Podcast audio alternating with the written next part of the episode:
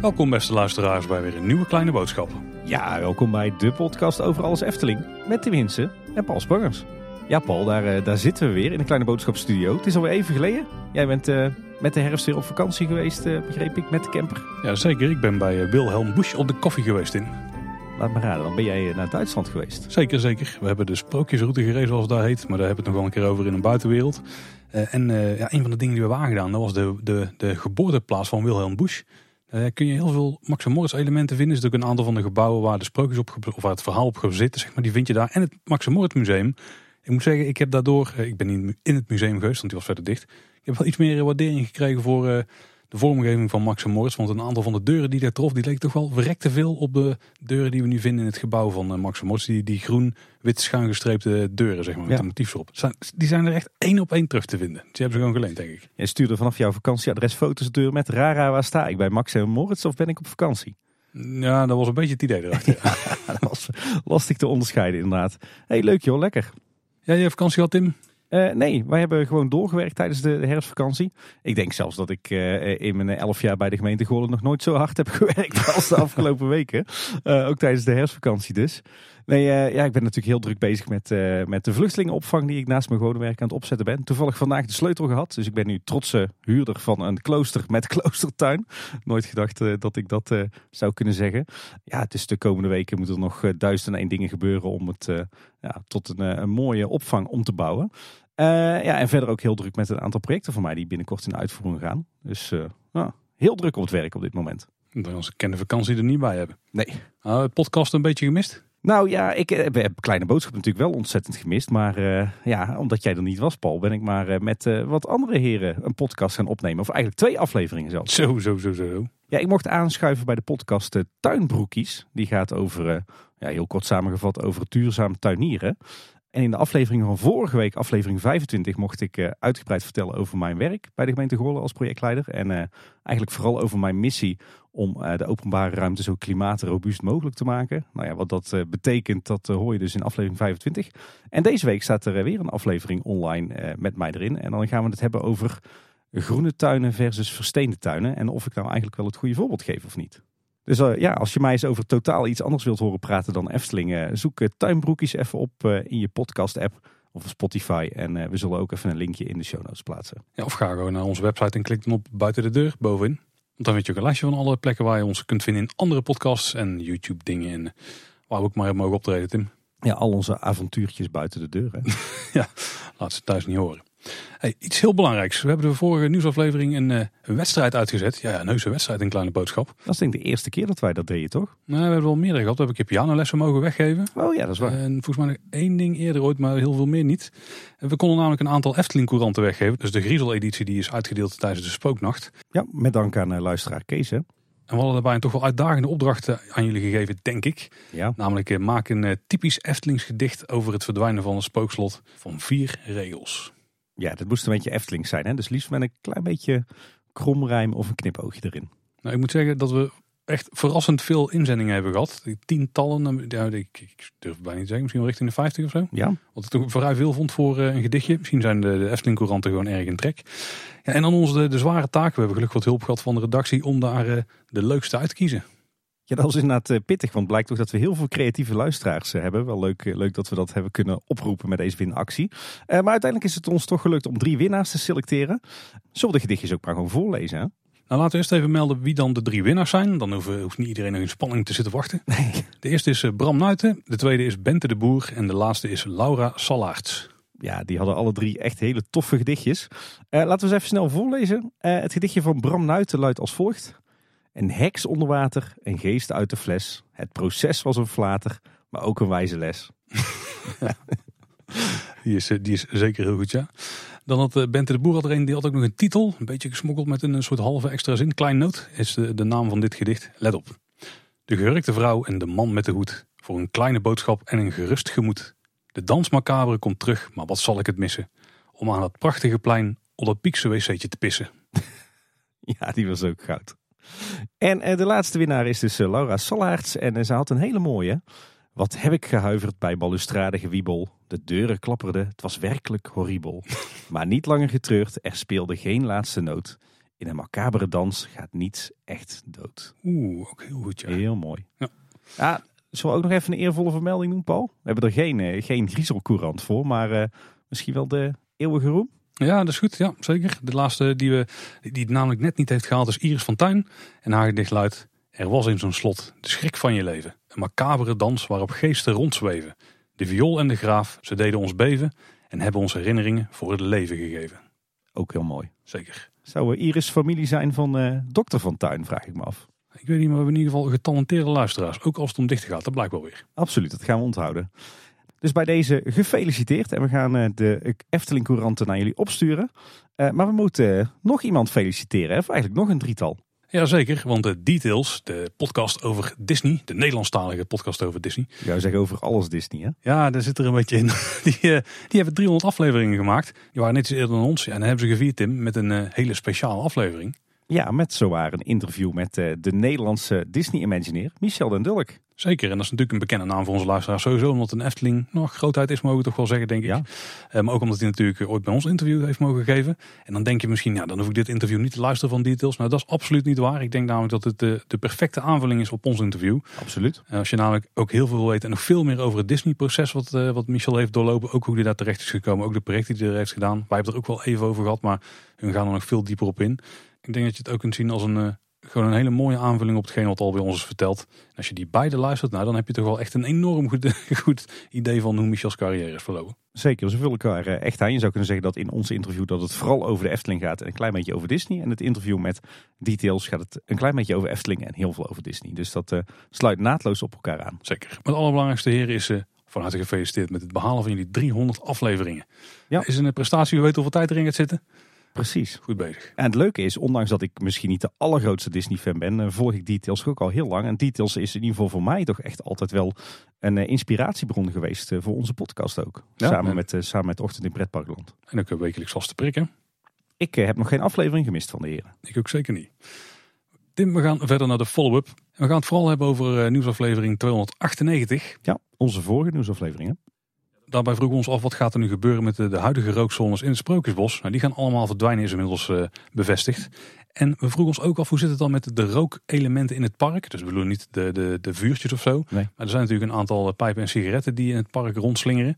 En er zijn er al een aantal van verdwenen. Dus ik vermoed dat ze al die referenties ook gaan weghalen. Dus dat ze inderdaad kinderen echt niet eh, rokende mensen en figuren willen laten zien. Ja, ja Fons Jurgens zei het al. Hè. De Efteling wordt echt een, een rookvrij park. En eh, daarom is eh, baron Gustav Hoogmoed nu zijn eh, pijp kwijt. Heel jammer, want ik vond het eigenlijk wel een, een mooi effect. En het past ook wel bij die, bij die figuur. En ook de Parijse escort eh, dame in de Frankrijk scène van Carnaval Festival. Die is haar sigaret inmiddels kwijt. En ik weet niet wat er is gebeurd in het kabouterdorp. Want het kan ook zijn dat daar nog wat rook moet gaan verdwijnen. Ja, er zijn ook een paar kabouters die aan de pijp zitten. Ja. Dus ik ben heel benieuwd wat daarmee gaat gebeuren. Maar het lijkt dus dat ze echt overal die referenties gaan verwijderen. Ja. Dan vroegen we ons ook nog af wat er nou ging gebeuren met die vreemde kast met die spookslotschedels. Die was gespot in het Gildenhuis. Nou, we hebben uitsluitsel. Ja, inderdaad. Want op eh, woensdag 19 oktober vond het eh, TTT-event plaats. Het Toekomstig Techniek Talent. Eh, een evenement in het Willem II-stadion in Tilburg. Met als doel natuurlijk om ja, eigenlijk de jeugd te interesseren in een opleiding in de techniek. Iets wat natuurlijk hard nodig is, zeker nu. Ehm, en ook de Efteling die deed mee aan dat evenement. Ehm, en ja, ze hadden eigenlijk een beetje een eigen stand daar. En daar was onder meer die kast te vinden dus met eh, de spookslotschedels. Waar je ook de mechaniek kon zien. Maar zo was er ook een hoofd van de trollenkoning te zien. Waarin je de, de techniek achter het masker eh, kon bestuderen. Een heus eh, animatronic uit de Fata Morgana. Een eekhoorn animatronicje uit eh, de Sprookjesboom. Eh, een soort simulatie van de Python. En ik zag ook een, een voertuig van Max en Moritz. En het evenement werd mede georganiseerd door Midpoint Brabant. Een soort belangenvereniging of ondernemersvereniging. die zich met name concentreert in Midden-Brabant. En de Efteling die heeft daar volgens mij ook een aardige vinger in de pap. Dus ook geen wonder dat, dat de Efteling daar zo, ja, zo goed vertegenwoordigd was op dat evenement. Ja, wil je nou zien hoe het daaraan toe ging? Dan kun je de uitgebreide reportage checken die Eftelingse Straat heeft geplaatst op hun website. Linkje vind je uiteraard in de show notes. Laatste puntje van feedback was van Ruben. Was namelijk over de digitale wachtrij of de virtuele wachtrij. Die gaat verschijnen bij Carnaval Festival. En hij schrijft een punt waar jullie aan voorbij gaan met betrekking tot het digitaal wachten bij Carnaval Festival. Is dat het op de dagen met slecht weer je eigenlijk geen enkele plek hebt in de buurt om goed te schuilen. En En gezien de doelgroep van de attractie in de gekozen periode lijkt me dat daarom erg onhandig. Heeft hij wel een punt, kan wel eens erg druk gaan worden bij uh, Jokies Wereld. Ja, wat dacht je bij uh, Laplace in Panorama? Ik, ik, denk dat ze dat soort dingen misschien ook niet zo heel erg vinden. misschien ook wel een van de bijdoelen. Ik weet dat het ooit een van de doelen was die uh, Disney bijvoorbeeld voor ogen had met vastpas. Ja. Maar het is niet dat je alle mensen die in de wachtrij zouden kunnen staan, dat je die kunt verspreiden over die, die plekken. Maar de wachtrij staat natuurlijk nog steeds wel voor een deel. Ja, misschien valt het wel mee. Het binnenwachtrijtje van Carnival Festival is ook niet enorm groot natuurlijk. Nee, en volgens mij was, was een van de doelstellingen van dit experiment toch ook om meer mensen naar de warme winterweide te krijgen. Ja, dat was een aanname die wij deden, ja. Maar daar kun je ook niet echt schuilen. Heb je wel een paar overkapte ja, stukjes. Ja. Nou, nou het, het, zal een beetje afwachten worden. Het is natuurlijk niet. De dagen die regenen zijn in de winter nog steeds minder dan de dagen dat het uh, niet regent. Dus wat dat betreft, ja. Ben benieuwd. Ja, en je loopt eigenlijk toch al de hele dag door de Efteling heen. Hè? Dus dan maakt dat, uh, dat half uurtje in die virtuele wachtrij ook niet heel veel uit. Nee, maar in het algemeen heeft hij wel één goed punt. Meer schelplekken in de Efteling is er niks mis mee. Klopt. Tim, zullen we doorgaan naar de hoofdonderwerpen? Ja, want we hebben weer heel veel Efteling nieuws om op uh, terug te blikken. Van de afgelopen drie weken natuurlijk. En uh, ja, laten we dan maar beginnen met denk ik een van de hoogtepuntjes van die, uh, die drie weken. Efteling in concert. Zeker. Misschien even een samenvatting Wat was het eigenlijk ook alweer? Het was een concert door het Metropoolorkest, ondersteund door het koor Padam, denk ik. P-A-Dam. Ja, Padam. Padam, Padam, Padam. Waarin Adam, denk ik, uh, staat voor Amsterdam. Ik gok ook dat het zo is, ja. Het eerste weekend waren er drie shows in Den Bosch, in de Brabanthallen, met ieder 4000 man. Waren allemaal volledig uitverkocht. Ja. En er zijn ook al shows geweest in Ahoy, in Rotterdam en in Antwerpen komen er nog shows aan. Dus als je nog daar naartoe wil, dan is dat je laatste kans als er nog überhaupt tickets zijn. Ja, volgens mij zijn er nog wel wat tickets voor Antwerpen. Maar ja, het was dus eigenlijk een, een 75 minuten durende uh, uitvoering van uh, ja, zo'n beetje alle klassieke Efteling muziekstukken hè, ter gelegenheid van uh, 70 jaar Efteling. Ja, ik had het idee dat het met name de stukken waren waarvan überhaupt al bladmuziek voorhanden was. Ja, klopt inderdaad. En, en misschien ook wel goed om, om te vermelden uh, dat het niet zo was dat uh, echt de Efteling hierachter zat. Uh, de organisatie Cinema in Concert die organiseerde dit. En de Efteling die werkte er natuurlijk volop aan mee. Maar het, het initiatief kwam dus vanuit, vanuit die club. Die wel vaker dit soort concerten organiseren. Waarbij ze dan ja, zeg maar de, soundtrack van, van bekende films live musiceren. Ja, want wij zijn bij het eerste weekend geweest, hè? de eerste dag zelfs. Ja, inderdaad. Jij uh, volgens mij in de middag met, uh, met de kids. En ik, uh, de première. Ja. Dat is echt goed. En, en ik s'avonds samen met Anne en heel veel bekenden in de zaal trouwens. Het was één grote reunie. Misschien voordat we, voordat we bespreken wat we ervan vonden. Waar, waar zaten jullie ergens in de zaal? nou, voor iedereen die is geweest, die, die zal het wel herkennen. Je, hebt, je had eigenlijk twee vlakken. Je had gewoon het, het grondvlak, zeg maar. Wat dus ja. dichter bij het, um, bij het orkest zat. Dan had je een groot middenpad en dan begon daar de tribune. En wij zaten op een van de eerste rijen van de tribune. Volgens mij de tweede of derde rij. Oké. Okay. Niet eens meer. Dus vrij veel aan op de tribune. Was eigenlijk met kinderen wel gunstig, want daardoor keken ze sowieso overal overheen. Wel. En uh, konden ze het ook allemaal zien. Slim. En jullie zaten volgens mij vooraan, hè? Tenminste in het, in het voorvlak. Ja, wij zaten inderdaad, inderdaad in de zaal. Uh, niet in het eerste vak, wij zaten tweede rang. Maar dan echt zeg maar op de allereerste rij van de tweede rang. Mooi op de hoek. Dus we hadden een pad van een metertje of vijf voor ons waar niemand zat. En we keken zo echt perfect op het orkest. hey, wat, wat vond je er eigenlijk van, van Efteling in concert, Paul? Nou, ik denk dat dit wel een bucketlist dingetje is. Hè? Ik denk dat iedere ja. Efteling liefhebber wel een keer uh, alle Efteling muziek voor zich gespeeld wil hebben door een, uh, nou, een van de beste orkesten van Nederland. Uh, misschien wel het beste orkest. Ik ben nu zo in thuis, maar dat, dat is mij in ieder geval verteld. Dus ja, daar, wat dat betreft mag je het, had je dit niet mogen missen. Nee. Nee. nee, ik hoorde een bekende collega pretpark podcaster zeggen: dit is het allermooiste wat is georganiseerd voor 70 jaar Efteling. En daar ben ik het toch wel volmondig mee eens hoor. Ik niet. Nee? Nou, ik vond het een beetje, eerlijk gezegd, een tegenvaller. Um, er zaten oh. een paar dingen. Het, het, gevoel wat ik eraan overhield was niet echt... Uh, ik weet niet, ik voelde hem in het algemeen niet, denk ik, of zo. Echt waar? Ja. Oh, ik hoor iets ja, totaal nieuws. Ja, nee, ik, uh, ik, ik heb hem wel vinger erop proberen te leggen. Want ik snapte helemaal niet waarom, het zo, uh, waarom ik er eigenlijk zo weinig bij voelde. Het is, het is, niet dat ik daar niet heb gezeten met een paar kippenvel of zo. Want dat was er sowieso. Maar ik, als ik me van tevoren een voorstelling maakte bij hoe dit zou gaan lopen die avond. Mm -hmm. Dan is wat er is wat er heeft plaatsgevonden was wel echt het minimale wat ik had verwacht. Maar, maar ook niks meer dan dat. En er zat geen enkele... Ja, ik weet niet. Ik miste een beetje de Efteling creativiteit en de verrassingen die, die je dan hoopte dat je op zo'n avond hebt. Want het was gewoon echt bijna alles was by the book. Je hebt ja. de symfonie in concert. Daarbij zetten ze gewoon de film aan en spelen ze ondertussen gewoon de muziek door. Dus ook met geen enkele pauze, inleiding, toelichting of weet ik veel wat. Dat deden ze nou ook gewoon met wel hele toffe visuals hoor. Want die waren echt super vet die ze daarop uh, op scherm toveren. Maar dat deden eigenlijk gewoon precies hetzelfde kunstje wat ze altijd doen bij dit soort concerten. En ik denk dat als je dan 70 jaar aan muziek in een park viert, dat dit wel het moment was geweest dat je er net iets meer van had mogen maken. Met bijvoorbeeld een uitvoering van uh, een, een in G majeur of zo, weet je wel. Met, met een iets andere compositie erin. Maar wat ze nou hebben gedaan is gewoon, oké, welke bladmuziek hebben we? Ah, nou René die had nog wel een paar stapels liggen. En we hebben ook nog wel wat liggen van Ruud Bos. Mooi, dan hoeven we er niks meer aan te doen. Kunnen we erin studeren. Net het arrangementje een beetje anders toeschrijven op andere instrumenten die we nu hebben. En daar is het, weet je wel. En er werd gewoon continu gespeeld. Er was niet eens ruimte tussendoor voor een applausje of zo bij een mooi nummer. Helemaal geen interactie met het publiek, geen enkele toelichting. Er werd niemand in het zonnetje gezet. Het was gewoon ja, de stukken die ik thuis op de bank ook had kunnen luisteren met een goed geluidssysteem. Had, was mijn ervaring vergelijkbaar geweest. Waarbij het ook niet helpt, denk ik, dat wij vrij ver naar achter zaten. Waardoor je dus helemaal geen binding had met wat het orkest aan het doen was. En er was ook niks van een camera die op, op de, bijvoorbeeld op de, de solist of zo stond, weet je wel. Of op het belangrijkste instrument tijdens een stuk. Wat je op het scherm nog mee kon krijgen. Dat gebeurde voor ons allemaal zo ver weg. Ja, ik weet niet, daardoor had ik niet echt... Het voelde bijna, want volgens mij werd er in team ook over gegrapt. Uh, van, uh, ja, ik had ook de muziek op mijn telefoon kunnen luisteren. Nou, daar niet, want de, sfeer is natuurlijk wel anders. Maar als ik mijn ogen dicht had gedaan, had ik net zo goed op de bank kunnen zitten. En had ik het ook aan kunnen zetten op een fatsoenlijk geluidssysteem, bij wijze van spreken. Had ik nog net iets comfortabeler gezeten ook misschien. Oké. Oké, ik zei er eerlijk van te kijken, Paul. Dit had ik niet verwacht. Ik vond het juist heel erg puur. Ik was juist blij dat er niet een heel circus omheen werd gebouwd met toespraken en, en videobeelden. Ik vond het juist heel mooi. En juist het feit toch dat daar het, beste orkest van Nederland live al die prachtige muziek van de Efteling tegen horen brengt. Daar, daar is het toch om te doen. Daar kom je toch juist voor. Maar als ik de muziek alleen wil horen, daar kom ik niet al in voor. Ja, maar als je hem luistert op je telefoon, dan is hij afgemixt, dan is hij afgevlakt.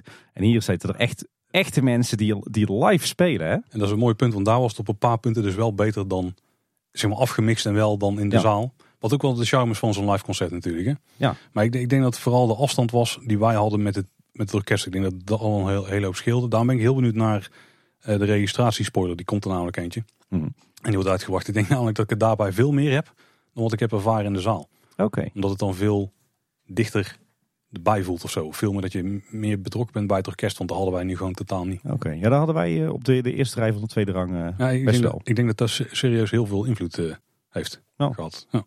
Ja, ik moet zeggen, ik heb echt de hele 75 minuten met een, een brede glimlach van oor tot oor gezeten. Met heel vaak kippenvel en ook al een paar keer een brok in de keel. Dus ik moet zeggen, op mij heeft het wel echt een diepe indruk achtergelaten. Nou, de kippenvel heb ik ook zeker wel, wel gehad op een paar punten, ja. Nou. Wat jou betreft de muzikale highlights? Ja, eh, wat ik grappig vond is dat, uh, nou wat ik sowieso wel mooi vond is dat als je dan 75 minuten in die zaal zit, dat je er toch eigenlijk achter komt wat de Efteling toch voor ontzettend indrukwekkend uh, ja, muzikaal portfolio eigenlijk heeft. Hè? Wat hebben ze toch ongelooflijk veel unieke muziek die speciaal voor de Efteling is gemaakt met klassieke instrumenten. Ja, ik, ik vond het echt wel een eye-opener van wauw, wat heeft de Efteling toch enorm veel mooie muziek eigenlijk. Ja, terwijl er nog meer is, wat ze dan niet allemaal hebben meegenomen. Nee, klopt. Maar de meeste zat er wel in. Hè. Ik, wat, wat, wat mij betreft hoogtepuntjes waren, waar, uh, was Fata Morgana. Gelukkig alle muziekstukken die uit werden gevoerd. Uh, en het grappige vond ik dat je, dat je bij Efteling Concert merkte dat heel veel stukken die Ruud Bos voor de Efteling heeft gecomponeerd, dat die in het park of voor het park zijn uitgevoerd met een kamerorkestje of met een aantal solisten. Waar heel veel van de nummers van René Merkelbach al zijn ingespeeld door een volledig symfonieorkest. Uh, waardoor ik vaak vond dat de nummers van Ruud Bos ineens veel rijker klonken. Omdat het natuurlijk werd uitgevoerd door veel meer instrumenten dan in het origineel. Ik vond het bij een aantal nummers van Fata Morgana vond ik dat, uh, dat heel mooi. Klonk gewoon veel rijker dan, dan wat we in het park horen. wat ik ook heel tof vond was de wereld van Simbad. Was bij mij echt wel een grote verrassing. Want ik had er nog niet veel van verwacht. Omdat ik dacht, ja, die attractie staat er net. En je hebt nog niet zo'n emotionele band met, met, met die muziek. Maar die kwam echt prachtig uit de verf, vond ik. Dat zat een van de grootste gemiste kansen van het hele concert in, wat mij betreft. Jij, jij miste... Uh... Ja, ik miste Veilige Haven. Waarom spelen ze die niet? Dat is echt het beste nummer uit de hele suite. die, die krijgen we niet. Ach, ja. Dat klopt. Ik moet zeggen, de Vliegende Hollander hakte er bij mij wel een, uh, wel een beetje in. Wat het dan is, weet ik niet. Ik denk dat het dan toch is omdat ik daar natuurlijk uh, jaren terug uh, zelf aan heb bijgedragen.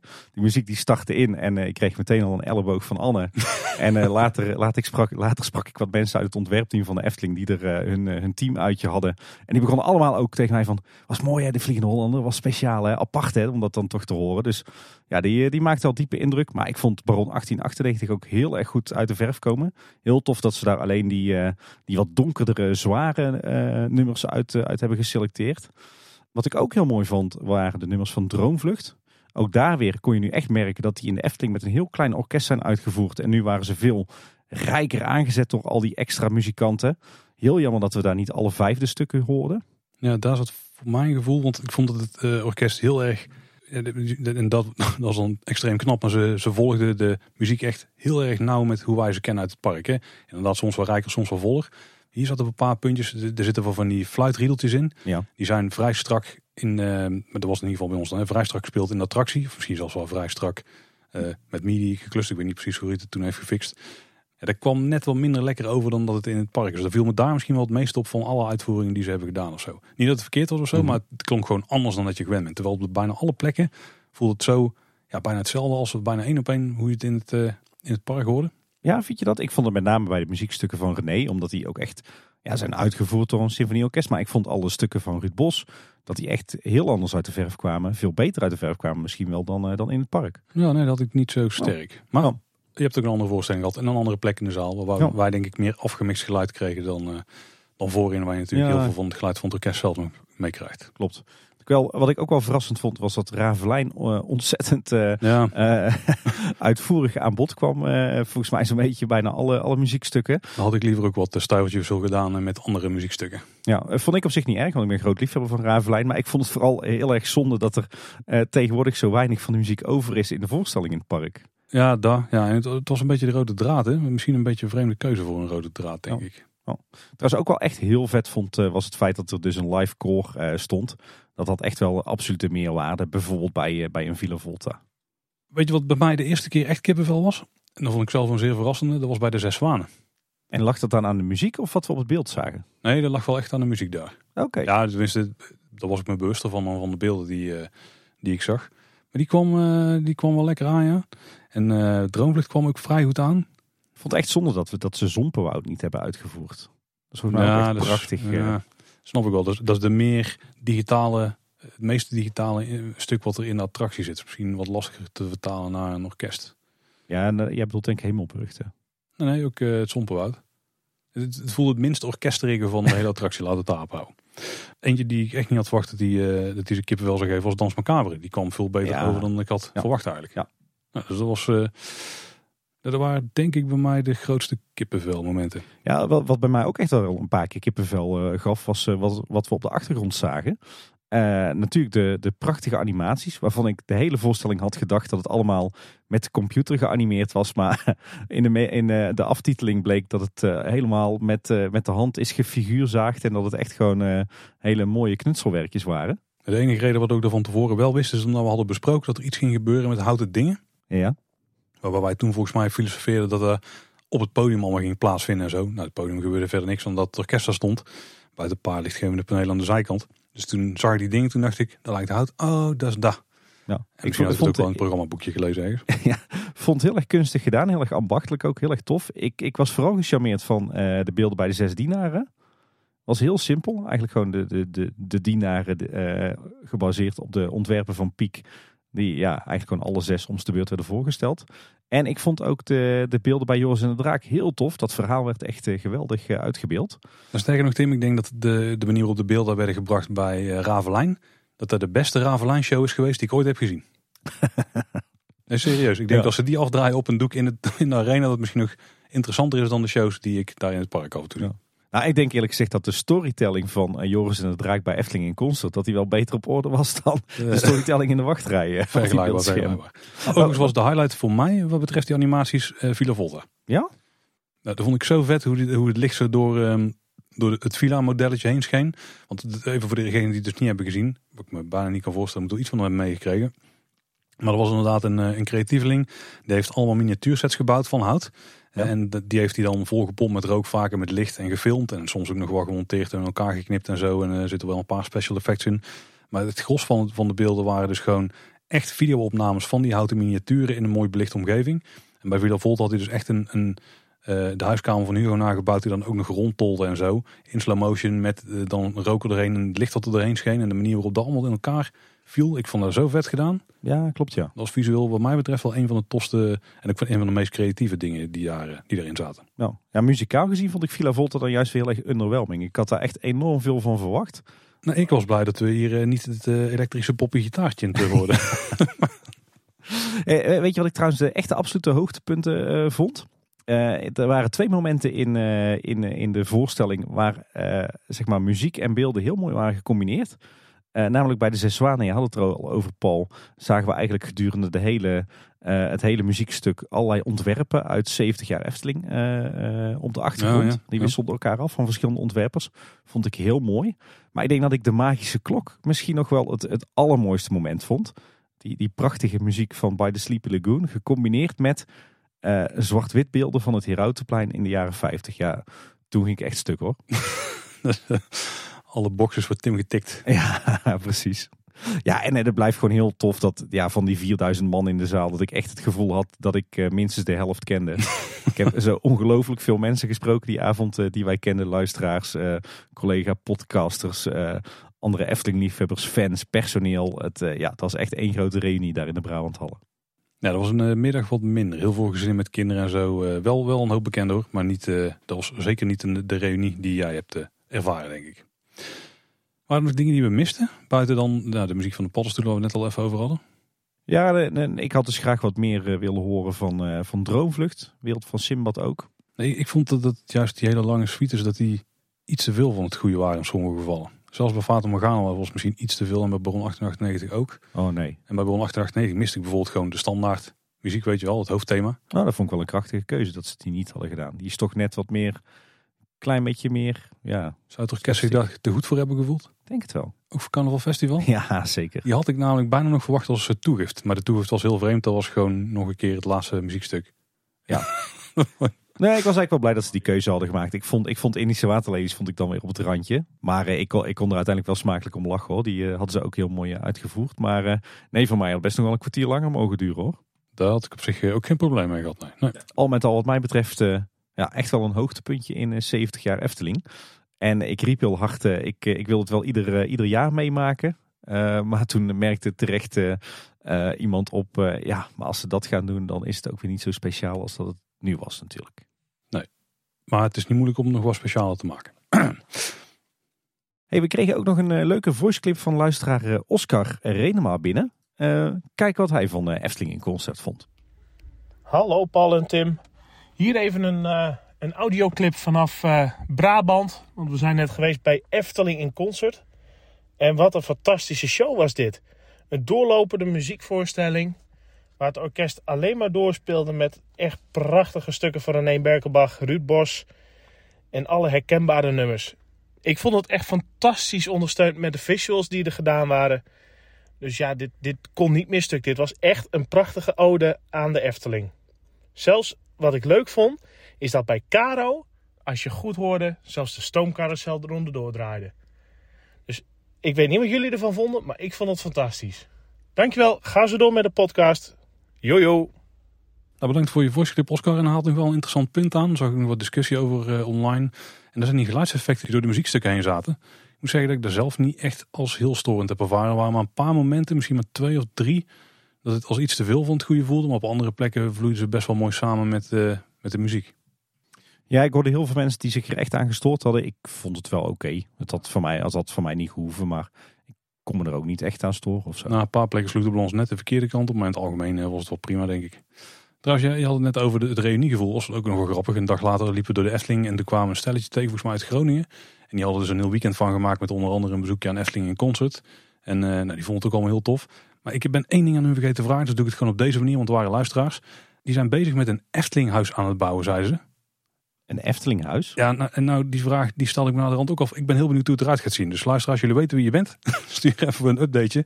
Want ik wil eigenlijk wel zien wat jullie aan het klussen zijn. Ja, en stuur dan meteen de bouwtekeningen mee. Want dan uh, bouwen we er zelf ook eentje. Goed plan. Ja. hey Paul, en nu? Ja, nou ik, ik wacht eigenlijk op één heel groot ding. Ja. En dat is die registratie van het concert. Die is gemaakt in Ahoy. Beetje jammer dat ze het niet op Brabantse bodem hebben gedaan. Ja, er stond een tijdje een, eh, een volledige registratie online op YouTube. Hè? Maar dat was gewoon een, eh, een bezoeker van het concert die gewoon het van begin tot eind had gefilmd en het op YouTube had geknald. Ja, maar dat is niet wat ik zoek. Hè. Ik zoek juist die close-ups op die, op die muzikanten. Ik wil ze zien zweten. Ik wil uh, close-ups van de, de zangeressen die daar uh, solo staan te geven. Ja. Dat is wat ik wil zien. Oh, en die, en die harp wil ik van dichtbij zien als de zes zwanen wordt gespeeld. Oh. Dan uh, ga jij een stuk Paul, denk ik. Dat denk ik wel. Ja, ja, ja. Nou ja het, het, gaat in ieder geval komen. De Efteling heeft het bevestigd. We hebben inderdaad uh, camera's gezien in Rotterdam. Dus dat zal nog even wachten zijn. maar dan zullen we dat vast ergens op YouTube kunnen zien. Ik denk niet dat ze er een dvd van gaan uitbrengen of zo. En op dit moment is de enige mogelijke plek waar je het mogelijk nog kunt zien Antwerpen. Als er nog tickets zijn. Maar er gingen wel geruchten dat er misschien een verlenging komt, hè? Ja, misschien dat er nog een paar shows aangeplakt zouden gaan worden. Maar dat, eh, dat was nog niet zeker. En wie weet dat wij ook nog wel eh, wat mensen achter de microfoon kunnen krijgen. Maar eh, daar zijn we nog druk mee bezig en dat wil nog niet echt vlotten. Je durft al dingen te beloven, Tim. Nou, we, we trekken er in ieder geval hard aan. Maar dat is geen garantie dat het ook daadwerkelijk eh, zover komt. We gaan dus even door naar iets anders. De Winter Efteling. Die is eh, vol in opbouw. En dan moeten we meteen beginnen met de correctie. De vorige aflevering meldde namelijk dat Ravelijn een heel groot deel van de Winter Efteling open zou zijn. Zoals de hele Winter Efteling volgens Ja. mij. Eh, maar dat is dus niet het geval. Is inmiddels ook eh, verwijderd uit het blogbericht waarin de Efteling dit meldde. Ravelijn gaat gewoon weer dicht na de kerstvakantie. Dus dat is het laatste moment dat je kunt zien. En dan begint de winterstop weer. En dan zal het waarschijnlijk in maart of zo weer een keer eh, gaan starten. Ja, meestal tegen eh, 1 april. Hè. Dus daar werden we blij gemaakt met een, een dode raaf. Laten we het daar maar op houden. Hey, ik zag eh, nog een vergunningsaanvraag voorbij komen voor het eh, tijdelijk inrichten van de Winter Efteling op de speelweide en het Max en Moritzplein voor de duur van zes maanden. Zes maanden? Zes maanden. Met een hele lange opbouw, een hele lange afbraak. Ja, precies. Ik vond trouwens wel één ding opvallend. In de vergunningsaanvraag hebben ze eindelijk Max en Moritzplein nou een keer goed geschreven. Zonder spatie en zonder hoofdletter eh, bij het woordje plein. Dus ze kunnen het eh, op kantoor in ieder geval wel. Maar wat gaat er gebeuren op de Max en Moritzplein? Ja, Gaan ze daar zo'n spectaculairs doen dat er een vergunning voor nodig is? nou ja, op het moment van opname eh, is er alleen wat, eh, zijn er alleen wat oude decoraties teruggeplaatst die we al kennen. Hè? Max en Moritz als eh, sneeuwpopjes en volgens mij wat, wat sneeuwballen met wat skiers erin. Maar Ja. verder hebben we hier nog niks spannend nieuws gezien. Hm, wie weet wat er nog gaat verschijnen. En we hebben wel heel veel meer informatie gehad over wat er allemaal qua decoraties gaat verschijnen in de Winter Efteling. En Een uitgebreid blogbericht die eh, wees ons daarop. Met wel heel tof. Bas van Rijsbergen, de nieuwe Efteling ontwerper, we hebben het er al regelmatig over gehad. Die blijkt dus degene te zijn die een hoop van de ontwerpen heeft gemaakt voor die nieuwe objecten en elementen die we gaan zien verschijnen. Die werd ook echt in het zonnetje gezet in dit eh, bericht. Ja, ik vond het heel opvallend. Een paar jaar geleden werd er, eh, werd er echt eh, niemand met naam en toenaam genoemd, alleen de directeur. En tegenwoordig is het zelfs zo dat, dat in een blogbericht wordt geschreven: We hebben een nieuwe ontwerper en maak hier kennis met zijn eerste ontwerpen voor, voor de Efteling. Ik vind dit een trend die we moeten volhouden. Ik hou er wel van. Heel tof, ja. Ere wie ere het ook komt, toch? Zeker. Nou, een paar dingen die we dus gaan zien is eh, het heksenkamp. En dat gaat verschijnen tussen de zeven gaatjes en Hans en Grietje. hey, die hadden we goed gegokt. Ja, dat is dus eh, die plek waar eh, de vuurtje met de koopot komt. Het lijkt niet de herbruikte koopot te zijn van, eh hoe heet het ook weer, Sprookjesmysterie. Ja, ja nee, het, is een, een veel kleinere kookketeltje. En daar rondomheen gaan we dan Eftelingse diertjes vinden, zoals een raafkonijn en eekhoorn. En de bezem van de heks die zien we tegen de boom. De zus is gestrand in de, de bomen een stukje verder. Fotolocatie gaat er komen bij Reus en Klein Duimpje. Daar komt de waslijn met de grote sokken van de Reus. Die hangen op de droge boven een vuurtje. En dat is heel tof, dus gewoon een fotopuntje. Je kunt in die sokken stappen en dan een eh, foto maken. Super eh, creatief, echt heel, eh, heel leuk. En iedereen die in Carnaval Festival heeft gezeten, die weet dat je last van je nek krijgt als je daar die sneeuwpopjes spot die daar door, door het wakken naar beneden kijken. Nou, blijkbaar heeft een van die sneeuwpoppen Piotr. En die gaan we ook vinden buiten de attractie in een boom. En die heeft een marentak aan een lijntje en die laat hij dan af en toe zakken. En je weet wat er gebeurt als je onder een marentak doorloopt. Dat moeten wij niet samen gaan doen, kan ik jou alvast verklappen. Niet? Wat kortzichtig van jou, Paul. Nee, maar dan worden er twee thuisbozen. Ja, dat is niet hebben. Ik moet zeggen, de, de minst Eftelingse eh, nieuwe winter Efteling decoratie, maar wat mij betreft echt wel de allerleukste. Ja, ik vind de vinding wel tof. En sowieso dat er iets dan beweegt. Hè. Dat is Ja. Echt heel gaaf. Echt heel gaaf bedacht dit. Ja. Ook eh, er zijn er wat chalets verschenen op de warme winterweide. Dus daar heb ik al wat van eh, gezien. Het zijn meer echt klassieke chalets. Heel mooi. Gewoon echt gemaakt van eh, ruw hout. Tenminste, het zal wel allemaal zo afgewerkt zijn dat het veilig en splintervrij is. Maar een stuk ruwer dan die eh vrijgelikte chaletjes die we de afgelopen tijd op heel veel plekken, of afgelopen nou, decennia denk ik, op heel veel plekken in het jaar hebben zien verschijnen. Of in het park hebben zien verschijnen. Dat Max en Morrisplein moet dus van alles gaan gebeuren. Tot nu toe niks nieuws gezien. Nee, afwachten. In het algemeen, ja, ik denk dat we best wel blij mogen zijn met de richting waar dit allemaal op gaat. Ja, absoluut. Het is wat mij betreft een, een voortzetting van de, de toffe ontwikkeling die we ook afgelopen zomer Efteling hebben gezien. Heel mooi om te zien dat eh, als het gaat om, eh, om nieuwe decoraties, dat ze niet meer kiezen voor meer, ja, meer de, de, de standaard decoraties, maar dat alles wat ze toevoegen nu echt een directe link heeft met, met Efteling en met wat we al zien in het park. Hè?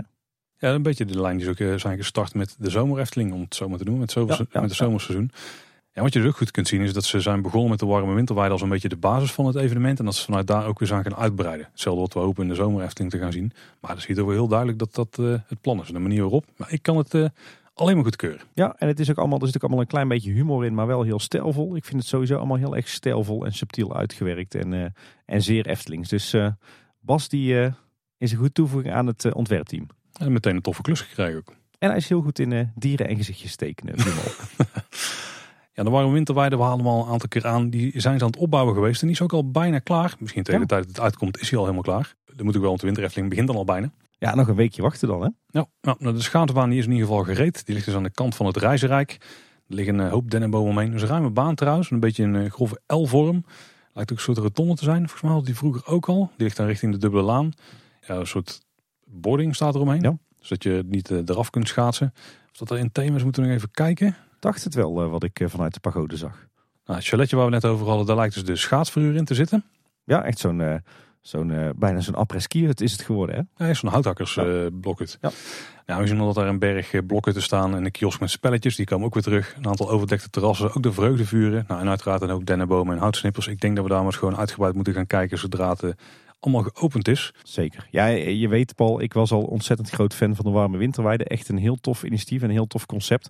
En het feit dat ze hier nu de schaatsbaan aan hebben toegevoegd, wat denk ik het belangrijkste element was uit het IJspaleis. Ja, dan heb je gewoon het beste uit twee werelden. Dus ja, wat mij betreft is het wel het, eh, het optimum voor de, voor de speelweide. Ik heb vooral heel veel zin om daar eens eh, rondjes te gaan lopen. En ook alle details in het park te bekijken. Ik voel dat we nog niet alles weten wat in het park gaat verschijnen. Nee, inderdaad. Ehm, ook eh, de aankleding van het park eh, is inmiddels een heel eind eh, klaar. Ze zijn begonnen op eh, 17 oktober, dus vier weken voor de start van de Winter Efteling. Inmiddels zijn alle vreugdevuren aangelegd op de pleinen. Er staan weer een hoop dennenbomen. Alle guirlandes die zijn weer opgehangen, inclusief de thema-aankleding. De potkacheltjes eh, zien we weer hier en daar, net als eh, de stapeltjes met cadeaus.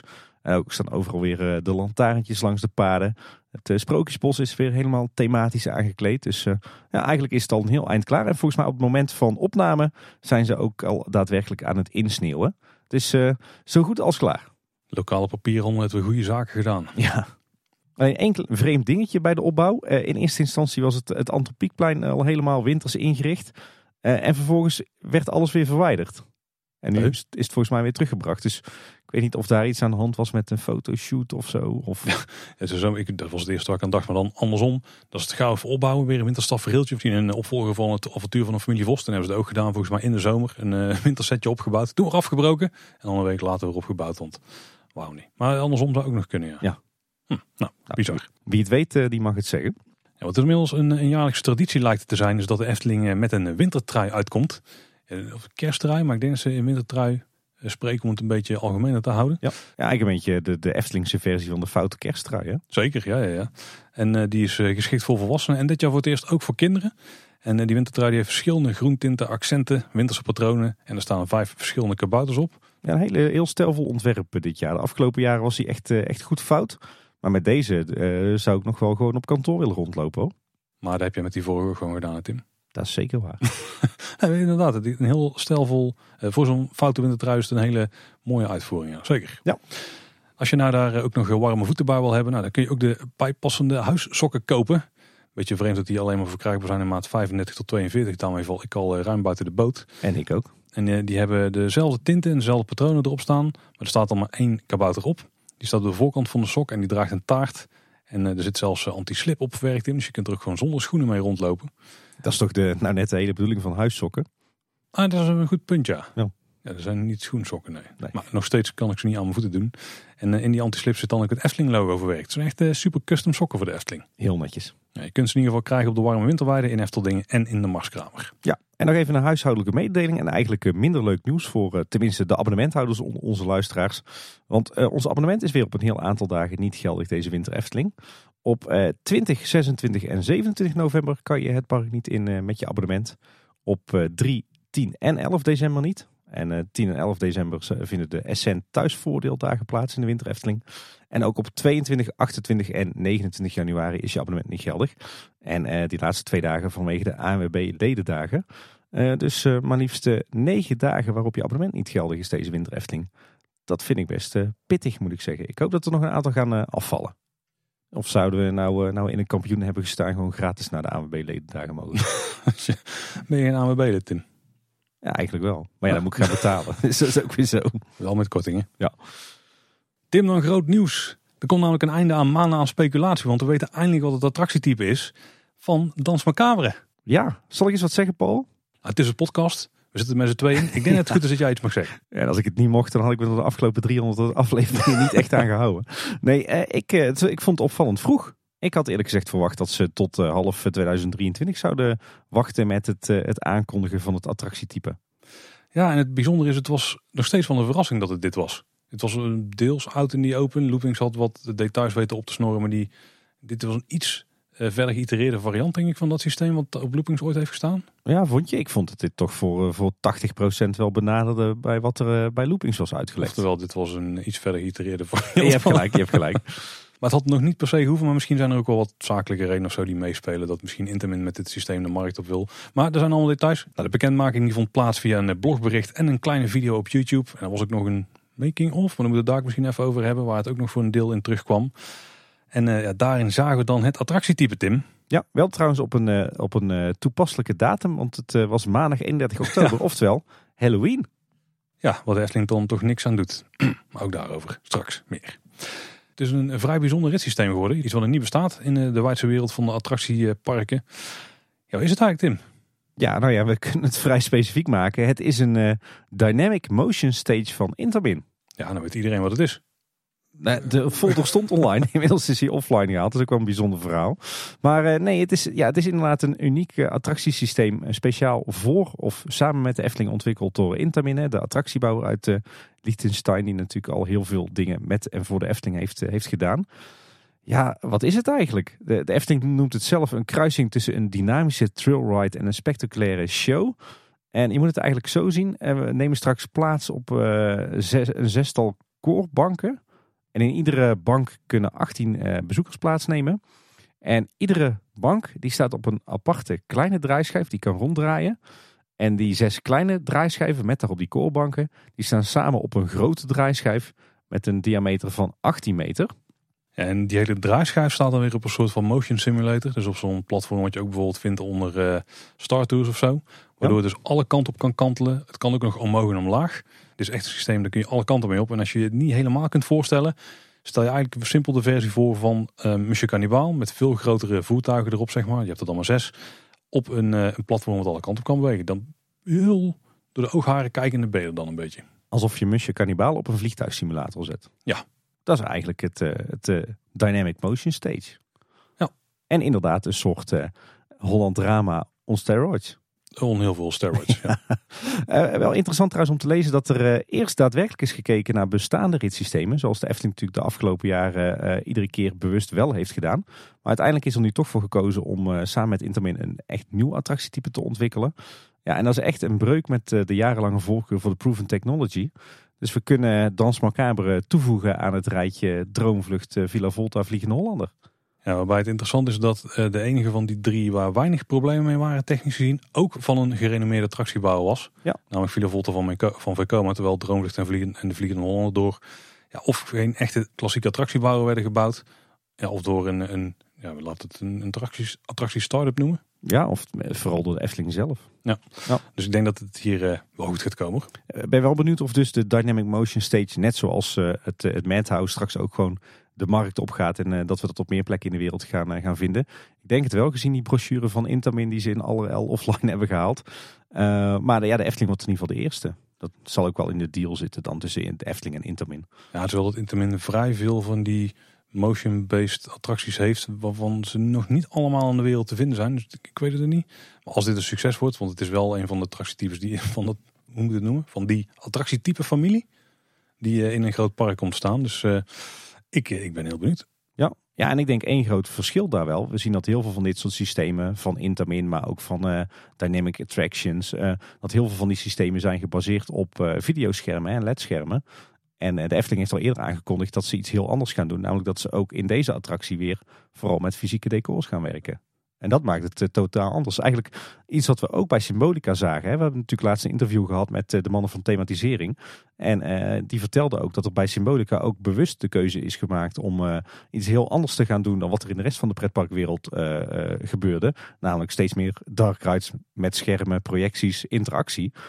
Lekker die fysieke decors. En dat is wat we hier bij Dans Macabre ook gaan krijgen. Ja, ik denk wel dat als ik kijk naar de beelden die we ook van het decor hebben gezien, dat, dat projecties of in ieder geval video nog wel een belangrijke rol gaat spelen. Maar dat het zeker niet de hoofdrol gaat spelen. Ondersteunend aan eigenlijk. Ja, zeker. Hey, we kunnen trouwens ook een, eh, een capaciteitsberekeningetje doen. Of uh, eigenlijk uh, terugrekenen hoe lang de rit gaat duren. Want als je rekent met zes koorbanken met ieder 18 bezoekers. Dan zitten er 108 bezoekers per rit op die schijf.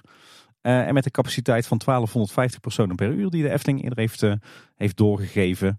Dan is de ritduur, inclusief het laden en lossen, ongeveer vijf minuten. Ja, dus dan ga ik uit van denk ik puur ritduur van een minuut of drie, drieënhalf ja, misschien. En dan moet je al wel vrij rap laden hoor. Moet je trouwens flink knippen in uh, Dans Macabre. Nou, dat valt dus wel mee in de praktijk. Want er zijn al wat kortere versies van. Alleen als je het spookslot een stuk in zijn geheel bekijkt, dan zit er best wel veel inleiding in. En ja, aan het eind nog wel wat uitleiding, noemen ze ja. een outrootje. Dus dan, het is niet dat het dan maar 3,5 minuut is, maar het, het, valt niet tegen, denk ik. Er is wel een goede versie van, eh, van te maken. Capaciteit is eigenlijk wel laag, hè? 1250 per uur. Nou, het, het, is ook een vraag die we hebben gehad, maar de doelgroep is vanaf 8 jaar. Dus ik denk dat heel veel uh, gezinnen met kleine kinderen gaan er niet in. Dus dat ook niet heel veel, heel veel echt oudere mensen ingaan, gok ik. En dan zit je met de capaciteit die ruim boven die van de bron ligt, met een paar honderd mensen per uur. Dus dan valt het al wat minder tegen als je het in dat daglicht of maanlicht schetst. Ik denk wat Disney had gedaan is uh, Dans Macabre neerzetten met hè, het, het, het, gebouw en het buitengebied en de voorshow. Maar dan na de voorshow uh, twee identieke hoofdshows naast elkaar zetten. dat had zomaar gekund, ja. Maar die hebben er ook vaak de plek voor, het budget en die parken zitten ook een stukje vol. Dat is ook weer zo. Overigens, eh, misschien ook goed om te weten, die bankopstelling van ieder individuele bank van 18 personen is dus drie rijen van zes personen naast elkaar. Ja, en daarbij zijn er eh, volgens mij, eh, tenminste dat hebben we uit de brochure van Intermin kunnen halen, twee plekken op de totale schijf die geschikt zijn voor minder valide bezoekers. Ja, dat is een, een heel tof eigenschap is van het ritssysteem. Ja. Engineer Remco van Hoek die komt aan het woord en die zegt in onze koorbanken gaan we griezelen en dansen op de muziek van Dans Macabre. Elke kleinere draaischijf kan onafhankelijk bewegen van de andere. Dat is een heel belangrijk detail. Ja. Maar samen vormen ze soms ook één harmonieus geheel. En daarnaast kan een grote schijf zelf ook draaien, stijgen en dalen en zelfs in alle richtingen kantelen. En dit geheel kan de bezoekers laten zwieren op het klassieke muziekstuk. Geeft soms kriebels, soms een kick, maakt soms dol en heeft verticale verrassingen. Daar heb ik ochtends ook soms wel eens last van, eh, Paul. Zit al afleveringstitel. Nou, kijk, wat het mooie is van het eh, ritssysteem is inderdaad dat die, um, dat die zes schijven onafhankelijk van elkaar kunnen bewegen. Dus ze kunnen of tegelijkertijd dezelfde beweging doen. Dus het is niet zo, net als bij bijvoorbeeld de Musje Cannibal, dat ze echt allemaal dezelfde draaibeweging moeten maken. Ze kunnen allemaal een andere kant op kijken, allemaal aan hetzelfde punt gericht worden. Wat dat betreft best wel een flexibel ritssysteem. En je kunt denk ik ook, al heb je als je in die kerkbanken zelf zit, er niet zo heel veel, uh, uh, niet zo heel veel krijg je ervan mee. Maar dat echt het danseffect er best wel in zou kunnen, of ingebracht zou kunnen worden. Absoluut, ik denk dat dat ook is waarom ze voor dit systeem hebben gekozen. Ik denk ook, dat is natuurlijk veel sterker dan uh, die, die Dome Theater waar het ooit over ging. Uh, waarbij je in een grote cirkel zit en dan kun je inderdaad wel rondzwieren in het geheel. Maar dat is het dan ook wel, weet je wel. Maar hier kun je veel meer uh, verschillende kanten op. Dus ik zie het wel zitten. Overigens, die brochure van Intermin die een aantal keer aanhaalt, die is inmiddels dus offline. Maar we hebben hem wel gezien. Um, en er staan nog wat meer details. En zullen die eens even doorlopen? Ja. Het hele platform kan dus 3 meter de lucht ingetild worden of zakken. Ja. Als hij daarbij valt, dan is de, de snelheid 3,2 meter per seconde. Dat is dus die, die verticale verrassingen. Je kunt ook nog omhoog, Tim. Dat is helemaal een goede verticale verrassing. Van met, en dat gebeurt dan met anderhalve meter per seconde. Het geheel kan natuurlijk uh, gekanteld worden tot 25 graden. Dus ook dat biedt een hoop uh, mogelijkheden. Wat ook nog heel tof is, is dat er in de zitjes windeffecten, geureffecten, trillingen en geluid geïntegreerd kunnen worden. Ja, met een heel eigen soundsysteem waar ze nogal uh, trots op zijn, maar Intamin. Daar zit ook echt in al die media dingen van in. Maar het is wel heel tof, biedt ook weer een hoop uh, vette mogelijkheden. Overigens is het ook zo dat die zes losse platformen, die zouden ook op zichzelf nog kunnen kantelen met 5 graden. Nou, dan heb je echt een partij elektromotoren of hydrauliek erin zitten. Ik weet niet hoe ze het precies doen. Dat is een optie, maar die heeft de Efteling versie volgens mij niet. Want ik heb even goed gekeken naar, uh, naar de video. Die heb ik ook frame voor frame bekeken. Om te kijken of er misschien iets van een hint in zit dat dat systeem er ook wordt toegepast. Maar dat lijkt niet het geval te zijn. Maar het is wel een optie die, uh, die je voor dit attractietype kunt vinden. Nou, dus die twee zit je voor minder valide. Maar je hebt ook sowieso verschillende um, zitconfiguraties, zeg maar. Dus Efteling heeft dan die koorbanken optie. Je hebt ook nog een versie waarbij meer alle Sirocco naar elkaar toe kijkt. Wel allemaal op individuele zitjes met een beugel. En eentje waarbij je juist naar buiten kijkt. Dus uh, vrij flexibel systeem. Maar ik denk dat de manier waarop die in Efteling wordt toegepast... van de opties die er zijn ook wel echt de meest Eftelings is. Zeker, maar laten we daar dadelijk eens over gaan hebben. Overigens, wil je, wil je die brochure zien? Hij staat dus niet meer online, maar Loopings heeft wel een aantal uh, screenshots uh, op de website gezet. We zullen even linken in de show notes. Ehm, maar dankzij het feit dat Efteling dus een filmpje heeft gedeeld, of een animatie eigenlijk van de hoofdshow straks, met dus het, uh, Dynamic Motion Stage attractietype, uh, weten we nu ook heel wat over de hoofdshow. Veel meer dan ik uh, had verwacht in dit stadium, want meestal zijn ze zeker met zo'n hoofdshow niet erg scheutig. Maar wat we, wat we zien in die animatie en op die beelden, trouwens ook op een concept art van, van Jeroen, ook weer een prachtige prent, is dat die draaischijf waar we het dus net over hadden, die wordt omringd door fysieke decors van een vervallen abdij. Eh, een beetje net als mijn, eh, mijn vluchtelingenopvang zit ik te denken. Met uh, ontzettend veel van die mooie spitse gotische ramen. Met een aantal prachtige rozetramen. Uh, met heel veel balustrades, met klimop, met scheurtjes en doorpiepende baksteentjes. Ja, volgens mij vinden we zelfs bomen aan de binnenkant van het gebouw. Ja, ja, ja, dus prachtige referenties naar de, de oude hoofdshow van het spookslot.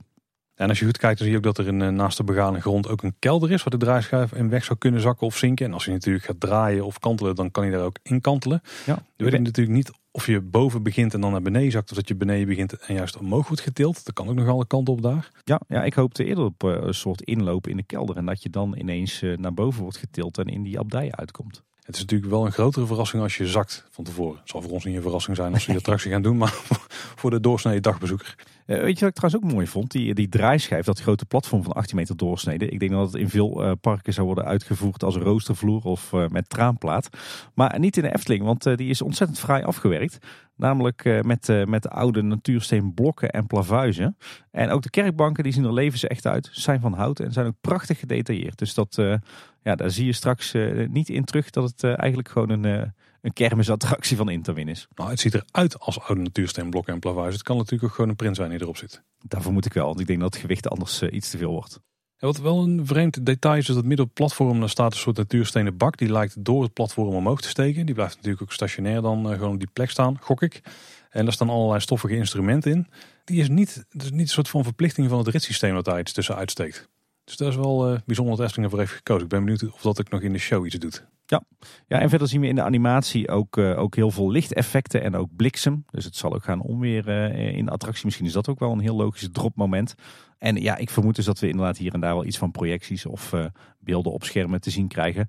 Achter die gotische ramen of achter die rozetramen. Ja, juist dat ja. Want als je de animatie kijkt, dan is daar bijna alles zwart wat daarin te zien is achter die ramen. En ik vermoed eigenlijk dat alles wat zwart is in die, in die animatie, dat dat gewoon projectie mogelijkheden gaat bieden. Of dan misschien eens projectie. Het kunnen ook die ledschermen zijn die, uh, die Intamin biedt. Volgens mij kun je daar heel veel toffe dingen mee doen. Want je, je kan dan ook met de parallax effecten natuurlijk het idee geven dat er nog veel meer achter die ramen gebeurt dan hetgene wat je ziet. Maar juist door die, die toffe uh, um, fysieke voorgrond en misschien nog wel een aantal poppen of figuren die we tegenkomen daar, oh, oh. kun je heel veel toffe dingen doen. Ja. Nou is het enige nadeel misschien een beetje dat je door uh, dat je op zo'n draaischijf zit en alle kanten op kunt kijken, dat je dan heel veel misschien een beetje ja, copy-paste elementen hebt in het decor, zeg maar. Dat uh, niet iedere hoek super uniek is, maar dat het gewoon vier keer ongeveer hetzelfde is. Die, die ja. indruk kreeg ik wel een beetje, maar kan ook zijn dat het voor de animatie gewoon het snelste klaar was. Hoor. Dat hoop ik. Ik denk, ik denk eerlijk gezegd dat ze dat, dat fysieke decor, dat gaan ze toch helemaal uitvoeren in, in, in schuim. Geen piepschuim, maar in, in schuim wat ze gaan uitsnijden en daarna denk ik gaan polyesteren. Dan heb je volgens mij alle vrijheid om ieder segment weer net wat anders uit te voeren. Ja, ik hoop het dus wel dat in een bepaalde hoek een uitbuitje krijgen. En op een ja. andere plek dat het verder is ingestort dan weer op ergens ja. anders. Eigenlijk net als, net als in de hoofdshow van het spookslot. Hè? Eh, exact, daar ja. komt de inspiratie en het beeld wat ik in mijn hoofd heb ik ook zeker vandaan. Ja. Precies. Hey, en sowieso zitten er echt uh, volop referenties na dat, uh, dat uh, inmiddels bijna verdwenen spookslot in de hoofdshow van Dans Macabre. dat weten we dankzij de animatie dus die de Efteling heeft gepubliceerd. En Giertje64, een bekende Efteling twitteraar, die heeft er eens grondig naar gekeken en die heeft er een prachtige visual van gemaakt met, met wat er allemaal in zit. We zullen er ook naar linken in de show notes. Maar we zien dus heel veel bekende figuren uit het spookslot uh, terug in de hoofdshow van Dans Macabre. Bijvoorbeeld die prachtige duivelsfiguren met kaarsjes uit de Vlederike zaal. Die komen terug, maar nu dus uh, in het, uh, het abdijgebouw. En ook bijvoorbeeld die, die gotische ramen waar we het net over hadden. Die, die spitse ramen. Die zijn eigenlijk één op één de gotische ramen uit de hoofdshow van het spookslot. Ja, en ook de waterspuurs uit de hoofdshow die vinden we terug. Ja. De vleermuisjes van het spookslotbord. En, en de oude plattegrond. Die we natuurlijk goed kennen, die vinden we terug dansende balustrades die gaan we ook weer terugzien. Ik hoop dat ze ook echt gaan bewegen. Dat ja, zou echt heel vet zijn. Dat moet toch haast wel. Ja, en, en ook volgens mij die, die fakkels die we in het spookslot in uh, zeg maar de, de voorshow uh, aan de muur uh, vonden, die, die lijken terug te keren. Ja, en niet te vergeten, ook heel belangrijk, de viool die komt terug. Ja, en ook elementen die je kon zien op de plafonddoeken die in de Vlederikkenzaal te zien waren, die zien we nu als patronen in de vloer. Ook een heel vet detail. En er staat in de kelder ook een kist die wel heel erg lijkt op eh, de kist met daarin het uh, skelet van de burggraaf. Oeh, ja, ik hoop echt dat we nog iets van animatronics ook in de hoofdshow gaan zien. Daar zou ik sowieso. En het kunnen ook van die simpele poppen zijn, dat maakt me niet uit. Als er maar iets van bewegende figuren in zitten buiten allerlei projectiefratsen en zo. Ja, en ik, ik weet dat wij uh, een aantal afleveringen geleden wel eens gefantaseerd hebben met welke elementen zouden we allemaal terug willen zien in Dans Macabre uit het oude spookslot. En toen riep je op een gegeven moment nog van, ho, stop Tim. Hè? Als, als je zo doorgaat, dan zit zo'n beetje alles straks in Dans Macabre. Maar we hebben toch al aardig wat van die elementen inmiddels af uh, weten te vinken in deze hoofdshow. En dan hebben we natuurlijk nog niet eens uh, beelden van de voorshow, van de meandering, van het, het buitenterrein. Dus volgens mij gaan we heel veel toffe elementen terugzien. Nou, zeker. Volgens mij hebben we net al een paar keer aangehaald met dit ritssysteem. Ik zie de potentie ervan uh, wel in hoor, voor uh, zo'n attractie als dit. Ja, ik denk dat er heel veel uh, van afhangt hoe ze het uiteindelijk gaan uitvoeren. Ik zag een, aantal mensen toch op social media roepen van... Ja, jeetje, de Efteling bouwt gewoon een puke ride. En een kleine boodschap eigenlijk gezien jullie zo, zo kritisch waren op de invulling die Toverland gaat bouwen... vinden jullie dit waarschijnlijk ook helemaal niks. Maar ehm, ja, weet je, in potentie, het, dit ritssysteem kan natuurlijk een verschrikkelijke puke ride zijn... Ik zag ook wat, wat kermisattracties voorbij komen die heel, hier heel erg op leken. Maar wat ik verwacht en hoop, ja, volgens mij kan het eh, tegenwoordig haast niet anders, is dat we uh, gaan zien dat dit ritssysteem echt puur ondersteunend is aan het verhaal wat ze willen gaan vertellen, aan de show die ze willen gaan neerzetten. Uh, dat is natuurlijk iets wat we ook al bij Symbolica zagen. Hè. Vroeger was het natuurlijk zo bij de Efteling en bij heel veel pretparken dat het allemaal draaide rond dat attractietype. Dat het ook begon met een attractietype en dan werd er een verhaaltje bij verzonnen. Dat natuurlijk in heel veel attracties in de Efteling terug. Eigenlijk was alleen Disney en uh, misschien ook wel Universal waren daar uitzonderingen op. Waarbij ze eerst bekeken welk verhaal willen we gaan vertellen, welke beleving willen we maken. En daar werd dan later een passend attractietype bij gekozen of bij ontwikkeld. Maar ik heb de indruk dat de Efteling de laatste jaren ook wel echt op die, uh, die lijn zit hoor. Met uh, toch ook een bron 1898, met een symbolica, met een zes zwanen. Uh, en ik heb de indruk dat dit het ook wordt. Dus dat, het, dat eigenlijk wat dat attractiesysteem allemaal kan, dat het helemaal niet zo boeiend is. Dat het veel meer gaat om die ervaring. Dat we echt straks in die abdij zitten, dat we gaan dansen op het muziekstuk Dans Macabre. En dat het attractietype dat, dat faciliteert. Maar dat het niet echt de puke ride gaat zijn, waar toevallig nog leuk wat decor om, om, omheen staat. Dus ik denk dat het echt straks draait om het verhaal, het decor, de show, de effecten. En dat attractietype is maar ondersteunend daaraan. Nou ja, ik denk dat je daar sowieso een punt hebt. Maar als je gewoon Dans de muziek erbij pakt en je zet die op en je luistert ernaar en je stelt je voor hoe je dan in zo'n bank zit en wat er dan allemaal qua bewegingen mogelijk is. Dan gaat hij aan het einde echt wel even versnellen. Ja. Maar het is niet zo dat je drie minuten in de centrifuge wordt gezet. Zoals bijvoorbeeld bij heel veel van die kermisattracties is. Weet je wel. Dat, dat gaat gewoon echt niet gebeuren. Dat past niet. Er wordt gewoon ook een show om je heen opgevoed. Daar krijg je dan niks meer van mee. Maar ja, aan het einde dan gaat de muziek even los. Ik vermoed dat je dan ook wat sneller gaat draaien. Maar ik denk dat dat ook nog wel meevalt. Maar aan de andere kant, het is ook niet voor niks een attractie voor acht jaar en ouder. Hè? Ik bedoel, als je acht jaar bent, dan ben je meestal op de lengte ongeveer dat je ook in Baron 1898 eh, kunt. Dat is ook wel de categorie waar je dit een beetje in mag klassificeren. Het is het qua uitdagendheid van het attractietype. Een beetje dezelfde categorie als een uitdagende achtbaan. En dan denk ik nog niet eens dat het daar gaat worden. Maar het zou het wel kunnen zijn. Ja, nou ja, dit is eigenlijk wat ze, wat ze eerder al gezegd hebben. Wat wij zelf ook al zeiden. Hè. Het is eigenlijk een, een soort revival van het spookslot. En met name van de muziek. Maar dan op een wel spectaculaire wijze. En ik zie, ik zie ons echt al wel op die schijf walsen op de muziek van Dans Macabre. Hoor. Waarbij natuurlijk zowel die draaiende beweging als dat, dat kantelen van die schijf ja, ik, als ik. Ja, weet je, als je die muziek al hoort, dan zie je al voor je, dan voel je al wat die schijf gaat doen. Ja, precies. Ja. En, en misschien ook weer teruggrijpen op een ding wat we al vaker hebben aangehaald. Ik zie dit dus nog steeds echt als een Villa Volta 2.0. En bij Villa Volta heb je ook een schommelsysteem. Daar kunnen ze in principe in theorie ook gewoon vol een bak heen en weer schommelen. doen ze daar ook niet, weet je wel. Ik denk dat je het ook op die manier weer moet projecteren op wat bij Dans Macabre gaat gebeuren. Je hebt het systeem, heeft super veel vrijheid, kan super heftig zijn. Ik vermoed echt wel dat er wel versnelling aan het einde in zit. Maar het zal vooral ondersteunend zijn aan uh, het effect wat ze daar willen bereiken. Ik denk dat ze ook best wel wat tof... Uh, ik, ik heb daar wel vertrouwen in dat ze daar iets ja. Eh, tof van maken. Ja, ik denk, hè, je, je ziet bij veel pretparken dat het bij spreken 80% attractie is en 10% show en 10% decor. Ik denk dat, het hier, dat hier de focus veel meer gaat liggen op, op die show, op dat decor, op het verhaal en veel minder op het, het attractietype. Ja, misschien is dat wel de reden dat ze zo vroeg dan aankondigen. Dan hebben we het alvast gehad, kunnen we focussen op de rest. Ja, maar we weten al heel veel. Hè? Nee jongen, we weten nog helemaal niks. Ik hoop trouwens wel dat die, die leeftijdsrestrictie of die lengterestrictie, dat dat een advies is. Uh, en niet dat, uh, dat ze echt pas vanaf acht jaar uh, en ouder in attractie mogen, de kids. Want, Ik ga ervan uit dat er wel een lengterestrictie komt. Er zullen iets van beugels zitten, ja. Dan zit je gewoon met veiligheidsregels. Ja, maar laten we hopen dat die acht jaar gewoon een uh, adviesleeftijd is. Want ik vermoed dat uh, mijn beide kinderen al ruim voor de acht jaar uh, hierin durven. Ja, het zal 1,10 of 1,20 worden, denk ik. Hmm. Nou, tegen de tijd dat het voorjaar 2024 is, dan zijn ze allebei wel 1,20 jaar. Kijk. Jij zei net, we weten al superveel, maar dat valt dus wel mee. Hè? Want we weten nu het attractietype. We weten dat er fysieke decors komen die eruit zien als zo'n gotische kerk van binnen. Maar wat er dus gaat gebeuren qua figuren, qua projecties, qua voorshow. Of komt hij er überhaupt ja of nee? Nou, wij gokken dus nog steeds van wel. Ik bedoel, dit systeem heeft niet superveel techniek nodig in, uh, in een hele grote losse ruimte. Dat kan prima ergens in de kelder worden verstopt, denk ik. Ja. En we hebben nog de hele wachtrij, waarbij ze ook wel hebben vermeld dat je dan ja, een, een reis gaat maken door de omgeving van de eeuwenoude abdij. Nou, dat klinkt al uh, hoopgevend, maar we weten helemaal niet wat er gaat gebeuren. Het hele buitengebied weten we er niks van. Wat komt er aan horeca bij? Er zijn nog wel heel veel vragen hoor, die niet beantwoord moeten worden de komende maar, tijd. Maar meestal bewaren ze juist die hoofdshow. Omdat die hoofdshow zit natuurlijk binnen, is afgeschermd. Meestal bewaren ze dat tot het allerlaatste. Ja, als dit het enige is wat ze van de hoofdshow bekendmaken.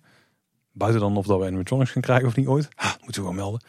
Dan denk ik dat ze het eigenlijk best wel goed hebben gedaan. Want dan zitten er nog steeds wel enorm veel verrassingen en potentie in de hoofdshow. Of we animatronics gaan krijgen, weet ik niet. Ik ben wel vrij zeker van dat we animaltronics gaan krijgen. Bijvoorbeeld in de vorm van een, eh, een een katachtig wezen? Een kat, vleermuizen, misschien wel een ezel. Ja, nou, ja, ja, want je hebt het denk ik al een beetje over het verhaal. Ja, maar dat is nog wel over, over iets anders interessants. Hè? Want er waren een aantal uh, luisteraars die riepen van... dit kan Efteling toch nooit voor 25 miljoen euro voor elkaar boksen. Maar ik denk dus dat het, het, het attractiesysteem waar ze nu voor hebben gekozen... natuurlijk wat het duur, wordt dat duur. Jij en ik zullen dat met ons salarisje niet kunnen betalen. Niet, maar ik, ik denk dat het, het relatief beperkt is hoor. Het is uiteindelijk maar, maar één schijf natuurlijk met een aantal schijven erop. En daar hangt wel een hele techniek van hydraulica achter. Maar ik denk dat het maar een, een, relatief klein aandeel is van die 25 miljoen. Dus ik denk dat er, juist doordat ze voor een ja, toch een redelijk compact ritssysteem hebben gekozen, dat er best wel veel geld over gaat blijven voor uh, decor en show. Ik denk altijd heel simpel. De bron was 18 miljoen. Dat was een BNM-achtbaan, hè? dat is niet niks. Nee. Er zit een hele attractie omheen. Er zit ook een vrij dure animatronic in. Een mooi gebouw omheen. Een hele show zit erin. Ja, een diepe put gegraven. Ik denk, ja, als je dat voor 18 miljoen kunt neerzetten, dan kun je dit met Tenminste, dat is het enige wat we op dit moment weten. Een vrij klein gebouwtje nog buiten. En hoeveel iets van horeca zo erbij moet komen. Ja, dat komt een goedje. Dat kan zeker. Voor die 25 miljoen kan je dan best veel hoor. Ja. Als ik een gokje moet doen, Tim, hoeveel miljoen zou het ritssysteem kosten? Zes. Ja, daar zat ik ook aan te denken. Vijf of zes of zo, ja. Ik weet niet of het er ooit achter gaan komen, maar uh, ik denk dat het allemaal wel goed gaat komen met het budget daar. We gingen al kort toe naar het verhaal, want ja, er was een making-of uitgekomen. Maar ja, dan is de grote vraag, denk ik, was dit wel een making-of?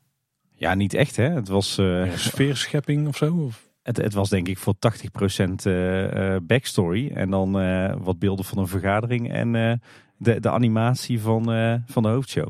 En ons Henk, die kwam heel even langs. Maar het aandeel klassieke making-of was nog geen minuut denk ik van het totaal. Van nee, de zeven minuten die het duurde. Nou, nog geen 30 seconden misschien wel. Nou, in ieder geval heel beperkt. het was vooral nog heel erg sfeerscheppen, karakters introduceren. Ik weet niet of dat we die überhaupt in de attractie terug gaan zien. Maar een aantal elementen die we in de in het verhaal terugzagen, die wel verwacht ik. Maar goed, inmiddels weten we wel dat er in totaal uh, tien afleveringen van de making of gaan komen. Dus uh, laten we hopen dat we in toekomstige afleveringen meer gaan zien van het projectteam, van het ontwerp, van de bouw, van de techniek. Ja, als het in 2024 moet openen, dan gok ik op iedere twee maanden één. Ja. Dan hebben we nog een maand of twintig. Dat zou dan voor opening zijn voor zomer 2024. Als het allemaal volgens planning loopt. Hey, als je het over de backstory hebt, het, het eerste interessante wat we bevestigd zagen worden in de blog volgens mij, is dat het themagebied inderdaad de naam Huiverwoud krijgt, zoals eerder was uitgelekt bij Loopings. Alleen dan wel Huiver met UY geschreven. Weet je wat stom is? Nou ik het dan zo zie, voelt het dan een stuk beter dan als het gewoon Huiverwoud aan zich is. Ja. Zoals uit een boekje van Paul van Loon of zo. Ja, precies, het voelt minder Paul van Loon, ja. Nou, daar, daar, gaat ook onder andere de omgeving vormen voor de wachtrij, dus dat is ook ja. wel tof. Ja. Nou, we kregen in de, de video de, een aantal van de hoofdpersonen te zien. In ieder geval een aantal hoofdpersonen voor de ja, making-of serie of net wat dan ook. Ja, voor de backstory eigenlijk. Hè? Ja, en die leren we kennen door uh, eigenlijk found footage, Tim. Het is een beetje een horrorfilm. Ja, Geïnspireerd door de Blair Witch Project of iets in die geest. Maar er is dus een hele oude camera die wordt gevonden. En uh, die beelden die daarmee zijn opgenomen, die zien wij dan ook in de making-of. Want die wordt natuurlijk gevonden tijdens uh, de bouwwerkzaamheden of de sloopwerkzaamheden aan Spookslot. Ja. Dat is gewoon een aardige vinding. Volgens mij gaat Henk Schelkes op een gegeven moment met die camera naar het projectteam toe. Hè? Zeker, zeker leren namelijk hooglerares doctorandus Virginie Charlatan kennen en uh, Otto Charlatan, haar man. Ja. En dat zijn handelaren en die leiden reizend bestaan. En uh, nou ja, ze bepalen niet zelf waar ze heen gaan. Nee, is, dit vond ik wel een bijzondere plot twist. Ze worden namelijk geleid door uh, houten draaiorgel. Dat luistert naar de naam, let op Paul, Esmeralda. Ja, ja. En wie is Esmeralda? Ja, dat is eh, iemand die eh, een beetje zo tussen neus en lippen door wordt genoemd in de introductie van Spookslot. Precies, de dochter van eh, de burggraaf die we natuurlijk op verschillende plekken in het oude spookslot eh, terugzagen. Hè? In de geestenmolen en eh, ook in een van de graftombes.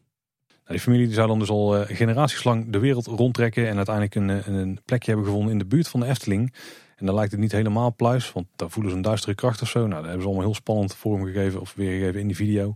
We zitten natuurlijk te zoeken in die video naar een beetje aanknopingspunten voor wat we gaan zien in het park. Hè? Ja. Dan hebben ze dus een kamp opgezet. Misschien is dat wel iets wat we gaan terugzien in de attractie. En dat doen ze op een onheilspellende plek midden in de bossen. Ja, dat is ook werkelijk zo. Want volgens mij is, eh, is de video, of althans is de hele backstory opgenomen. eh, ergens in natuurgebied eh, het Loonse Land aan het keispoor. Wat ik zo kon zien aan de bomen. Nou, ze hebben het in die video ook over eh, het onnoembare. Lijkt een beetje de, de duistere krachten zijn die ze voelen. Die dan Beetje- ergens daar verscholen zou zitten. Beetje de Shining of zo, dat gevoel. Ja, Het, is, het voelt ook een beetje alsof ze een soort Voldemort of zo hebben bedacht. Hij die niet genoemd mag worden. Nou, Ja, en ze zeggen ze- dat ze er alles aan doen om, eh, om ons bij te staan en ons te behoeden voor het ongeluk en de rampspoed die je te wachten staat. En later in de making-of dan zien we nog wat droombeelden rond kantoor Ravelijn. En dan horen we een andere stem, een, eh, een donkere, duistere mannenstem horen zeggen. Wat een denigrerend woord om mij en mijn soortgenoten mee te omschrijven. Dus blijkbaar is het onnoembare iets. Ik dacht zelf misschien aan vleermuizen, gezien eh, die vliegbeweging en het feit dat we overal in alle concept arts al vleermuizen terugzien. Zou dat te simpel gedacht zijn? dat zou wel makkelijk zijn. Die- stem is overigens volgens mij de stem van Stanley Burleson. Ja. Burleson, Burleson, ik weet nog steeds niet hoe ik het moet uitspreken. Ik ga het niet proberen, gezien mijn eh, eh, signatures. eh, sna- dat We gaan gauw verder. Ja.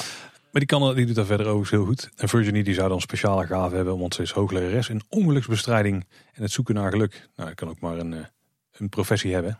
Ja, ongeluksbestrijding. Klinkt een beetje als de incidentenbestrijding van ProRail of zo. Mijn hoofd ging om een of andere reden naar ongediertebestrijding. Wat ook wel handig is met vleermuizen en ratten en dat soort fratsen. Virginie had trouwens een prachtige jurk aan. Nou, heeft het kostuumatelier weer gefixt, denk ik. Ja, ja misschien wel samen met het eh, textiellab. En die we misschien ook wel in het park gaan zien binnenkort. Ja, want het werd ook bevestigd dat we vanaf 19 november eh, Otto, Virginie en het draaiorgel Esmeralda nabij de bouwplaats van Dans Macabre gaan vinden. Met een, eh, een act.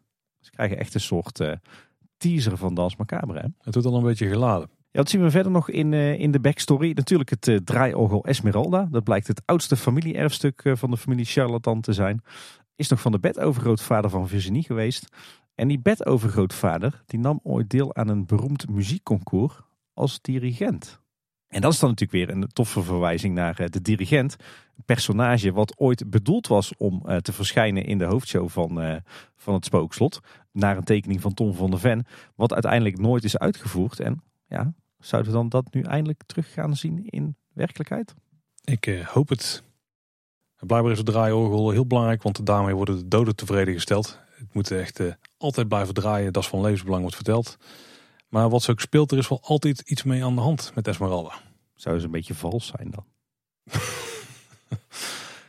Ik eh, denk als je een soort van betoverd eh draaiorgel hebt, dat dat sowieso wel niet ideaal is. Laten we het daarop houden. Letterlijk en figuurlijk vals. We, zien in, eh, in de making-of zien we ook de eerste beelden van eh, Esmeralda, het draaiorgel. De vraag is even, is dit echt al het draaiorgel of is het alleen het front en was het draaiorgel zelf nog niet klaar? Er waren al wel wat, eh, wat luisteraars die zeiden van ja, dit ziet er zo anders uit dan de melodijn. Het kan nooit zo zijn dat dat, dat draaiorgel van de Efteling een nieuw frontje krijgt. Maar goed, we gaan het straks zien in, in het park. Maar een heel mooi houten front met volop Eftelingse krullen. Maar er zijn ook allerlei beenderen in verwerkt en doodshoofdjes. Eh, als je goed kijkt zie je er ook allerlei mooie schilderingen. Onder meer van een harp. Maar ook, en dat is wel heel tof, van de betoverde kraai en van de vlederikken. Wederom een heel mooi eerbetoon aan het, eh, het spookslot. Er staan ook twee olielampjes op. Het, het hele front heeft een ja, bijna Jugendstilachtige stijl. Dus daar eh, worden wij weer heel vrolijk van. En er zijn ook drie jute zakken te zien. Waar volgens mij beeldjes onder verstopt staan. Hm. En die beeldjes die zijn al gespot in het Gildenhuis, begreep ik. Dus denk dat we daar ook al wat, eh, wat karakters eh, uit Dans Macabre gaan zien op het orgel. Ja, verder nog hints naar wat we in het park gezien zijn. Dus de dieren inderdaad die al aanhaalde. We hebben die ezel, maar ook weer eh, die kat die we al in de teaser zagen met die twee verschillende kleuren ogen. En wat heel vreemd was, ik weet nog steeds niet wat het nou precies betekent, maar in die animatie van, van het ritssysteem, Daar zwiept op een gegeven moment ook een soort van mega grote kattenstaart door het beeld heen. Ja. Die kon ik niet helemaal volgen. Ik weet niet of het er nou een geintje was van die zit voor het beeld of zo, die kat of weet ik veel. Want dat doen katten nog wel eens hè. Over het toetsenbord heen lopen en zo. Ja, in ieder geval, die kat lijkt dus sowieso een grote rol te gaan spelen. Katten, vleermuizen, ezels. Ja. Het lijkt uh, Fata Morgana wel. Nou, de Otto heeft dan ook die videocamera. Ik weet niet of dat we die uiteindelijk in het park gaan terugzien. Ik denk dat die een beetje wordt gebruikt als eh, storytelling device hier. Ja. Om die making of maar enigszins uh, zinnig te laten zijn. Want het was nogal... Uh, nou, het ging alle kanten op, laten daarop houden. en ik vond dat ze ook wel erg veel nadruk leggen op de inhoud van de tent. Ja, inderdaad. Want uh, het gaat erover dat aan het houten bureautje van Virginie in de tent... dat zij uh, bezig is met het maken van geluksbrengers. Waarmee ze je kan helpen met het bestrijden van al je vrezen en angsten ja, die geluksbrengers, dat zou zomaar eens merchandise kunnen zijn die we natuurlijk in de winkel gaan terugvinden. Zeker, ja. Nou, ook zien we wat de oude boeken van Virginie. En er gaat ook al een gerucht rond dat er een boek zou komen over het verhaal Achterdans Macabre. Van een bekende schrijver en er zou mogelijk al een jaar aan gewerkt zijn. Ja, en we weten dat er een schrijver is die al meerdere keren heeft laten vallen dat hij bezig is met een nieuw Efteling-project, namelijk uh, Paul van Loon. Nou, dan is die naam Huiverwoud toch inderdaad misschien wel een Paul van Loon creatie. ja, precies. Het zou mij niks verbazen als er over een tijdje een uh, boek van Paul van Loon verschijnt uh, met het verhaal achter Dans Macabre. Ja. Ik moet zeggen, Tim, die making of, ja, ik had liever het gewicht natuurlijk veel meer zien liggen op het daadwerkelijk maken van de attractie. En alles Ja. wat daar rondomheen gebeurt. En misschien een beetje de filosofie meer achter het attractietype. Daar hebben we nu alleen maar uit het blogbericht kunnen opmaken. En ook daar nog vrij eh, minimaal wat mij betreft. Dus Efteling nodig ons uit en laat jullie alles vertellen aan ons over het systeem. Wij horen het graag. En, de, en, en ja, de stijl waarin het was gemaakt, de sfeer wordt wel goed neergezet. Daar zeker. Het is niet, ja, ik weet niet, niet helemaal mijn ding of zo. Ik vind het wel weer typische Eftelingse storytelling. Heel erg ingewikkeld. Uh, Ja. Heel veel personages, heel veel namen, heel veel objecten. Het is niet zo dat je nou in twee of drie zinnen het verhaal van Dans Macabre uh, kan samenvatten. En dan is dit alleen nog maar het, uh, de, de origin story eigenlijk. Hè? Nou, ik denk dat als we dit terug gaan kijken over, nou, als de attractie open is, dat dan heel veel puzzelstukjes op een plek vallen. Maar dat het nu nog een heel erg grote bij elkaar geraapte zooi van allerlei uh, elementjes ja, die nog alle kanten op kunnen gaan. Ja. Misschien wel belangrijk zijn, misschien niet. Daar kan vanzelf wel, wel achter, denk ik. Wel tof hoor dat ze zo ontzettend veel, uh, veel aandacht besteden aan storytelling en een goede backstory van die attractie. Maar uh, ik hoop wel dat het uiteindelijk, als straks de attractie open gaat, dat het ook voor de normale bezoeker een heel, heel compact en begrijpelijk verhaal is. Want daar is nog wel eens een valkuil. Overigens niet alleen bij de Efteling hoor, bij heel veel attractieparken natuurlijk. Maar wel tof, wel tof dat hier zo de nadruk op ligt. Zeker. En nog één ding, Tim, wat me opviel bij de making of. En volgens mij ook bij de video die op social media is verschenen. Ze gebruiken het logo nu ook in een variant waarbij je niet die bordjes op de letters hebt. Ze hebben geluisterd naar jou, Paul. Daar was ik toch wel blij mee. Ja. Dan komt het net iets meer classy over. Maar de bordjes variant is er nog steeds wel. Het is niet het, het enige logo, het Biol en Endel logo van de attractie. Mooi. We kunnen in het park ook al uh, kijken naar de stand van zaken. Want er gebeuren gewoon serieuze dingen op de bouwplaats. Want het spookslot wordt echt gesloopt. Ja, en heel toepasselijk begon dat ook uh, met Halloween op maandag 31 oktober. Er werd natuurlijk al, al her en der wat gesloopt de afgelopen weken, maar nu zijn ze echt flink aan de gang gegaan. het eerste wat eigenlijk echt van het gebouw is afgesloopt is de Witte Walvis. Die is er echt gewoon afgehapt en toen bleef het, het hoofdgebouw over. Het horecapuntje is er afgechopt. Ja. mooi. Mooi. Uh, overigens was eerder ook al het Silent Vergat uh, als geheel uh, helemaal gesloopt. en ze zijn nu, as we speak, volop bezig met het, ja, zeg maar het sloopwerk van het gebouw. Je ziet nu heel mooi, nu die decorgevels aan de buitenkant eraf zijn gehaald, dat het eigenlijk volledig bestaat uit een betonskelet wat helemaal is dichtgezet met, met van die grote gasbetonblokken. en ze zijn nu, ja, wat we natuurlijk vooral zien is de het sloopwerk aan de achterkant. Ze hebben een heel groot deel van die achterwand al, al gesloopt. En daardoor kijk je eigenlijk als het ware in de tribune van de hoofdshow en tegen de ramen van de hoofdshow aan. Uh, maar ook aan de zijde van uh, zeg maar Matroosgijs, de gondoletta. Daar hebben ze ook al delen van de gevel eruit gesloopt. En dan kijk je echt in de hoofdshow. Uh, en toch wel bijzonder om te zien dat daar op de vloer ook nog allerlei restanten van, van de hoofdshow liggen. En dat bijvoorbeeld die, die grote zuilen nog aan het, aan het dak hangen deels. Toch best schokkende foto's nu, want het spookslot wordt nu echt langzaam maar zeker opgegeten door de schaar van Gubbels. Nee, ik was er klaar voor. Die schaarzo is wel vet. Het is dezelfde die we nog kennen van de boppen. Ja, en uh, die uh, heel erg lijkt op uh, Draconicon. Ja, zeker. Ik heb al meerdere memes en, en, en photoshops gezien waar de gelijkenis tussen die twee uitbleek. Volgens mij heeft hij ook wat meer stabiele draaiuren dan Draconicon. Maar dat terzijde. Hoorden we van een aantal mensen van waarom hebben ze die ramen afgeplakt aan de binnenkant van het showgebouw. Of die ramen vervangen door houten platen. Want je kon in ieder geval duidelijk zien dat de, de glasplaten waar je erheen keek, dat die er niet meer in zaten in het gebouw. Nou is mijn theorie eigenlijk vrij simpel. Dat ze glas niet in het gebouw willen hebben als er sloopwerkzaamheden doen. Want dan kan je het alleen maar kapot tikken en dan geeft een hoop zooi en dat is gevaarlijk. Dus die hebben ze eruit gehaald en vervangen voor hout. En waarom zet je dan wel iets terug? Nou als je die hoofdshow gaat slopen, komt nogal wat piepschuim en en ellende bij vrij. Dan verspreidt zich dat niet door de rest van het gebouw. Dus ik vermoed dat ze dat gewoon als een afgesloten geheel wilden Ja. hebben. En daarom eh, die platen erin hebben gezet. Is dat jouw theorie? Ik, mijn theorie was dat, dat die ramen er nog steeds in zitten en dat ze die hebben afgeplakt met folie. Zodat eh, als ze eruit eh, eh, worden gehaald, dat ze niet versplinteren in duizend stukjes, maar dat die mooi op die folie blijft plakken. Dat het folie is, zou zou maar kunnen ja. Of zouden ze die ruit nog willen hergebruiken, dat ze ze zo beschermen? Dat kan ik me niet voorstellen. Nou, Het zijn wel enorme panelen van brandwerend glas. Volgens mij eh, heel veel waard. En dat was al het enige brandwerende van het hele gebouw. Ja, deze ook zo. Dat was nou net het probleem.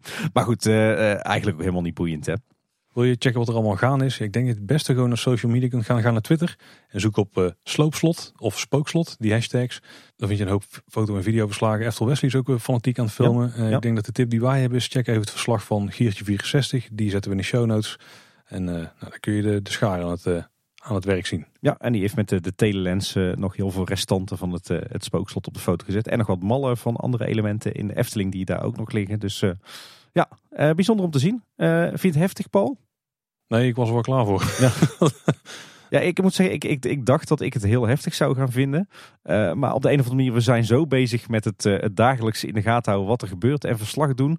En zo gefocust ook op wat ze nu naar buiten hebben gebracht over Dans Macabre. Dat het meer zo is van, eh, ja, let's get over with it. Dus mis- misschien dat het ook wel goed is dat ze nu juist de communicatie al naar voren hebben getrokken. Dat je daardoor eigenlijk helemaal niet meer bezig bent met dat spookslot. Ja, misschien een ding goed om te melden. Ehm, misschien is het op dit moment dat de aflevering uitkomt al wel duidelijk. Maar het spookslot gaat echt helemaal plat. Er blijft niks van staan. Er, er ging nog steeds wat geruchten rond. Of mensen misschien die de hoop hadden dat ze eh, het entreepleintje, dat ze het aanblik daar liet staan. Nee, dat is niet zo. Echt het hele spookslot gaat weg. Ja, en ik denk ook dat we eh, volop de gelegenheid hebben om afscheid te nemen. En eh, dat ook het feit dat de Efteling eh, zo'n beetje alle elementen van tevoren uit het spookslot heeft gehaald om te bewaren of om her te gebruiken. Ja, dat eh, geeft ook, ook wel veel geruststelling, moet ik zeggen. Dus eh, eigenlijk eh, vond ik het ook wel tijd voor de slooppal. Ze zijn dus aan het slopen. Maar de bouwplaats zelf is ook verder ingericht. En de infrastructuur die is ook verder aangebracht. Want ik dacht eigenlijk dat dit een project was wat er was afgerond. Maar blijkbaar was er nog een paar losse eindjes die ze moesten afwikkelen. Ja. Kun jij het even proberen te schetsen, Tim, hoe nu precies de situatie is? Ja, ja, want volgens mij gaan we nu langzaam maar zeker richting de definitieve situatie. Het laatste stukje van de spiegel aan, zeg maar het pad vanaf Hartenhof richting, ja, richting het de achterkant van Matroos Gijs, daar kwam het ongeveer uit. Ja, precies. Ehm, die is nu definitief afgesloten ter hoogte van eh, waar voorheen de afslag naar het heksenpad zat. Dat hebben ze gedaan met een hele hoge houten bouwschutting. Dus dat is echt wel, wel semi-permanent. En de bezoekers die moeten hier nu links via het tijdelijke asfaltpad door het plantsoen naar het weggetje tussen Baron 1898 en de Piranha. Daarnaast hebben ze nu eh, een definitieve toegang gemaakt tot het bouwterrein van uh, Dans Macabre. Die komt natuurlijk vanaf eh, de dam die door de kanovijver loopt. En tegenover die dam zit in, het, eh, in, eh, in de bouwschutting eh, nu een tourniquet. Weet je wel, zo'n eh, Mhm. zo'n soort draaideur. En een, een grote poort met een portiersloge. En eh, het pad tussen Baron 1898 en de Piranha zal dus inderdaad daadwerkelijk gekruist moeten gaan worden door bouwverkeer. Om dat op een veilige manier te doen hebben ze nu ook twee dubbele poorten geplaatst op dat pad tussen de Baron en de Piranha. eh, die tijdelijk kunnen worden eh, gesloten. eh, zodat de vrachtwagens kunnen oversteken en het publiek even moet blijven wachten. En er hangen ook borden op. tijdelijk geen doorgang in verband met bouwverkeer. Graag even geduld in vier talen. Dus het is duidelijk dat we daar af en toe zullen moeten gaan wachten als bezoekers tot de vrachtwagens voorbij zijn. En op dit moment is trouwens ook het pad vanaf het Piranhaplein naar Max en Moritz volledig afgesloten. Eh, ik denk in verband met eh, de aanleg van nog wat kabels en leidingen. En je moet nu even zeg maar, langs de vaargeul van de Piranha omlopen naar de achterkant van Bekkerij Krumel. Eh, maar ik vermoed dat, dat, dat die verbinding binnenkort alweer open zal gaan. En dan hebben we nog een paar laatste puntjes. Het is eindelijk bekend hoe wij aan onze spookslotboeken komen. Tenminste, alle mensen net als mij die het hebben besteld via de webshop. Hetzelfde geldt uiteraard voor de pins. Laat me raden, op een hele eenvoudige en laagdrempelige manier. Ja, zeker. Je moet gewoon een plekje reserveren. Kijk, Ze hebben in ieder geval al duidelijk eh, iets geleerd van hoe het, hoe het ging toen eh, tijdens eh, de dag in het park. Nee, er zijn twee opties. Je kunt ze of ophalen bij het Loonse Land, maar je kunt ze ook laten verzenden. Voor 13 november moet je daarvoor een keuze maken. Dus iedereen die zo'n ding heeft besteld, check even je mail. Je hebt gewoon een mailtje gekregen, daarin wordt het allemaal uitgelegd. Als je het wil laten verzenden, dan is het eh, 8 euro. Als je alleen de pin hebt, dan zou het 2,25 zijn. hoe het uiteindelijk werkt is dat je dus naar de webshop wederom gaat. Dan doe je een soort nieuwe bestelling. Als je die komt ophalen is het gratis. Eh, als je wil laten verzenden dan moet je een beetje bijbetalen. En daarbij kun je uiteindelijk dan ehm, een moment kiezen waarop je hem bijvoorbeeld kunt ophalen. Maar als je hem laat afleveren dan kun je een verzendadres opgeven. Kun je op dit moment volgens mij nog alleen maar een factuuradres opgeven. Dan moeten ze nog een paar dingen tweaken. Eigenlijk is het toch iets wat ze eigenlijk aan de voorkant hadden moeten eh, inregelen toen je het boek bestelde. Nou, ik denk dus dat het te populair was, ook de nabestelling, dat ze er van tevoren helemaal niet over nagedacht dat Nee. het wel zo'n ellende zou kunnen worden. Want wat ze in ieder geval duidelijk probeert te voorkomen, is dat er weer een enorme meute fans tegelijk komt opdraven. Ja. Die met 10.000 man tegelijk een bestelling komt afhalen. Dat wordt natuurlijk één groot drama. Dus ze proberen het eh, in, in groepjes eh nou, gefaseerd eh, iedereen naar het park te halen. Of in ieder geval naar het Loonse Land, want daar liggen ze uiteindelijk klaar.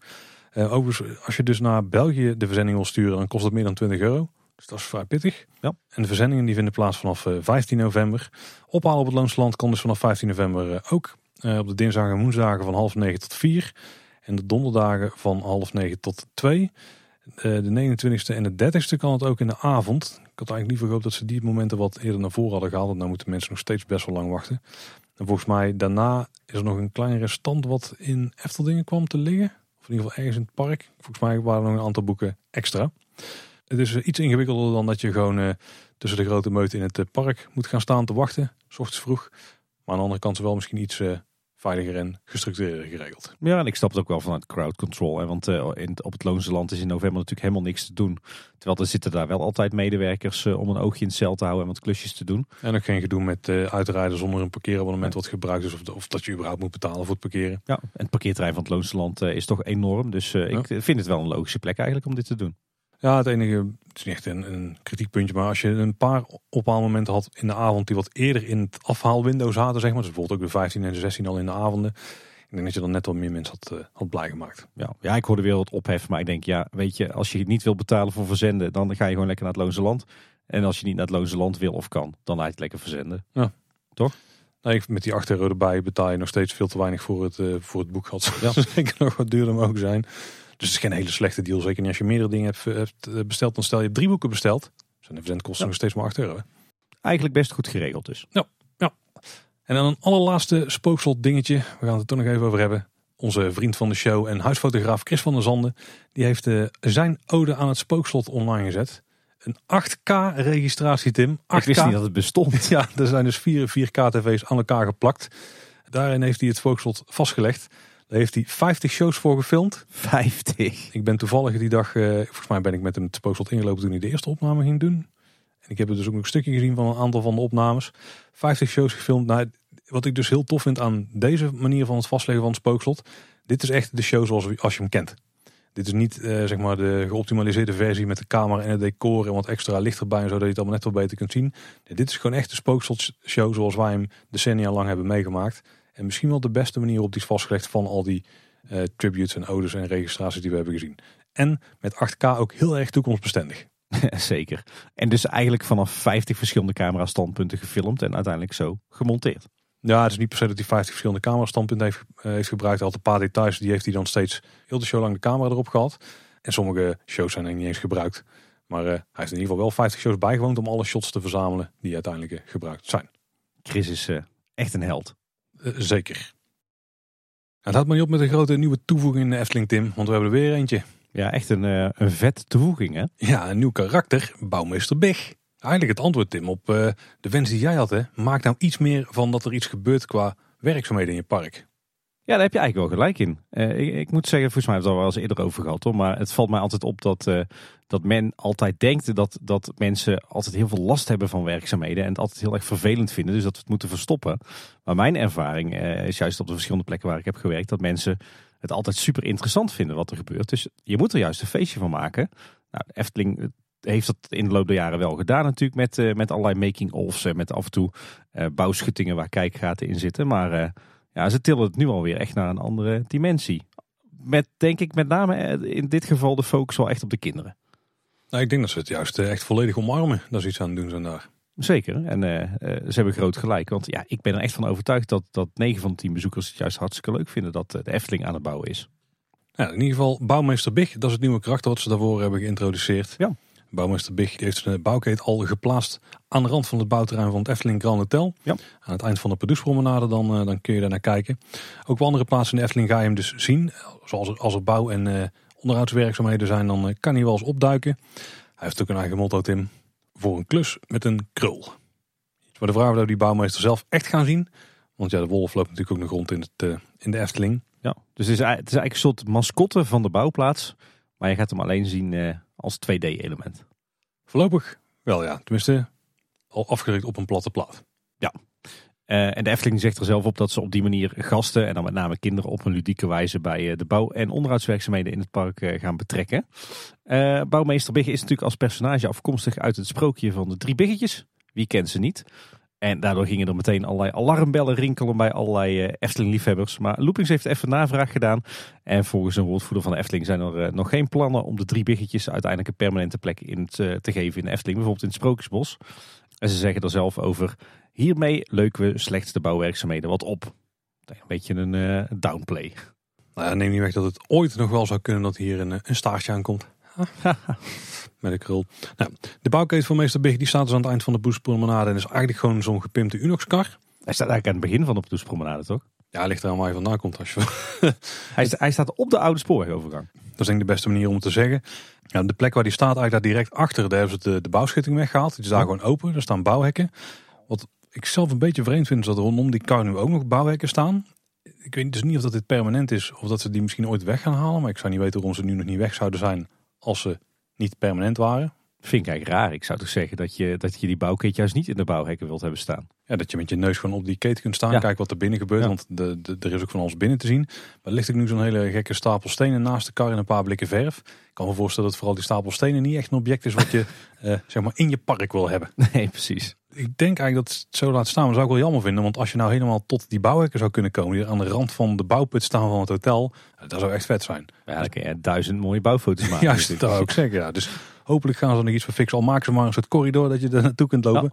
Ik wil daar bouw- bouwfoto's gaan maken. Nou, sterker nog, ik wil eigenlijk vooral dat andere mensen met telelensen daar bouwfoto's gaan maken. Precies. Eh, wel trouwens mooi dat ze zo zo'n oude Unox-kar een tweede leven geven. Hè. Wel weer een bevestiging van het motto van de Efteling. Wij gooien nooit iets weg. Ja, ze hebben die dus eh, voorzien nou van een grote glasplaat waar de uitgiftebalie zat. Volgens mij ook iets verlaagd, Ja. dat er meer te zien is. En de bouwkeet zelf die is eh, vooral heel erg groen. Ja. En daar zie je wat details op, zoals een groot bord bovenop met zijn motto. Een uithangbordje erop. Nou, heel veel van die geel-zwarte linten die we nou op heel veel plekken ook terugzien eh, rondom de bouwplaats. Eh, ook wat eh, erg vreemd ehm, en ook natuurkundig niet helemaal correct gestapelde stenen op het dak. Redelijk cartoony, hè? Daar krijg ik altijd een vreemd gevoel van in mijn buik als ik dat soort constructies zie. Geen verticale verrassing. Nou, een, een incorrecte verticale Ah, verrassing. Die zijn nog, nog minder fijn. En het schoorsteentje die heeft dan een afdekkapje met een krul. Ja, het is eh, allemaal eh, iets te ver doorgethematiseerd qua varken en zo misschien. Eh, maar vooral het uitgifteluik, dat is dus interessant. Want je kunt dus nu naar binnen kijken. En daarachter vinden we een tafereeltje met een hele hoop gereedschap en eh blauwdruk. En die blauwdrukken, dat is gewoon een tv-scherm zeg maar, die erin verwerkt zit. Dus ik vermoed dat we daar ook wel updates gaan zien van misschien de dingen waar ze mee bezig zijn. Misschien tegen de tijd dat er making-of zijn, ook van het hotel of een video of zo. Dat ze die er ook Ja. gaan laten zien. Ja, dat zou mooi zijn. Dat ze er iets meer eh, de mensen in het park ook bij gaan betrekken. Ook heel erg tof uitgelicht. Dus als het donker wordt, dan ziet het er ook heel mooi uit. En dan daar een van de grote 2D-borden bij met bouwmeester Big erop. En die heeft daarbij ook nog een uitgebreide vertelling eh, bij. Ehm, en de uitleg een beetje van wat die nou eh, is en waar die voor staat. En voor iedereen die het niet heeft geraden, het is een project van eh Robert Jaap.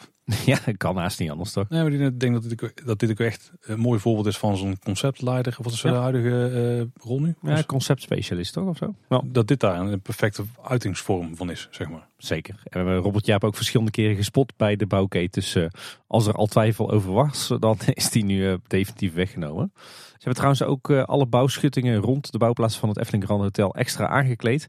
Eigenlijk over de hele lengte van die houten schutting zit nou een, eh, een geel-zwart gestreept lint. Het is geen lint, het is eigenlijk gewoon een strook hout. Eigenlijk gewoon een, eh, een afzetlint, maar niet, dan niet rood-wit, maar eh, geel-zwart met ja, Eftelingse twinkels erop.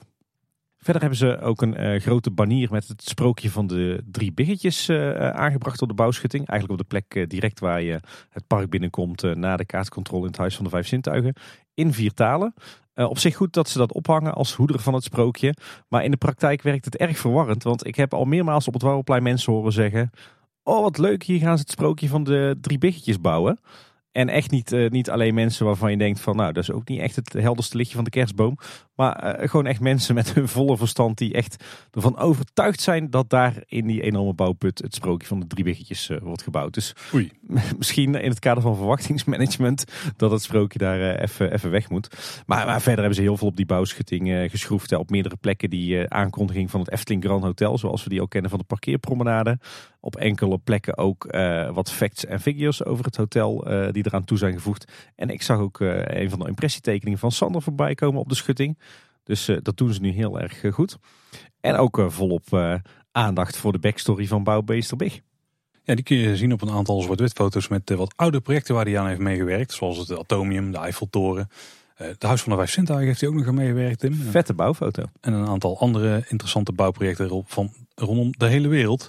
En wil je bouwmeester Big nou zelf inschakelen, dan kun je zelfs een telefoonnummer bellen. Het is 0416-288-000. Typ wel de goeie, want er is ook iemand uit Noord-Holland die blijkbaar en voorzaakbaar ja, Waalwijk in de omgeving een telefoonnummer heeft. Hoe dan zit, weet ik niet. Heeft hij misschien nooit meegenomen. Misschien is 041 een netnummer in Noord-Holland.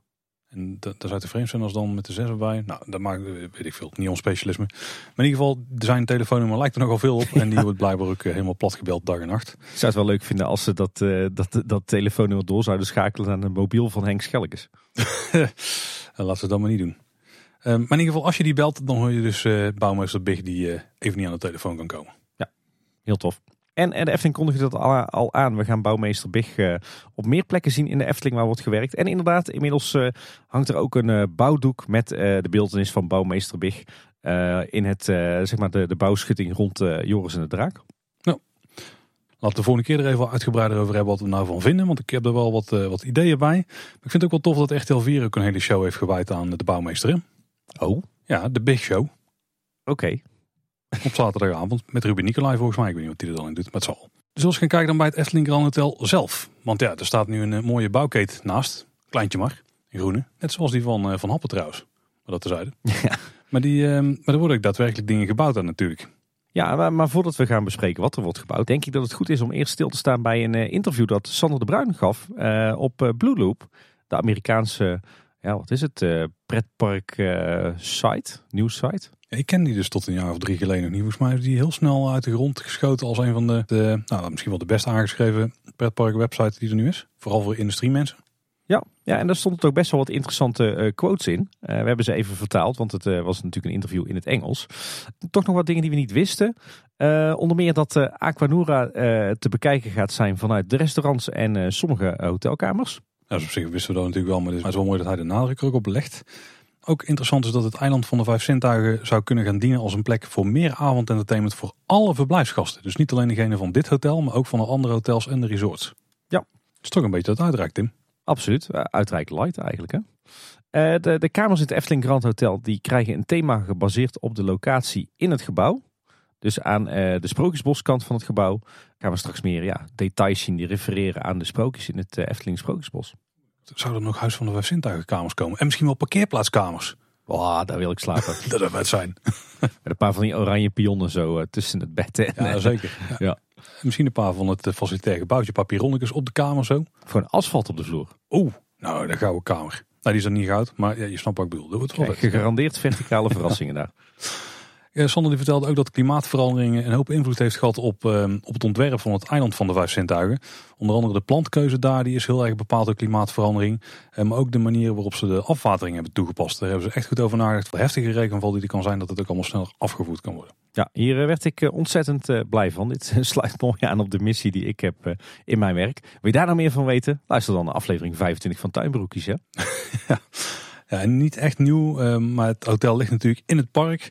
En er werd wel bevestigd dat uh, de mensen die dus in het hotel zitten, niet ook nog s'nachts gewoon door het park kunnen gaan dwalen. Dan wordt het gewoon netjes afgesloten van, uh, in ieder geval van de hotelomgeving. Maar het wordt natuurlijk wel super vet als jij een kamer hebt aan de parkzijde. En je hebt een balkonnetje en je kan gewoon midden in de nacht het balkon opstappen en over een donkere Efteling uitkijken. Dat kan sowieso. Ook nog wat, wat interessante andere quotes. Um, een opvallende. Uh, Blue Loop die schrijft dat Sander de Bruin uh, inspiratie heeft gehaald uit een van zijn uh, meest favoriete delen van de Efteling. Namelijk de Scandinavische haven. Weet jij die zo te vinden, Paul? Ik heb er in Europa Park alleen gezien, maar in de Efteling. Nou, Liseberg heeft wel een Scandinavische haven, maar... Zit er iets Scandinavisch havensachtigs? Ja, ja, je hebt een, een havengebied in Liseberg. Nee, nee, maar zit er in het diorama misschien nog iets? Er zit wel een havengebiedje, maar dat is meer mediterraans. Mediterraans, ja. Nee, ik zou niet weten wat ze bijzonder. Nou, er zit, nee, die gevelrij die in het Carnaval Festival zit is meer, uh, moet toch wel Nederlands voorstellen. Een beetje... Er zit sowieso nog een- weinig Scandinavisch in de Efteling. Ja. En eh, een andere inspiratiebron van Sander was ehm, eh, de film Grand Budapest Hotel van Wes Anderson. En toen Sander die film keek, toen dacht hij van nou, als Efteling ooit een film zou maken, dan, dan moet het in die stijl. Nou, dat snap ik wel, want ik heb die film ook meermaals gezien en een heel tof stijltje. En Sander die zegt erover dat het eh, eigenlijk het hotel zelf het verhaal is van die film.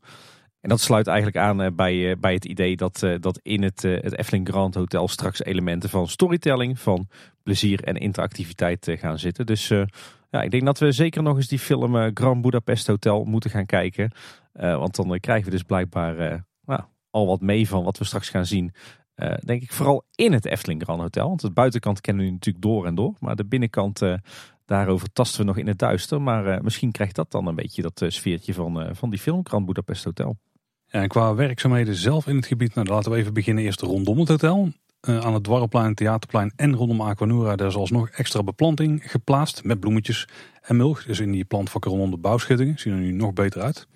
Eh, wat interessant is, is een, een berichtje wat we kregen van Timon en Pascal. Die melden allebei dat een deel van de planten die hiervoor gebruikt zijn, die zijn afkomstig vanuit Efteling Wonderland. Dus dat is heel tof dat ze daar die planten een tweede leven geven en dat ze niet worden weggegooid. Zou de Efteling vaker mogen doen wat hen betreft? Nou, wat ons betreft ook. Ja, volgens mij doet de Efteling dat ook al eh, steeds vaker. De plantvakken op het Theaterplein, daar eh, waren geen plantjes ingezet, maar alleen mulch over uitgestrooid. En maar met een reden, want er zijn eh, heel veel kerstbomen neergezet als eh, winterdecoratie. Ah, kijk. Als we dan gaan kijken bij het Efteling Grand Hotel zelf. Nou, die schroefmortelpalen die zijn allemaal klaar. Ja. Daaronder wordt dus die, eh, die bouwkuip verder uitgegraven. En daarmee dus ook misschien wel de badkuip. In ieder geval de contouren van het Ja. zwembad. Die zouden we in theorie moeten kunnen zien. Maar het ziet er nu nog heel vreemd uit. Want het lijkt alleen maar een soort van ja, eh, ja, loopgraven, sle- tunnels, sleuven gemaakt te zijn. Nog Ja. niet echt een zwembadvorm. En eh, wat nu ook wordt klaargelegd zijn de vloerisolatie en de wapening. Er staat echt een enorme kraan op het bouwterrein. En die is echt een eh, hoop materiaal erin aan het hijsen. Volgens mij allemaal wapeningsmateriaal. Zodat ze straks de fundering kunnen gaan storten. En dat is alles wat we tot nu toe weten. Maar ja, hier gaan we de komende maanden echt enorm veel vorderingen zien. Dus eh, daar houden jullie weer van op de hoogte.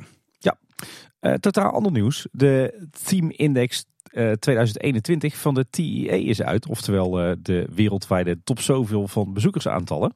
En wat blijkt, de Efteling stond in 2021 op de tweede plek in Europa met eh, 3,3 miljoen bezoeken.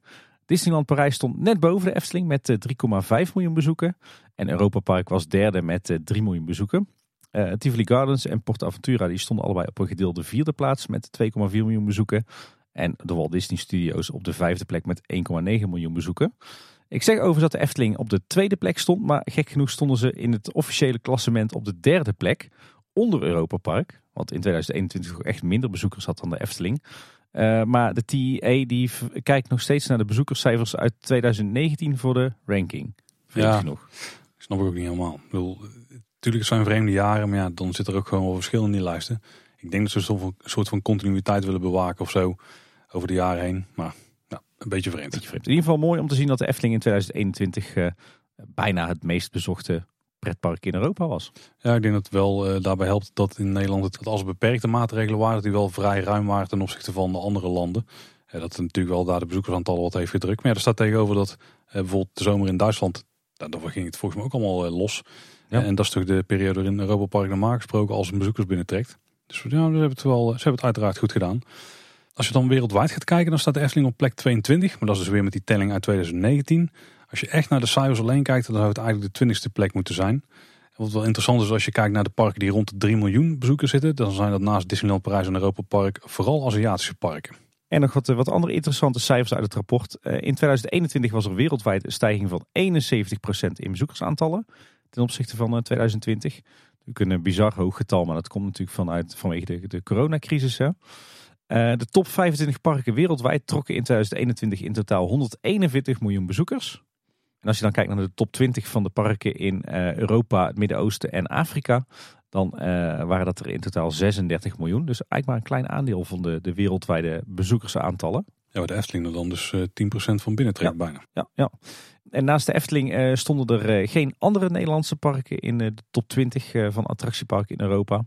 Wel eentje in de Europese top 20 van waterparken, namelijk het Tikibad van Duineral. En twee Nederlandse musea, het Rijksmuseum en het Van Gogh Museum. Kijk, nou, altijd weer interessant om ieder jaar door die lijstjes heen te pluizen. Maar ik ben toch wel benieuwd naar het eerste normale jaar, wat 2022 voor een groot deel was. Ja. Dus uh, nou, benieuwd naar de cijfers van volgend jaar. Hopelijk zijn ze weer sky high, maar net onder de 5 miljoen. nou ja, als dan om het aantal bezoekers gaat. Hè? Ja. Nou, dan laten we die discussie niet, niet weer hebben. Wel een mooi bruggetje, Paul, want uh, daarmee komen we wel op een ander actueel onderwerp. Nou ja, ik vind het interessant, want het was een, een vrij inhoudsloos uh, blogartikel eigenlijk. Maar je hebt er nog een aardig draaiboekstukje van weten te maken. Zo ben ik.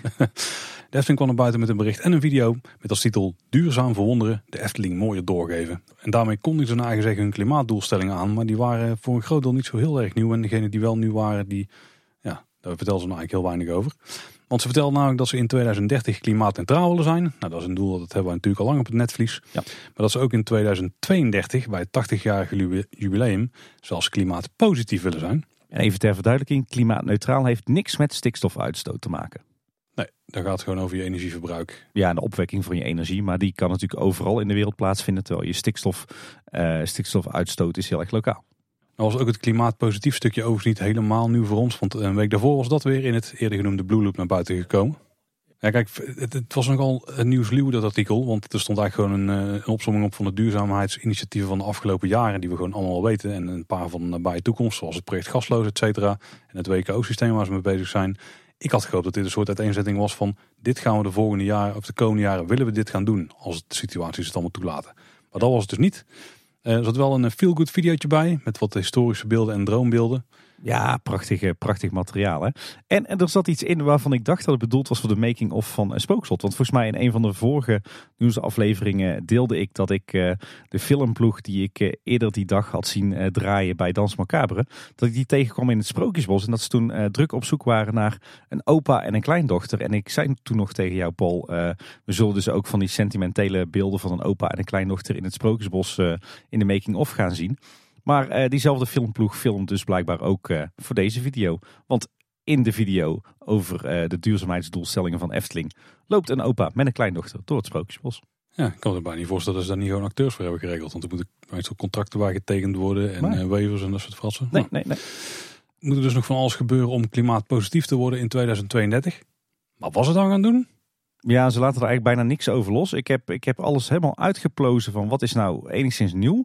En wat de Efteling eh, zegt is dat ze de komende jaren steeds meer zullen investeren om het gasverbruik te reduceren. Ja, dat is niet onbekend hè, bij ons. Nee, kan ik me ook wel voorstellen met de, de ontwikkelingen van de laatste tijd. Uh, en ik denk gewoon dat ze het, het project Gasloos, wat natuurlijk in het entreegebied en Anderrijk uh, plaatsvindt, dat ze dat gewoon gaan copy-pasten over de andere parkdelen.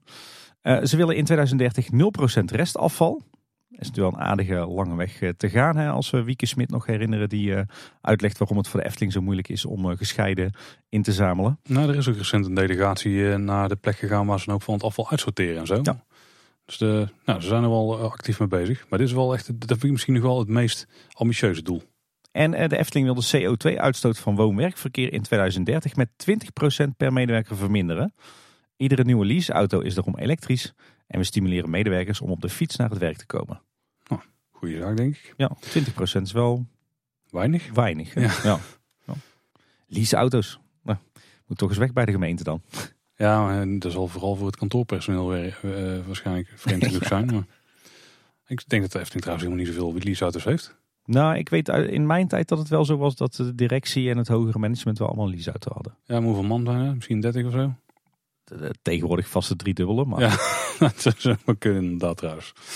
Nou, in ieder geval gaan ze het daarmee redden. Nou ja, dat natuurlijk niet. Er zal nog wel meer moeten gebeuren. Want we weten nu dat de energie die de Efteling zelf opwekt met het enorme zonnepark wat ze hebben um, gemaakt. En de panelen die al in het park liggen, daar wekken ze 20% van energie mee op.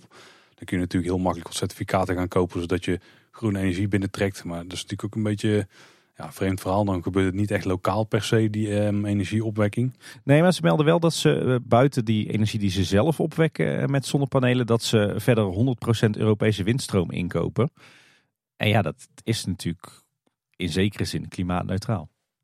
Het is alleen niet lokaal. Maar goed, het hoeft ook niet om klimaatneutraal te zijn. Ja, je bent, nou ja, het is een onderdeel van klimaatneutraal zijn, want met alleen de elektriciteit ben je natuurlijk nog niet. Ja. Uh, maar wat, wat, wat veel interessanter is, is dus uh, dat klimaatpositief Nou, de Efteling zelf die heeft er een eh, vrij krom verhaal over. De, volgens hun betekent dat de Efteling niet alleen de natuur van de Efteling beschermt, maar ook verbetert voor de huidige en toekomstige generaties. We willen een klimaatpositieve bijdrage leveren aan een natuurrijke omgeving. Huh? Ja. Ik denk niet dat iemand hier echt zich heeft verdiept in wat klimaatpositief is. Maar Tim, ik vermoed dat jij dat wel hebt gedaan. Ik eh, ben er eens ingedoken op eh, klimaatpositief.nl. En daar zeggen ze klimaatneutraal kennen we al. Dat betekent letterlijk een neutrale impact op het klimaat, zodat je niet meer bijdraagt aan de opwarming van de aarde. Klimaatpositief gaat een stap verder. En wat betekent dat dan? Eh, Klimaatpositief zijn betekent dat je minder broeikasgassen toevoegt dan dat je weggaat. Dus daarmee kom je op een negatieve uitstoot. En voor bedrijven en organisaties betekent dat het verkleinen van de uitstoot van CO2 in de productieketen. En dan moet je er naar kijken waar de uitstoot het grootst is en waar je de grootste klimaatwinst kunt halen. En ze geven dan als voorbeeld, stel dat je bijvoorbeeld McDonald's bent, dan moet je niet kijken naar uh, zonnepanelen op je hoofdkantoor. Maar dan moet je echt kijken naar je, ja, zeg maar de plek waar het echt gebeurt. Dus naar hoeveel, hoeveel CO2 wordt nou uitgestoten bij het maken van die hamburgers bijvoorbeeld. Uh, een ander aspect is dat als je klimaatpositief bent, dat je ook duidelijke steun moet uitspreken voor de klimaatactie. En dat betekent dat je als bedrijf de leiding moet nemen in de transitie en dat je je klanten aanmoedigt om duurzaam te consumeren. Dus daar zit ook een heel stukje communicatie en uh, uh, reputatie bij. En als je klimaatpositief wilt worden, dan ben je er niet met ja, met eigenlijk een, een, rekentrucje. Het is nu natuurlijk zo dat je je CO2-uitstoot kunt compenseren door te betalen voor het planten van bomen elders op de wereld. Ze zeggen daarover dat het een prima tussenstap kan zijn uh, op weg naar nul uitstoot als je dat duidelijk communiceert. Maar als einddoel is het onvoldoende. Dus je, je moet echt dan ook je uitstoot flink terugdringen. Hm. Ik heb ook altijd wel een mooi voorbeeld gehoord. Dus als je bijvoorbeeld een, een huis gaat bouwen, nu, dan zou je ook kunnen kiezen voor materialen die niet geproduceerd worden. Zoals uh, cement en ja. beton. Um, of staal, waar er ook vrij veel energie bij vrijkomt. Zeker. Maar als je bijvoorbeeld gaat kijken naar constructies van hout, wat tegenwoordig allemaal veel steviger kan dan vroeger dat het ooit ging. Ze maken daar ook wolkenkrabbers van en zo. Uh, dat je bijvoorbeeld ook um, isolatiemateriaal dat je er samengeperst hooi bijvoorbeeld voor gebruikt. Hooi dat ook en, enorm uh, en, ja. Of, of misschien versnipperde kant of zo. In ieder geval materiaal wat er al is, waar niet meer energie voor uitgestoten wordt. Maar als je ze ergens zou recyclen of zou, zou verbranden, waarbij dus energie vrijkomt, maar dat je die energie dan dus niet vrij laat komen, maar gewoon gebruikt als bouwmateriaal. Waarbij dus potentiële brandstof niet gaat uitstoten, maar juist gebruikt om iets mee te maken waarmee het dus vasthoudt en het niet uitstoot. En dan ben je ook klimaatpositief bezig. Zeker. Maar het is complexe materie. Zeker ook omdat je dus enerzijds CO2-uitstoot hebt en anderzijds stikstofuitstoot. Nou, dit ging over CO2. Ik denk dat de Efteling nog echt wel een enorme uitdaging heeft de komende tien jaar. Dus uh, ja, dat uh, volgen we natuurlijk op de voet. Uh, ze doen trouwens ook wel uh, kleine aanpassingjes. Want wat opvallend is, is dat de Efteling de twee fakkels en de vuurschaal op het Fatima heeft uitgeschakeld. Loopings heeft volgens mij nagevraagd waarom. Maar dat heeft daadwerkelijk te maken met de energiecrisis. En op die manier willen ze vers, verspilling van gas voorkomen. Uh, al het, uh, het, open vuur in de attractie Fata zelf uh, zou het allemaal nog wel doen. Alhoewel de laatste keer dat ik in de Fata ben gegaan, stonden die volgens mij ook zo'n beetje allemaal uit. Maar dat zou ook een storing kunnen zijn. Gisteren stonden ze nog aan. Ah, mooi. En iets wat me ook opviel, is dat de buitengevel van kantoor Ravelijn aan de Europalaan, die wordt, werd normaal gesproken altijd volop verlicht aan de buitenzijde. En die staat sinds een tijdje ook uit. Dus ze zijn blijkbaar toch uh, bezig met uh, allerlei kleine initiatieven om uh, wat energie te besparen. Ja. Nou, laten we nog even een klein kort hoofdonderwerp erin slingeren, Tim. En dat zijn de gevolgen van het schrappen van de bouwvrijstelling door de Raad van State. Dat is natuurlijk een van de grote nieuwsitems van de afgelopen week. Misschien eerst even voor de mensen die die zin niet helemaal konden verwerken. Wat is de bouwvrijstelling? Ons, uh, ons, de moeilijkheidsgraad van deze nieuwsaflevering die ligt vrij hoog, hè Paul? Ik, uh, ja. ja. nou, net hadden we het dus over CO2, over, uh, over koolstofdioxide. Nu gaan we het weer hebben over stikstof. Nou, hoe zit het nou ook alweer? Um, als je met je weg of met je boerderij of met je pretpark vlakbij een Natura 2000 gebied zit, natuurgebieden die extra streng beschermd worden dankzij de EU, dan heb je een probleem. Want uh, je mag niet meer stikstof uitstoten uh, dan uh, nu al het geval is. En je moet zelfs binnenkort terug in stikstofuitstoot. Nou, dat speelt bij de Efteling ook. Hè. Daardoor zijn ze bezig met mensen uit de auto krijgen, met de kampvuren wel of niet opstoken, met de toekomst van de stoomtrein. maar even los van jouw dagelijkse uitstoot is er ook nog zoiets als de bouw van bijvoorbeeld een nieuwe attractie tijdens de bouw stoot je natuurlijk ook extra stikstof uit. Hè. Denk aan alle vrachtwagens, aan het bouwpersoneel, aan de kranen. En voorheen was er sprake van een bouwvrijstelling. En dat betekende dat uh, als jij een bouwplan had, dan hoefde je alleen uit te leggen dat uh, de, stikstofuitstoot wanneer het gebouw klaar was, niet hoger was dan nu het geval was. Door bijvoorbeeld geen cv-ketel te hangen, maar iets te doen met, met aardwarmte.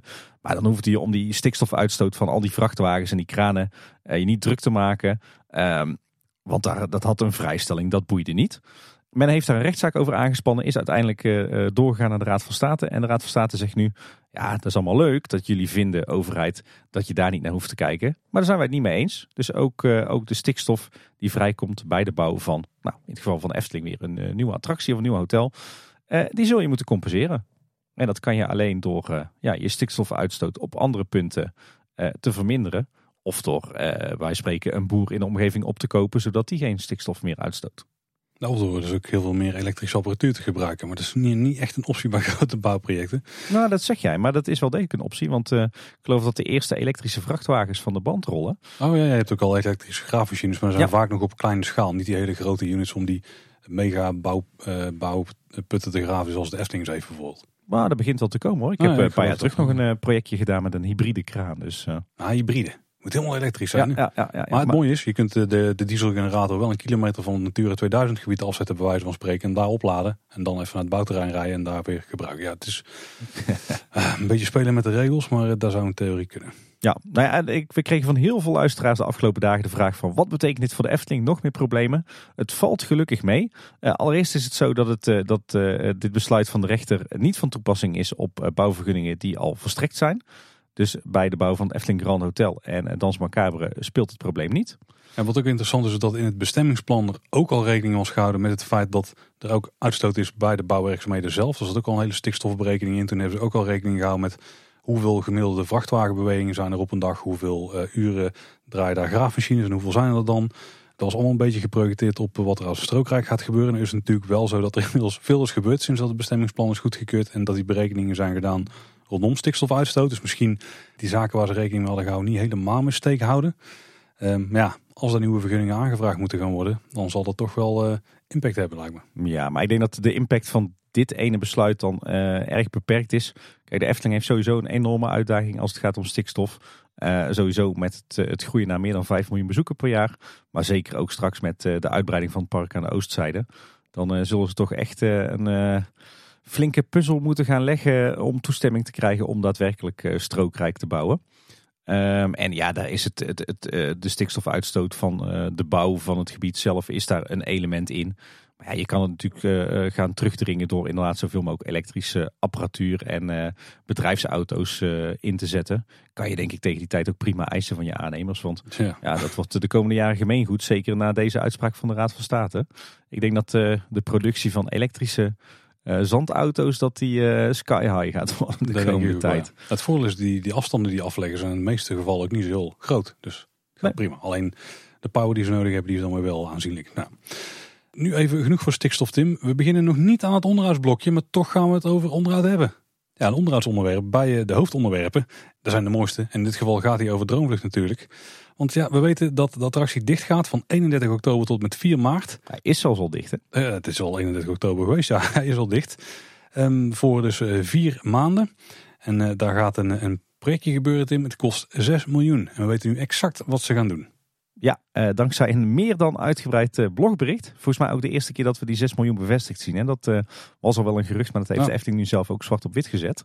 Um, en wat, wat gaat er zo al gebeuren? Nou, laten we even van grof naar fijn werken. ik denk de aanleiding van dit project is dat de baan last heeft van slijtage. Um, Efteling zegt daar zelf over. Toch is het niet nodig om de baan helemaal te vervangen. Wat we wel gaan doen is misschien nog lastiger. Uh, boven in de baan vervangen we namelijk handmatig 260 stalen tussenstukken. Oeh. Die zich tussen de ruggengraat en de looppijpen van de baan bevinden. Beetje kromme vertalingen van uh, backbone en uh, trackpipes, mm -hmm. denk ik. en ze zeggen daar zelf over dat is een tijdrovende klus. Volgens mij die verbindingen waar ze het over hebben zijn de ties. wat bij de Python ook een probleem was. Daarom is de Python uiteindelijk ook zo'n beetje volledig vervangen. En blijkbaar zijn dat ook in de baan van Droomvlucht uh, zijn, is dat ook de zwakke schakel. Dus uh, 260 stuks van die, van die ties die worden gewoon handmatig vervangen door sterkere exemplaren. En daar misschien nog wel belangrijker, omdat de krachten die erop komen vanaf de andere kant komen. Dus meer trekken aan de ties in plaats van dat ze ze duwen. Dus kan me voorstellen dat uh, impact heeft. Er gaat heel veel worden geslepen en gelast in de attractie. Ja, en dat is interessant natuurlijk, want heel veel laswerk in de attractie, in zo'n gebouw. We weten dat er ooit een keer ook wat vlammen bij zijn ontstaan toen daar wat aan gedaan werd. Ja, toch wel spannend. Ja, ik denk dat er wel een brandwachtje bij staat hoor. Ik denk dat ze delen gewoon gaan inpakken met de brandweer en het doeken en zo ja. eromheen om te voorkomen dat daar vonken overspringen. Wat ze hier ook gaan doen is het terugdringen van het energieslurpen wat de attractie deed. Want alle verlichting gaat vervangen worden door LED. Ook al de lampen die eerder naar LED waren omgezet, die worden ook vervangen. Want die zijn inmiddels zo ver verouderd dat er veel meer kan met de nieuwe technologie. En dat het ook wat flexibeler in te zetten weer is. Ja, het gaat om uh, Zompenwoud dan. Hè. Daar, uh, daar zat al LED in, maar die wordt dus opnieuw vervangen nu. En omdat het LED een ander kleurbereik heeft, heeft Efteling gemeld dat ze ook een hoop foto's hebben gemaakt voor het onderhoud. Zodat ze alles weer in dezelfde sfeer in kleurbeleving terug kunnen krijgen. Ze pakken het echt wel heel zorgvuldig aan, moet ja, ik zeggen. Zeker. Ja, ja, ja.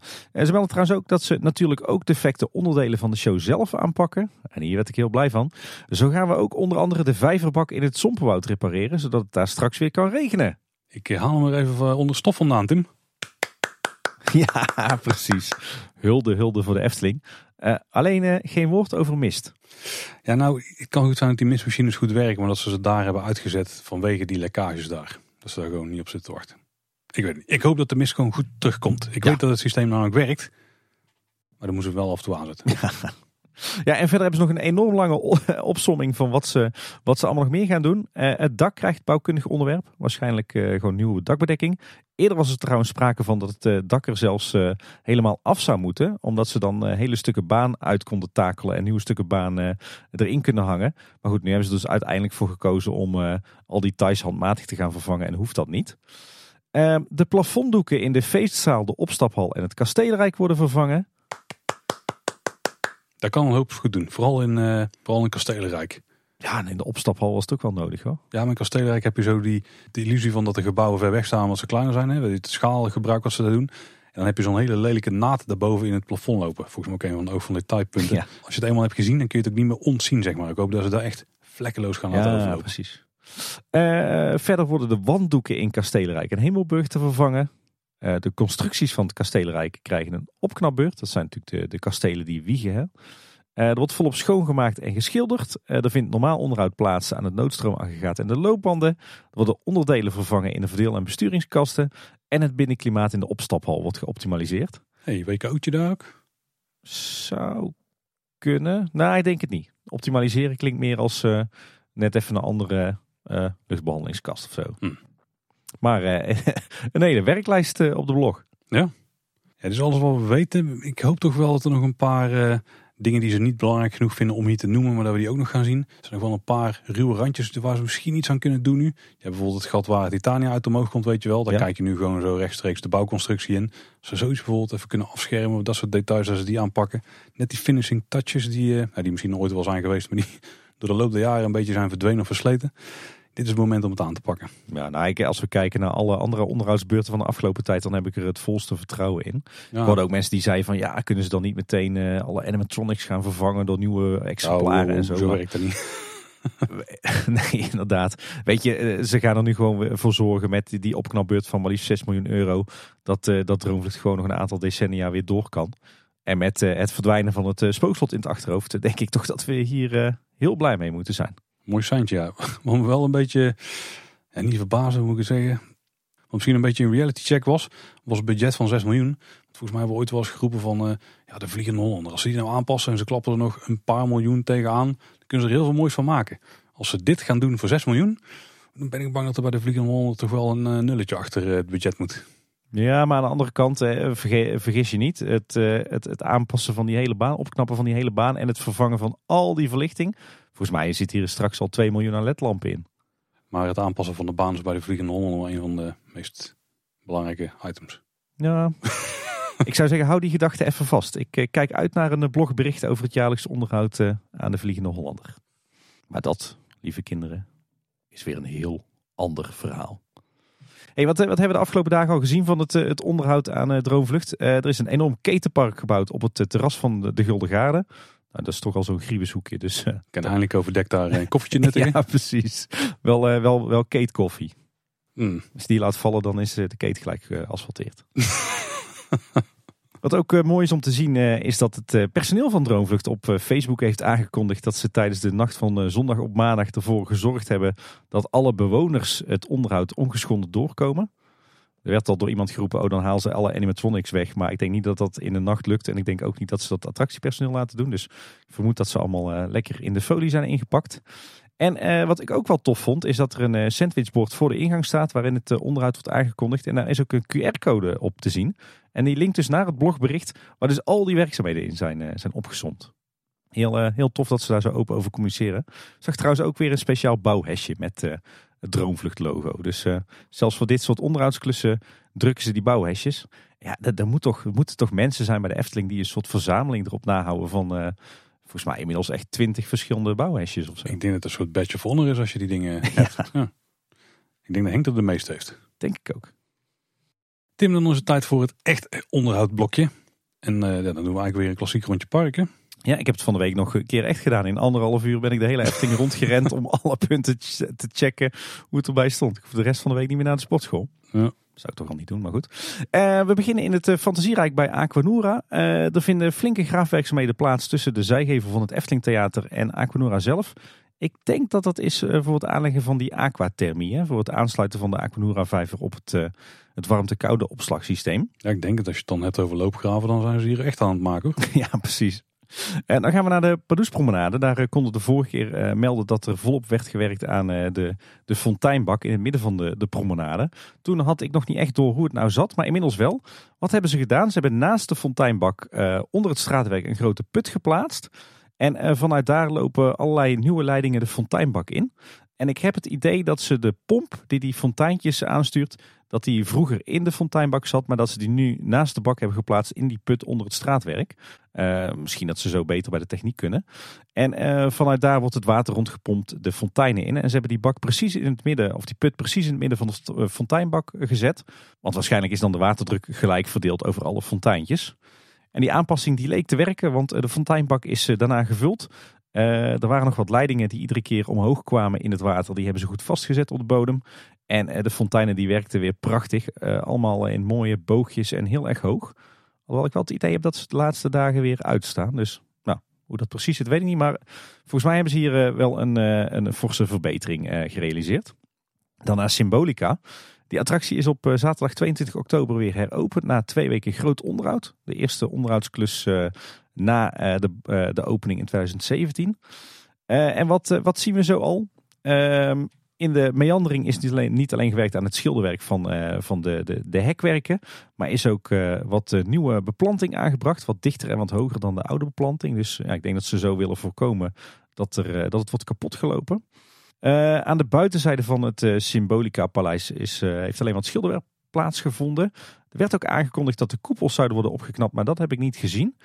En uh, wat ik ook jammer vond, is dat ze niet die blauwe regen hebben aangepakt. Die, uh, zeg maar die, ja wat is het, die, die takken eigenlijk met die blauwe trossen met bloemen eraan. Uh, die je bij de ingang van de voorshow ziet hangen. Dat is een combinatie van volgens mij echte takken met, met kunststofbloemen. Maar die takken die staan er heel erg verfonfied bij. En ik dacht dat ze dat wel zouden op, opknappen nu, maar dat is niet gebeurd. ook de Tinkeltots van Padus in de voorshow is nog niet terug. Uh, maar mogelijk zou dat nog drie maanden gaan duren. Want uh, volgens het personeel is er wel een nieuwe besteld, maar zijn er langer levertijden. Uh, wat heel mooi is om te zien is dat de vloeren in de show weer spik en span zijn. Er stonden natuurlijk inmiddels diep ingesleten bandensporen op van die fantasievaarders. Waardoor je dat, dat gevoel van vrijelijk bewegen over de paleisvloer een beetje kwijt was. Nou, die zijn allemaal weer mooi opgepoetst en volgens mij zit daar weer een coatingje overheen. En heel tof, Heel veel effecten die eerder problemen gaven, die doen het nu weer perfect. Zo beweegt de fabelvis weer volop. Hey, het uh, bladerend boek dat bladert weer netjes. De zwevende taart die zweeft weer. En de vrouw in de taart die komt ook weer uit de taart. Dus uh, dat werkt allemaal perfect. Het lijkt er alleen op dat ze nog wat probleempjes hebben met de programmering van het licht in uh, de panoramasalon en in de koningszaal. Maar dat zal nog wat fine-tuning zijn. Dan uh, door naar het andere rijk. Uh, bij de Fata Morgana wordt uh, geschilderd aan de gevel rond de toiletten. Ook de toiletten zelf zijn buiten bedrijf. En je moet nu naar de toiletten in het Fata Morgana evenementencomplex om te plassen. Dat is trouwens echt een aanrader, want het is een prachtige toiletgroep. en dat is natuurlijk ook eerder aangekondigd dat ook de meandering nog zou worden opgeknapt. Daar hebben we natuurlijk al die vochtproblemen en bladders aan de gevels en aan het plafond. Dus ik ben benieuwd of die hierna aan de beurt zijn. Dan is aangekondigd dat Max en Moritz van 7 tot en met 16 november gesloten zal zijn. Uh, ik kan me voorstellen dat het is om die reparaties aan te, uit te voeren naar aanleiding van uh, de eerder geconstateerde problemen met uh, de baan. Haarscheurtjes in de lassen of zo. Ja, misschien dat die de komende 10 dagen gaan gebeuren. Hmm. En de graafwerkzaamheden tussen het Max en Moritz en het Piranhaplein uh, die blijken te zijn uitgevoerd voor het vervangen van alle lichtmasten door uh, ja, van die mooie thematische lichtmasten zoals we die kennen op het Max en Moritzplein. Eerder stonden daar van die, van die Centerparks lantaarntjes, weet je wel, met een aantal van die uh, bollen van melkglas erop. Maar dat zijn nu die mooie bruine themalichtmasten geworden. En een oplettende luisteraar die meldde nog dat er de mallen van de kwelbeelden van de Piranha gespot zijn op het dienstencentrum. En het gerucht gaat dat er misschien wel eens meer kwelbeelden bij de Piranha zouden gaan komen. Nog meer? Of zouden ze huidige gaan vervangen? Nee, ze zijn ook best wel goed naartoe, toch? Ja. Of misschien een reserve-exemplaar, zodat ze ze kunnen schilderen of zo. Nou ja, we gaan het uh, vast en zeker zien uh, de komende tijd. Dan uh, door naar het Ruigrijk. Daar iets interessants bij de Python. Daar is een tijdelijke stijgerconstructie geplaatst naast de hellingbaan van de uitgang. Ja, die loopt eigenlijk zo'n beetje van de eerste looping tot het, het airtime moment richting de bocht naar de kurkentrekkers. Ja, waarom is even de vraag. Het lijkt erop dat ze hem gebruiken om uh, heel makkelijk de baan te kunnen inspecteren hier. En ik heb wat foto's naast elkaar gelegd. En het valt wel op dat op een bepaald punt in de baan dat de verf uh, een stuk meer afgesleten is dan uh, op de rest van de baan. Dus misschien dat daar toch wat niet helemaal lekker zit in de constructie en dat ze dat wat beter in de gaten willen houden of zo. Ja, geen idee. En neem nog even een kijkje bij het kinderspoor. Want het sierlijke hekwerk met het siersmeetwerk tussen het, uh, het station en het rangeerspoor. Dat uh, is eindelijk weer terug. Is helemaal mooi opnieuw gecoat. En is ook hier demontabel gemaakt. Dus dat lijkt toch een trend te zijn bij alle onderhoudsklusjes. Uiteraard zijn ze ook nog bezig bij Joris en de Draak met de werkzaamheden daar aan de baan. Wil je daar nog meer over horen? Want wij gaan er binnenkort vast wel uitgebreid over hebben. Maar Team Park Science heeft ook een aflevering erover uitgebracht. Specifiek over het onderhoud tussen Joris en de Draak. Dus check die zeker even via het linkje in de show notes.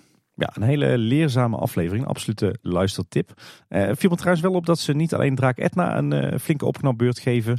Maar dat ook het, het finishboard, vlak voor de, de trim aan het einde zeg maar, dat dat nu ook helemaal in de stijger staat.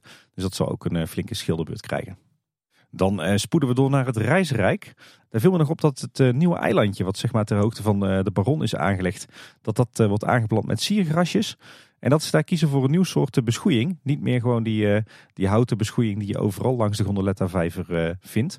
Maar hier een wat natuurlijke beschoeiing met uh, kokosmatten. nog een nagekomen puntje over het, het onderhoud bij Vogelrok. Want het blijkt dat er een nieuwe soundscape is in het Olifantenkerkhof. Zeg maar het allereerste gedeelte van de binnenmeandering. Daar zijn namelijk vallende waterdruppels gemixt door de muziek. Is dat nieuw? Maar volgens mij wel. En Archipel is eh, in onderhoud geweest van 1 tot en met 6 november. En eh, gedurende die periode hebben ze ja, zeg maar de restant van de, van de beschadigingen en de problemen met de voldempende ondergrond uh, aangepakt. Daar hebben ze weer heel wat van die nieuwe rubbergranulaatkorrels aangebracht. Ik moet zeggen dat ze het best goed hebben verwerkt in de vloer die er al zat. Ja. Qua kleur en zo. Ja. Hopen dat het, het ook houdt nu. Ja, wat wel een beetje jammer is dat er weer vandalisme heeft plaatsgevonden aan het riet van die huisjes daar in Archipel.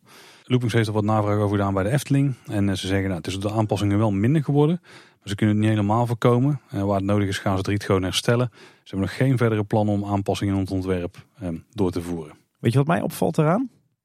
Dat, eh, dat vandalisme eigenlijk vooral plaatsvindt op de momenten dat er geen water in de waterspeeltuin staat. Ik denk dat er dan toch meer jeugd op afkomt die eigenlijk helemaal niet in Archipel thuis hoort. En dat die voor de fun riet gaan plukken.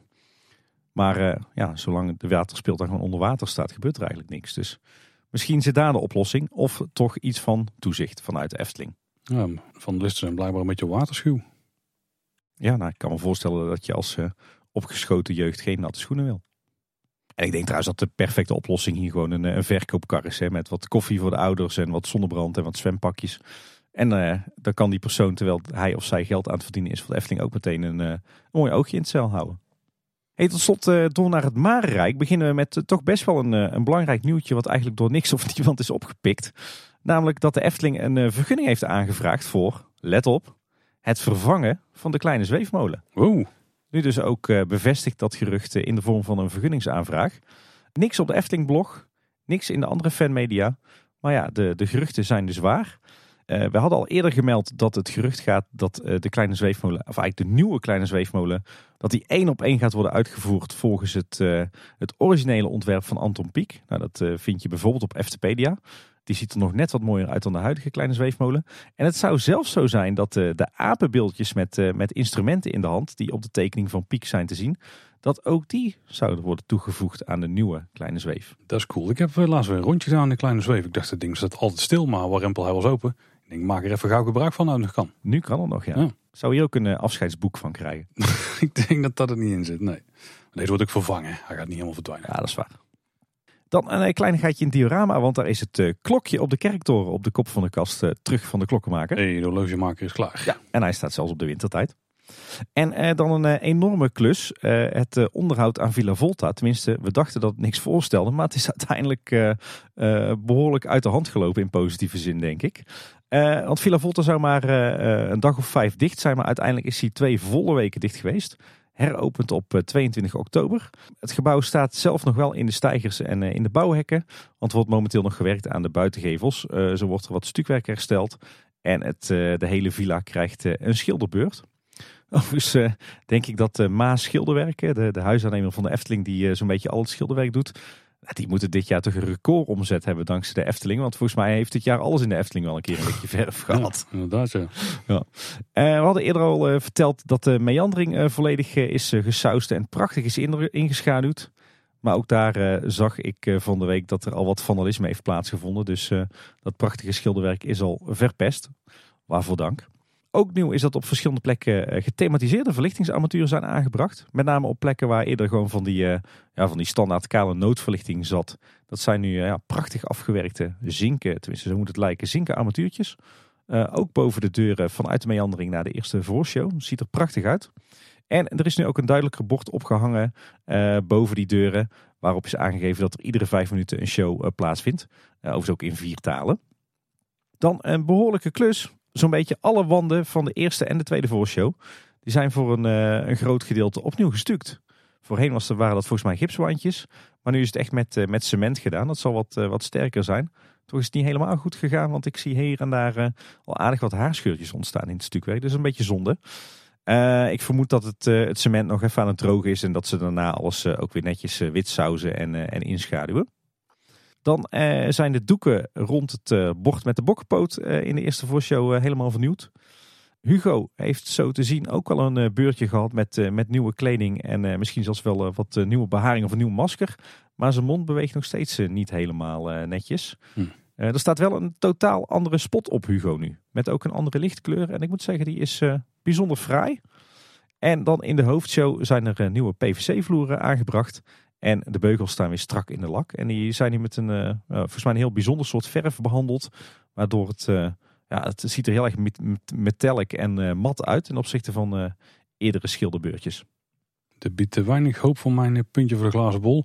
Tenzij ze in de loop van het jaar nog aankondigen dat ze het complete ritssysteem gaan vervangen natuurlijk. Dan, dan, dan, dan komt het nog wel half goed. Nou, ik moet zeggen, ik vond dit een uh, verrassend grondige onderhoudsbeurt. Had ik, uh, had ik niet verwacht. ik ook niet. Ik had hem nog iets groots verwacht. maar dan ja. later in dit jaar. Of in het volgend jaar dan. Hey, en dan ook uh, het volgende gerucht dat we van de lijst kunnen afstrepen. Want de Pietjes zijn eindelijk terug op station Marenrijk. Links en rechts van het klokje. En die zijn bijzonder fraai opgeknapt. Helemaal opnieuw gedecoreerd, geschilderd.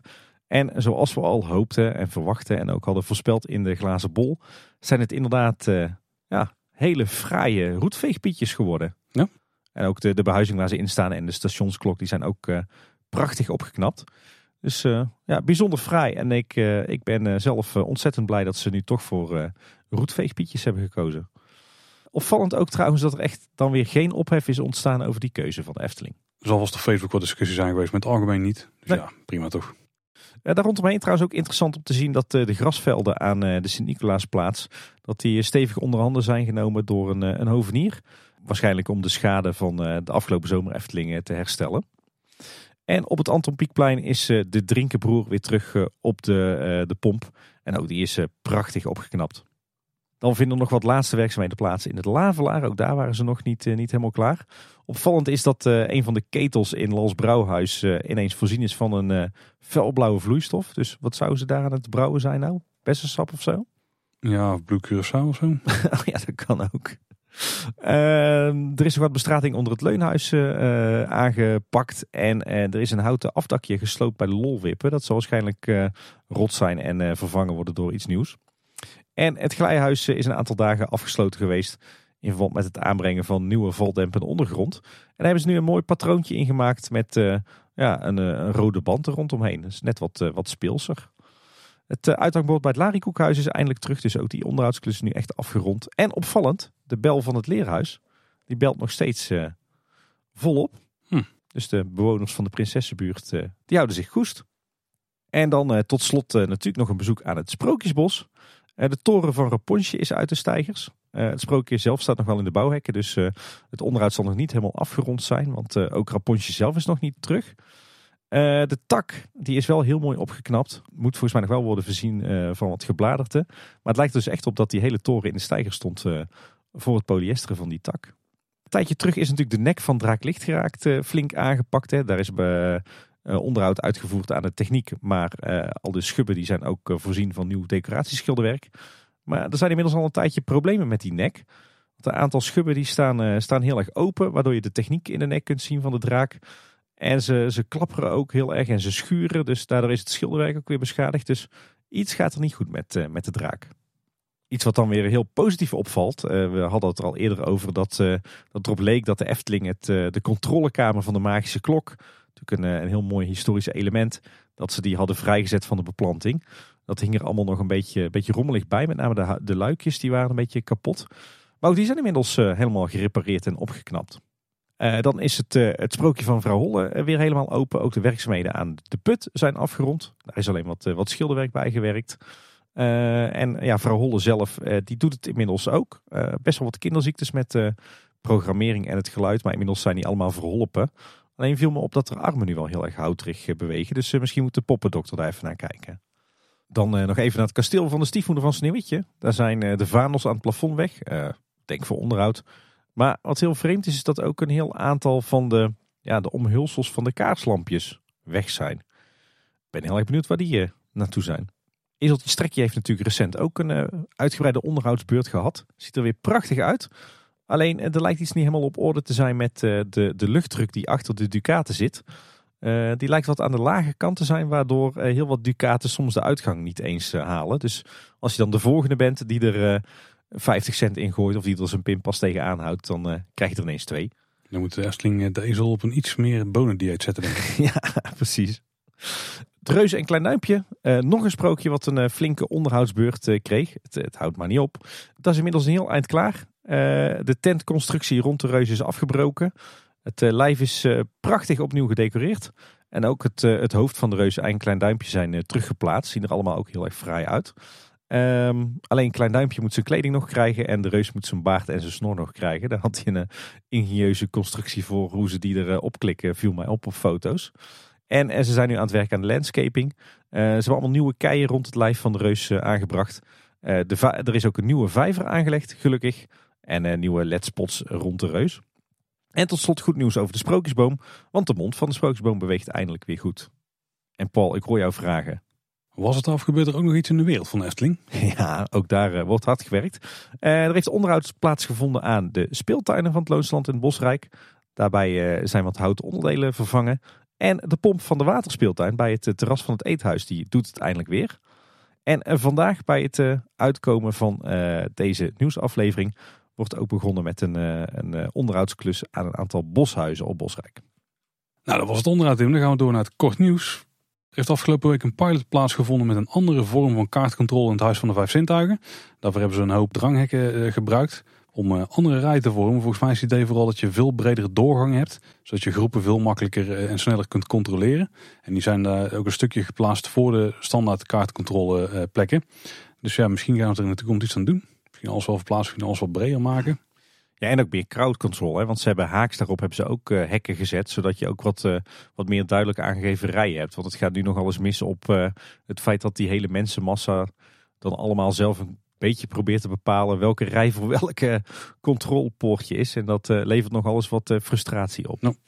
In de Afrika-scène in Carnaval Festival is de Zuid-Afrikaanse vlag vervangen voor een Oegandese vlag. Daar hebben we natuurlijk laatst iets over gehoord, hè, want het was een Oegandese delegatie. Wil je daar maar meer over horen? Dan moet je misschien volgende week maandag Kleine Boodschap aanzetten. Dan hoor je er echt alles over. Zeker. Dan is ook het aanleggen van de rookplekken gestart. We zien eh, bij de uitgang van Droomvlucht bij het Anton Pieckplein, toilet aan het Harthof, bij de Python aan de achterkant van Bekkerij Krumel al eh, wat verschijnen. Ook bij de Meermin zien we al eh, de werkzaamheden daarvoor. Ja, de vorige keer hadden we het erover dat we met name de locatie van de rookplek bij het Anton Pieckplein zo raar vonden. Net op dat hele rustige stukje waar zoveel kindjes te slapen worden gelegd. Maar het blijkt dat ze die rookplek heel erg dicht tegen, ja, tegen het Anton Pieckplein zelf aanhouden. Zeg maar tegen de plek waar vroeger het kinderbad aan lag. Dus het, het gedeelte verderop met uh, ja, zeg maar dat mooie wandelpad rond die uh, duwdraaimolen, dat blijkt nog, blijft rookvrij. Ah, kijk. En ze lijken ook allemaal een vrij vergelijkbare uitstraling te krijgen, die, die rookplekken. Er komt een paadje met klinkers naartoe, dus dat past nog enigszins in stijl. En dan liggen de grote antraciete betontegels op de plek waar, waar je moet gaan staan te roken. Eerste rookzone in Bosrijk is trouwens ook gespot. Bij het landhuis er in de bossen, daar zijn ze ook bezig met de werkzaamheden. Ja, het lijkt erop dat al die rookplekken straks ook worden omzoomd met uh, een soort haag. Hè, zodat die mensen echt uit het, uh, het oog worden ontrokken. Ja, dan nog een eh, storm in een glas water bij de kantonrechter. Een acteur had namelijk een rechtszaak aangespannen tegen de Efteling. In het algemeen niet zo interessant, maar de details zijn wel interessant. Nou, in het algemeen hij had in september 2018 een contract met de Efteling om 25 keer op te treden afgesloten. In de richting van een opening van een nieuwe attractie. Die zou in 2021 openen, dachten ze toen nog. Maar die werd steeds vaker vooruitgeschoven. Geschoven, dus die man die kon niet optreden. En nou eist hij alsnog wel zijn vergoeding voor uh, het werk wat hij dan gedaan zou hebben. Nou, uiteindelijk kreeg de Efteling in, uh, in dit verhaal gelijk. Want de overeenkomst was nog niet beëindigd. Dus de man kon in principe nog gaan optreden en daar dan voor betaald krijgen. En in, in principe kan hij in de toekomst dus ook nog steeds komen optreden.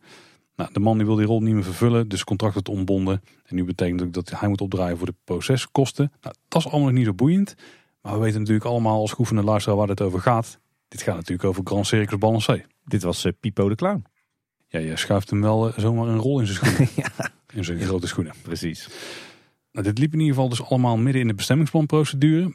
Um, en wat daarbij ook omschreven werd is dat het aantal optredens afhankelijk is van de vergunningaanvraag en realisatie van de nieuwe attractie. Dus er zat al een soort van clausule voor in. Ja. Um, maar wat echt interessant hieraan was, is dat Loopings een artikel publiceerde over deze kwestie. En, dat, en daarbij ook een, een, impressie als afbeelding had gebruikt die toch wel een uh, circusgebied liet zien. Ja, volgens mij was dit, uh, is dit de allereerste concept art, of eigenlijk het allereerste fragmentje van concept art voor of van uh, het ja, voormalige plan van Grand Circus Balancé. We weten niet hoe actueel het natuurlijk nog is. Maar uh, we kennen Loopings een beetje en ik weet zeker dat dit niet zomaar een of andere stokfoto is. Dit is gewoon een fragmentje van concept art waar Loopings over beschikt. Ja, zo krijgen we toch een inkijkje bij wat Grand Circus Balancé moet worden of wat het had moeten worden. Ja. Ja, we zien daarbij circus tent. En we zien ook een witte achtbaantrek. Een beetje in die stijl van die, die pier attractieparken, weet je wel. Veel gloeilampjes, parasoltjes. Wat straattheater lijkt er plaats te vinden. En een logo stukje. Grand Circus Balancé. Die hebben natuurlijk al ooit een keer in de achtergrond een beetje gezien van een making of. Dus ja, dit is, dit is wel gewoon de eerste blik in wat dat had kunnen zijn. Ja. Nog kan worden. Wat, wat zijn jouw eerste gedachten erbij? Nou, ik moet zeggen dat de, de stijl van impressie voelde iets te plat voor een Efteling impressie. Dat dan wel. Uh, ik denk nog steeds dat het potentie heeft, maar dat dit plaatje daar misschien niet alles van liet zien. Wat ik wel heel cool vind, is dat die achtbaan dan zo wit is. Uh, in, in de stijl dus van die klassieke houten uh, ja, pier of Corny Island ja. omgevingen. Ja, denk ook aan de coaster bij in Paradise Pier. Hè? Bij, of tegenwoordig heet dat volgens mij Pixar Pier. Nou ja, het is ook niet heel toevallig waarschijnlijk dat Loopings die foto vaak heeft gebruikt bij artikelen over Grand Circus ja. Maar die stel, ja, daar, lijkt het een op één zijn. Dus ook, ook een Intermin achtbaan. Ja. ja, ik moet zeggen, ik werd wel heel erg blij van de stijl die doorschemert in, uh, in deze concept art. We wisten natuurlijk al wel dat het, uh, het gebied een beetje thema zou krijgen van circus rond het jaar 1900. Een beetje circus Anton Pieck. Maar het lijkt er toch op dat het echt een beetje zo'n ja, zo'n amusement park-achtige sfeer gaat krijgen. Zoals we die kennen van uh, ja, de verschillende pieren en de boardwalks. Denk aan Coney Island, denk aan Santa Monica Pier, aan uh, uh, hier in Groot-Brittannië Blackpool Pleasure Beach. maar bijvoorbeeld Paradise Pier, wat natuurlijk een ode is van Disney aan die pier en boardwalk amusement parks. Ja, ik word daar wel heel ontzettend gelukkig van, hoor, moet ik zeggen. Dit specifiek stukje concept art, de stijl ervan, die staan iets minder aan. Maar dit heeft uh, sowieso potentie. Een prachtige, prachtige wit geverfde houten achtbaan, een reuzenradje erbij. Ballonnenverkoop, suikerspin, popcorn, straattheater. Hotdogs. Zweefmolen. Ja, dit wordt toch goud? Ja, ja, nou als het een wordt, en misschien is het ook meteen een mooi bruggetje naar uh, het volgende punt in, in ons kort nieuwslijstje. Er was namelijk op 15 oktober in Efteling een meeting van de Europese divisie van de American Coaster Enthusiast Club. Uh, daarbij was ook een Q&A met onder andere Jaap den Bleker. En daar kwamen een aantal opvallende uitspraken langs. En een van die ging dus over uh, de Family Launch Coaster, zoals, zoals die daar werd genoemd. Die zou namelijk niet ergens al klaar liggen in een loods. Dat is denk ik een gerucht wat wij ooit hebben gebracht, maar later ook weer hebben ontkracht. Sterker nog, het zou zelfs kunnen dat, dat hier iets heel anders gaat gebeuren dan wat origineel het plan was. Uh, er wordt allemaal opnieuw bekeken wanneer ze daadwerkelijk met die uitbreiding gaan beginnen. Dus het kan ook zijn dat deze plan helemaal van de baan af zijn. Wel dat hij daar direct zo'n zo'n antwoord op geeft. Ja, ja, want we weten natuurlijk dat ze pas op z'n vroegst in 2025 gaan beginnen met uh, de oostelijke uitbreiding. En met al het gedoe over stikstofuitstoot en 5 miljoen bezoeken of bezoekers. Gaan ze dan op z'n vroegst beginnen? Ja. Volgens mij hadden wij dat ook weer ergens uit ontcijferd. Ja, was het niet meer dat in, op de vroegste openingsmogelijkheid zou zijn. Maar dat het realistischer is dat het een jaar later is. Nee, volgens mij begonnen ze dan echt pas. Oeh, nou wel hopelijk op 1 januari. Of in ieder geval op 2 januari als de oliebollen koud zijn. Ik denk dat we blij mogen zijn uh, als dat gaat lukken met al het stikstofgedoe. nou, een aantal andere interessante dingen die langskwamen is dat de Caro het nog steeds erg goed doet en waarschijnlijk nog een paar jaar opgevoerd zal blijven worden. Uh, Max en Moritz, uh, daarbij was in eerste instantie het idee om een enkele powered coaster te bouwen. Maar ja, de capaciteit was dan te beperkt. Dus toen hebben ze er een tweede baan in het project bij geklust. Nou, bij de Efteling Hotel, daar zou in de toekomst naast de, het opknappen van de standaardkamers en de bovenverdiepingen van het hotel in de komende jaren ook de benedenverdiepingen een upgrade moeten krijgen. Volgens mij hing dat altijd samen met, het, uh, met de circus ja, omgeving. Dus zeker. hoe het dan nu zit, weet ik niet precies. die gasttevredenheid hè, waar de Efteling zo op stuurt, waarbij het 9 plus de ambitie is, die zit op dit moment op een 8,6. Dus nou, net nog geen 9 min. Dat zit toch al in de goede richting. Ja, heel eind in de richting, ja.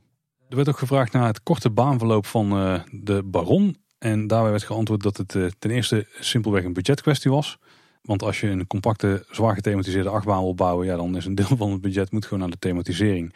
En uh, dan was het budget dus snel flink opgelopen als de baan langer was. Maar er was ook nog een meer praktisch element eraan. Want volgens de experts, ik denk van BNM, zou de trein aan het eind van de rit niet voldoende snelheid hebben om nog een extra element te doen. Dan zou het te traag gaan en dan zou het gewoon ja, niet interessant meer zijn. Dus ook dat is een reden dat is waarvoor ze er hebben gekozen. Het ging ook nog even over het Sprookjesbos. Daarbij werd namelijk gemeld dat er nog eh, plek zou zijn voor een aantal sprookjes. En er is ook eh, vooral de bedoeling om daar uit te blijven breiden in het Sprookjesbos en niet dingen te gaan vervangen. En het uh, laatste interessante puntje wat we jullie even willen meegeven, is dat op dit moment veel bouwprojecten in de Efteling lopen. En daar is ook allemaal budget voor gemaakt. Hebben we het ook al een paar keer over gehad. Maar daarbij hebben ze verteld dat ze gelukkig voor een hoop van het materiaal wat daarbij nodig is, al vooruit hadden besteld. En dat zorgt ervoor dat ondanks alle stijgende prijzen, dat het project toch nog binnen, oh, dat het grootste deel van de projecten toch gewoon binnen budget blijft vallen. Het zijn natuurlijk altijd dingen die je later pas aanschaft in zo'n proces, dus daar zal het misschien tegenvallen. Maar voor het groot materieel was het als het goed is allemaal al uh, geregeld. Heel, uh, heel fijn. Hey, iets totaal anders, iets uh, vooral heel erg sociaal-maatschappelijk betrokken. Op vrijdagavond 14 oktober vond het inmiddels jaarlijkse evenement Wij als ambassadeur plaats. Waarbij deze keer 6000 mensen, waarvoor het door een gebrek aan sociale contacten, financiën of een fysieke beperking niet vanzelfsprekend is om een dagje uit te beleven. die mensen die werden alsnog in de watten gelegd door de Efteling. die kregen namelijk een gratis avond in het park. En het Efteling personeel werkte die avond allemaal vrijwillig onbetaald. Evenals alle acteurs en ook leveranciers. En dit jaar was er gekozen voor 6000 bezoekers die afkomstig waren uit de privéomgeving van medewerkers. Um, verschillende goede doelen, stichtingen of individuen uit de persoonlijke omgeving van medewerkers die werden aangedragen. En het personeel kreeg weliswaar niet betaald, maar kreeg wel een hele mooie pin cadeau. Die overigens ook uh, flink gedeeld werd op, op LinkedIn. En ja, als je zo'n avondevenement hebt met een behoorlijk grote toestroom, dan heeft de Efteling natuurlijk een aardige uitdaging qua parkeren. Maar dat hebben ze uh, die dag opgelost door uh, zeg maar de reguliere daggasten allemaal te laten parkeren op P2, hè, dus vak KLM. En niet te laten uitrijden over het hoofdparkeerterrein zoals normaal de bedoeling is. Maar via de wegen om de Efteling heen, hè, dus de Kinkerpolder en de Eftelingse straat. En zo konden ze tegelijkertijd het park laten leegstromen. En de 6000 mensen die meededen aan wij als ambassadeur, die konden tegelijkertijd inrijden. Dan nog twee eh, hele kleine, maar wel leuke horeca nieuwtjes. Uh, de carouselbar die gaat uh, eindelijk weer open na jaren eigenlijk dicht te zijn geweest. vanaf 14 november, dus vanaf de start van de winter Efteling, is de carouselbar weer gewoon open. voor een koffietje of een eh, speciaal biertje. Een absolute aanrader, zeker qua sfeer. En het valt me op dat op steeds meer plekken in de Efteling ehm, de koffiespecialiteiten nu ook met havermelk te krijgen zijn. Ideaal voor mensen met een lactose-intolerantie en hipsters. Uiteraard is er ook weer merchandise nieuws. In dit geval wel een coole. Pins zijn door de jaren heen een echte verzamelobject geworden voor de Efteling-liefhebbers. En daarbij is het natuurlijk extreem lastig om aan die eerste edities te komen. Dat was nou tof. De Efteling heeft de allereerste Efteling-pin opnieuw uitgebracht. 30 jaar geleden was dit de allereerste. Speelt aan Gijs. Het is natuurlijk niet de pin, die, die ze nu niet ergens een doosje gevonden. Het is een replica van de originele. En ze zijn wel bijna identiek aan degene van 30 jaar geleden. Er zijn een paar kleine verschillen. Zoals de pin in 1992 een goudkleurige achterkant en een nieuwe pin een zilverkleurige. En er staat nu een Efteling logo en het nummer EPP446 op de achterkant. En het kaartje waarop de nieuwe pin wordt geleverd is vormgegeven als het huisje van Hollebolle Gijs. Maar de pin aan zich, de voorkant, die is uh, zo goed als identiek. Ja. Nou, hij is in ruime oplage beschikbaar voor 6 euro per stuk in de Maskamer en Efteldingen. Zou ze een beetje hebben geleerd? Denk het wel. ik heb uh, in ieder geval inmiddels deze pin uh, aangeschaft en ik heb het origineel ook nog. Dus heb je weer te pakken Tim. Precies. Ook zijn er weer nieuwe piekmuisjes verkrijgbaar in het Efteling Hotel. Ze zijn net iets anders dan de originele versie. Ik moet zeggen, ik vind ze persoonlijk net iets minder. Want Ja. ze hebben nu een eh, perkamentrol bij de voeten met erin sierlijke letters Efteling. Die kosten 12,15 in totaal. Ja, ja, ik denk als je die muizen hebt, dan willen ze juist net zoals in de sprookjes in Ja. je huis hebben. En niet als een soort van echt eh souvenir ding met dus Efteling erop geschreven of zo. Net, net wel minder. Ja, ik zit ook in dubio. Moet ik nou deze ook weer kopen? Ik denk dat heel veel mensen dan blij zijn, want dan kun je van je andere verkopen aan hun. Uh, Eh, ik zou ze gewoon lekker laten staan, Tim.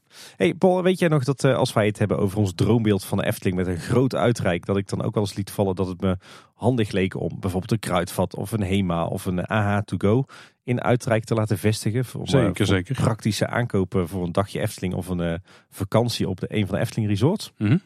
Nou, eh, dat hoeft eigenlijk niet meer, hè? want die functie die, heeft de Efteldingen nu op zich genomen. Dan kan ik daar mijn, mijn vergeten vlees bij de supermarkt nog kopen.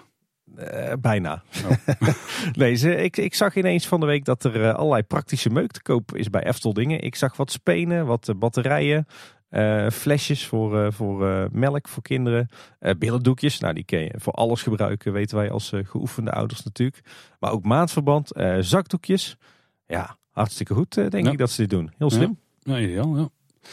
Er is ook een onderzoek van de Raad der Wijzen naar het souveniraanbod in de Efteling op dit moment bezig. En daarbij zijn ze toch wel duidelijk aan het polsen of dat er meer vragen is naar souvenirs voor volwassenen. En de focus ligt dan wel op bijvoorbeeld keukenspullen, servies en mokken. Eh, en kleding, dus een beetje alles van jassen tot en met truien, schoenen en sokken. Ja, dat is dan toch niet echt wat ik als volwassen souvenir zie. Maar Nee, niet, niet de fan merchandise. Ook nog een paar entertainment updates. Ehm, die eekhoorn in de wachtrij van eh, Fabula, dat eh, blijkt een handpop die hergebruikt is uit de Sprookjesboom de musical. Ja, wel ontzettend schattige act hoor. Mijn, mijn meiden zijn echt helemaal verliefd op dit, dit nieuwe stukje entertainment. Ik heb die dus nog steeds niet gezien. Nou, misschien naar bewust naar op zoek gaan binnenkort. Wel irritant, want we hebben bijna een halve zaterdag in, fa in en rond Fabula versleten. omdat eh, omdat die, eh, die eh, acteur maar niet voorbij kwam. Ja, het staat nergens aangegeven wanneer die er is. Hè? Nee, nee, nee. Ook opvallend is dat gedurende de gehele herfstvakantie Aquanura met een zachte G is vertoond. Ja. En dan zonder groots, ha, grootse aankondiging. Ja. Eén vacature nieuwtje Tim, ik vond hem niet noemenswaardig, maar ik denk dat die eh, jou aan het hart gaat. ik wist dat die opmerking zou komen.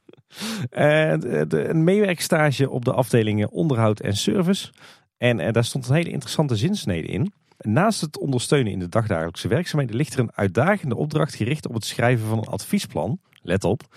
Dit adviesplan is gericht op het al dan niet verder uitbesteden van schoonmaakwerkzaamheden binnen de operatie. En dat is natuurlijk wel interessant, want iets wat best bijzonder is, is dat, dat je in de Efteling, als je op attracties werkt of op horeca of op eh, retail, dat je ook altijd aan het begin en aan het eind van de dag alles moet poetsen. Hebben we het al eerder over gehad. Hè? Efteling is poets, poets, poetsen. Eh, waar dat bij veel andere bedrijven toch vaak is uitbesteed aan een extern schoonmaakbedrijf of een, een schoonmaakafdeling. In de Efteling is dat nooit zo geweest. En blijkbaar willen ze dat nu gaan onderzoeken of dat verstandig is. Vraag ik me af, want volgens mij is er met geen mogelijkheid aan schoonmakers eh, te komen. Volgens mij weten ze dat ook heel goed bijvoorbeeld bij eh, de hotels en de resorts van de Efteling.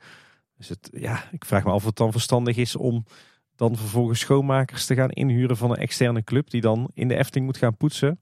Zou het niet precies andersom zijn? Dat dit misschien juist slaat op de verblijfsaccommodaties? Dat ze daar juist meer interne mensen willen laten gaan schoonmaken? Hmm. Dat is in ieder geval ook een Ja. optie waar dit onderzoek naartoe zou kunnen gaan. Ja, of misschien dat het bijvoorbeeld alleen gaat om de, de, het team toiletten of zo. Ja, zo, ja. Ja. Nou, het gaat over het uit, verder uitbesteden van schoonmaakwerkzaamheden. Dus we moeten misschien kijken naar wat ze al uitbesteden. Dan denk ik toch aan de vakantieparken. Nou ja, Ja, interessante, ja. interessante ontwikkeling. Ben benieuwd. Wil je nou meer weten wat het eh, betekent om bij de Efteling te werken en denk ook op de hoogte gehouden willen worden van wat er allemaal aan werk is. Er is een nieuw Instagram account gelanceerd. Werken bij de Efteling heet het. Werken bij Efteling heet het heel simpel. En daar kun je dat soort informatie vermoed ik allemaal vinden binnenkort. Want het account bestaat pas net. Dus wat er precies aan content op komt, dat moeten we nog even afwachten. Maar ja, als je het interessant lijkt, ga die zeker volgen. Hey, een heel leuk nieuwtje, want eh, Sander de Bruin die staat in de Blue Loop eh, 50. De 50 meest invloedrijke personen in de themaparkwereld. Het is wel de Blue Loop aflevering eh, vandaag. Ja, ja, ja, daar zit denk ik ook wel een linkje in. Hoor, want Sander is natuurlijk uitgebreid geïnterviewd voor Blue Loop. En eh, nou, misschien staat hij daarom ineens ook wel in die ranglijst. Maar ik denk ook wel dat hij eh, een van de 50 meest invloedrijke personen is in de huidige eh, themaparkwereld. Ja. Ja, ja, zo zo. Ja, ja. Ja. Nou, dus gefeliciteerd, Sander. ja, van harte met deze toch wel zeer terechte vermelding in de Blue Loop eh, 50. En met hem het hele ontwerpteam van de Efteling natuurlijk. Absoluut. Op donderdag 14 oktober was het toch Halloween in de Efteling, Tim. Een paar Ja. weken te vroeg, maar in de vorm van een speurtocht met horrorthema. Verzorgd door de personeelsvereniging. eh, met characters op het Antropiekplein en in het Lavelaar. Maar dit was natuurlijk alleen maar voor personeel. Blijft er toch vreemd uitzien, hè? Maar in deze setting, en zeker met die organisatie erachter, kan dit prima natuurlijk. Nou, dan nog een heel, eh, een heel tof filmpje wat je online kunt checken van een vriend van de show, Xander de Rijken. Die eh, heeft het weer over de Efteling gehad in een van zijn shows. En dat kun je vinden op YouTube. Het is één nadeel aan het kijken van het filmpje. Je kunt een aantal weken lang niet meer normaal naar Hollebollegaars kijken. Ja, en eh, ik merk dat ik in een soort eh, rabbit hole verdween van allemaal filmpjes van Xander de Rijken. dat is een ander risico inderdaad. En dan nog eh, een allerlaatste kort nieuwtje, nieuwtje. Op de grote Efteling en Anton Pieck verzamelbeurs, dus de reïncarnatie van de vijf zintuigen, op 6 november komt er een speciale pin uit. Is er een signeersessie en zijn er nog andere verrassingen is ons beloofd. Nou, wie komen dan signeren? Dat zijn Lex, Mari en Dre, dus Dreke broeders. En eh, daarvoor wordt ook een speciaal gelimiteerd inlegvel voor het Spookslot afscheidsboek uitgebracht. 200 stuks oplagen. Oeh, dat, dat is wel om van te huiveren inderdaad. ja. Ehm, Verzamelbeurs Het Poortje brengt op diezelfde dag ook een nieuw jubileumboek uit. Dit vond ik Ja. wel interessant. hè? Van 216 pagina's. Met luxe vormgeving, nooit eerder vertoonde foto's, verhalen en anekdotes. Opgetekend bij monden van een van de eerste Efteling-medewerkers. Wow, waar komt dit in één keer vandaan? Dit is heel bizar. Nou is het eh, het leuke, wij nemen dit enkele dagen op voor die eh, verzamelbeurs. En op het moment dat deze aflevering uitkomt, dan is die beurs geweest. Eh, ik ga er zondag, zondagochtend even naartoe. Mocht er inderdaad een bijzonder nieuw jubileumboek zijn, dan ga ik die natuurlijk kopen. En ja, ik ben heel erg benieuwd, want dit komt voor mij echt als een donderslag bij heldere hemel. Wie kan dit zijn?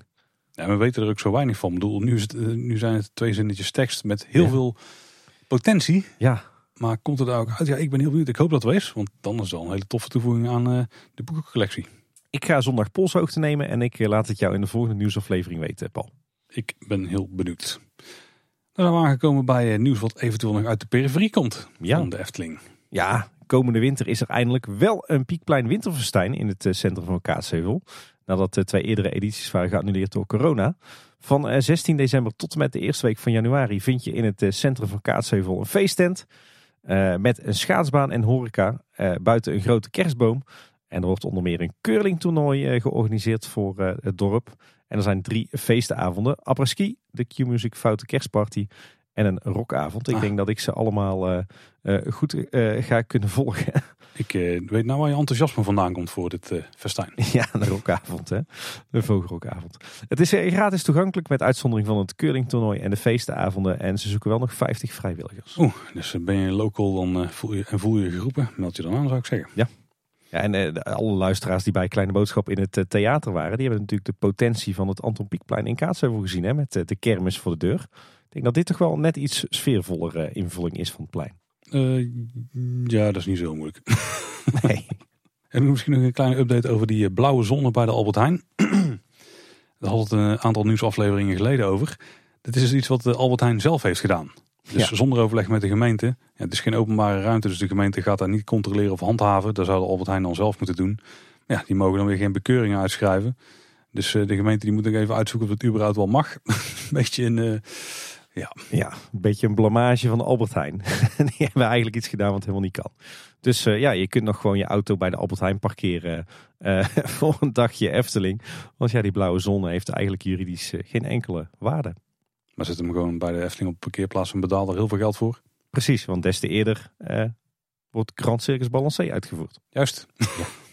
En, en nog wel grappig, we hebben natuurlijk het oude Rabobankpand aan de Europalaan. Toen de Rabobank daar uitging, toen heeft de Efteling dat, uh, dat opgekocht. En uiteindelijk is dat uh, verkocht aan een installatiebedrijf, Bink. Nou, die zijn er inmiddels ingetrokken en dat kan je niet ontgaan, want dat hele pand is echt van boven tot onder behangen met, met logo's van die club. Het is echt nou, ook wel één grote kermis geworden nu, bij de entree van ons dorp. Hmm.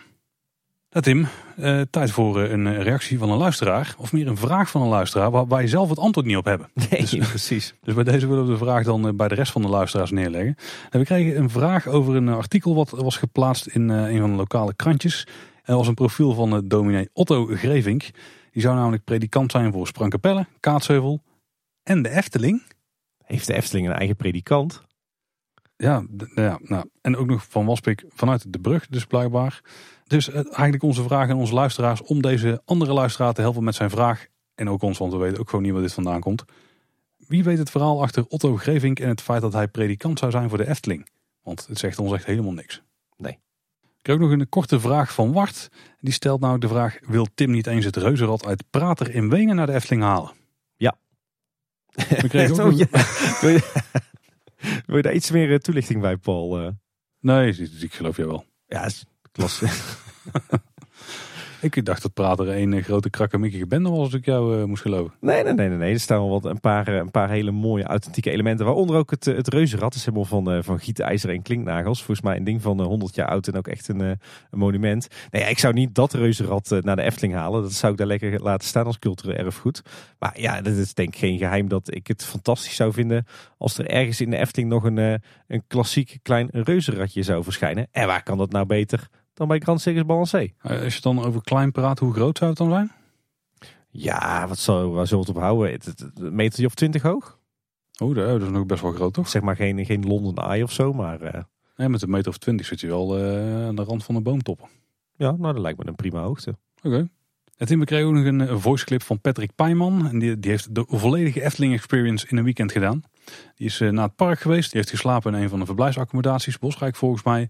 Die heeft de Caro bezocht. Die heeft het Hell diner gedaan. Dit is een beetje zeg maar uh, everything in the kitchen sink.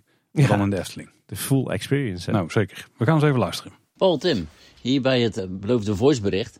In het weekend van uh, 23 oktober waren we namelijk 12,5 jaar getrouwd. En uh, we zijn met gezin drie dagen naar de Efteling geweest. Verbleven in Bosrijk in het landhuis. En uh, ja, het was echt een onvergetelijk weekend. Vandaag vrijdag. Vrijdag kwamen we aan. Uh, later in het park zag ik ineens een heel bekend gezicht.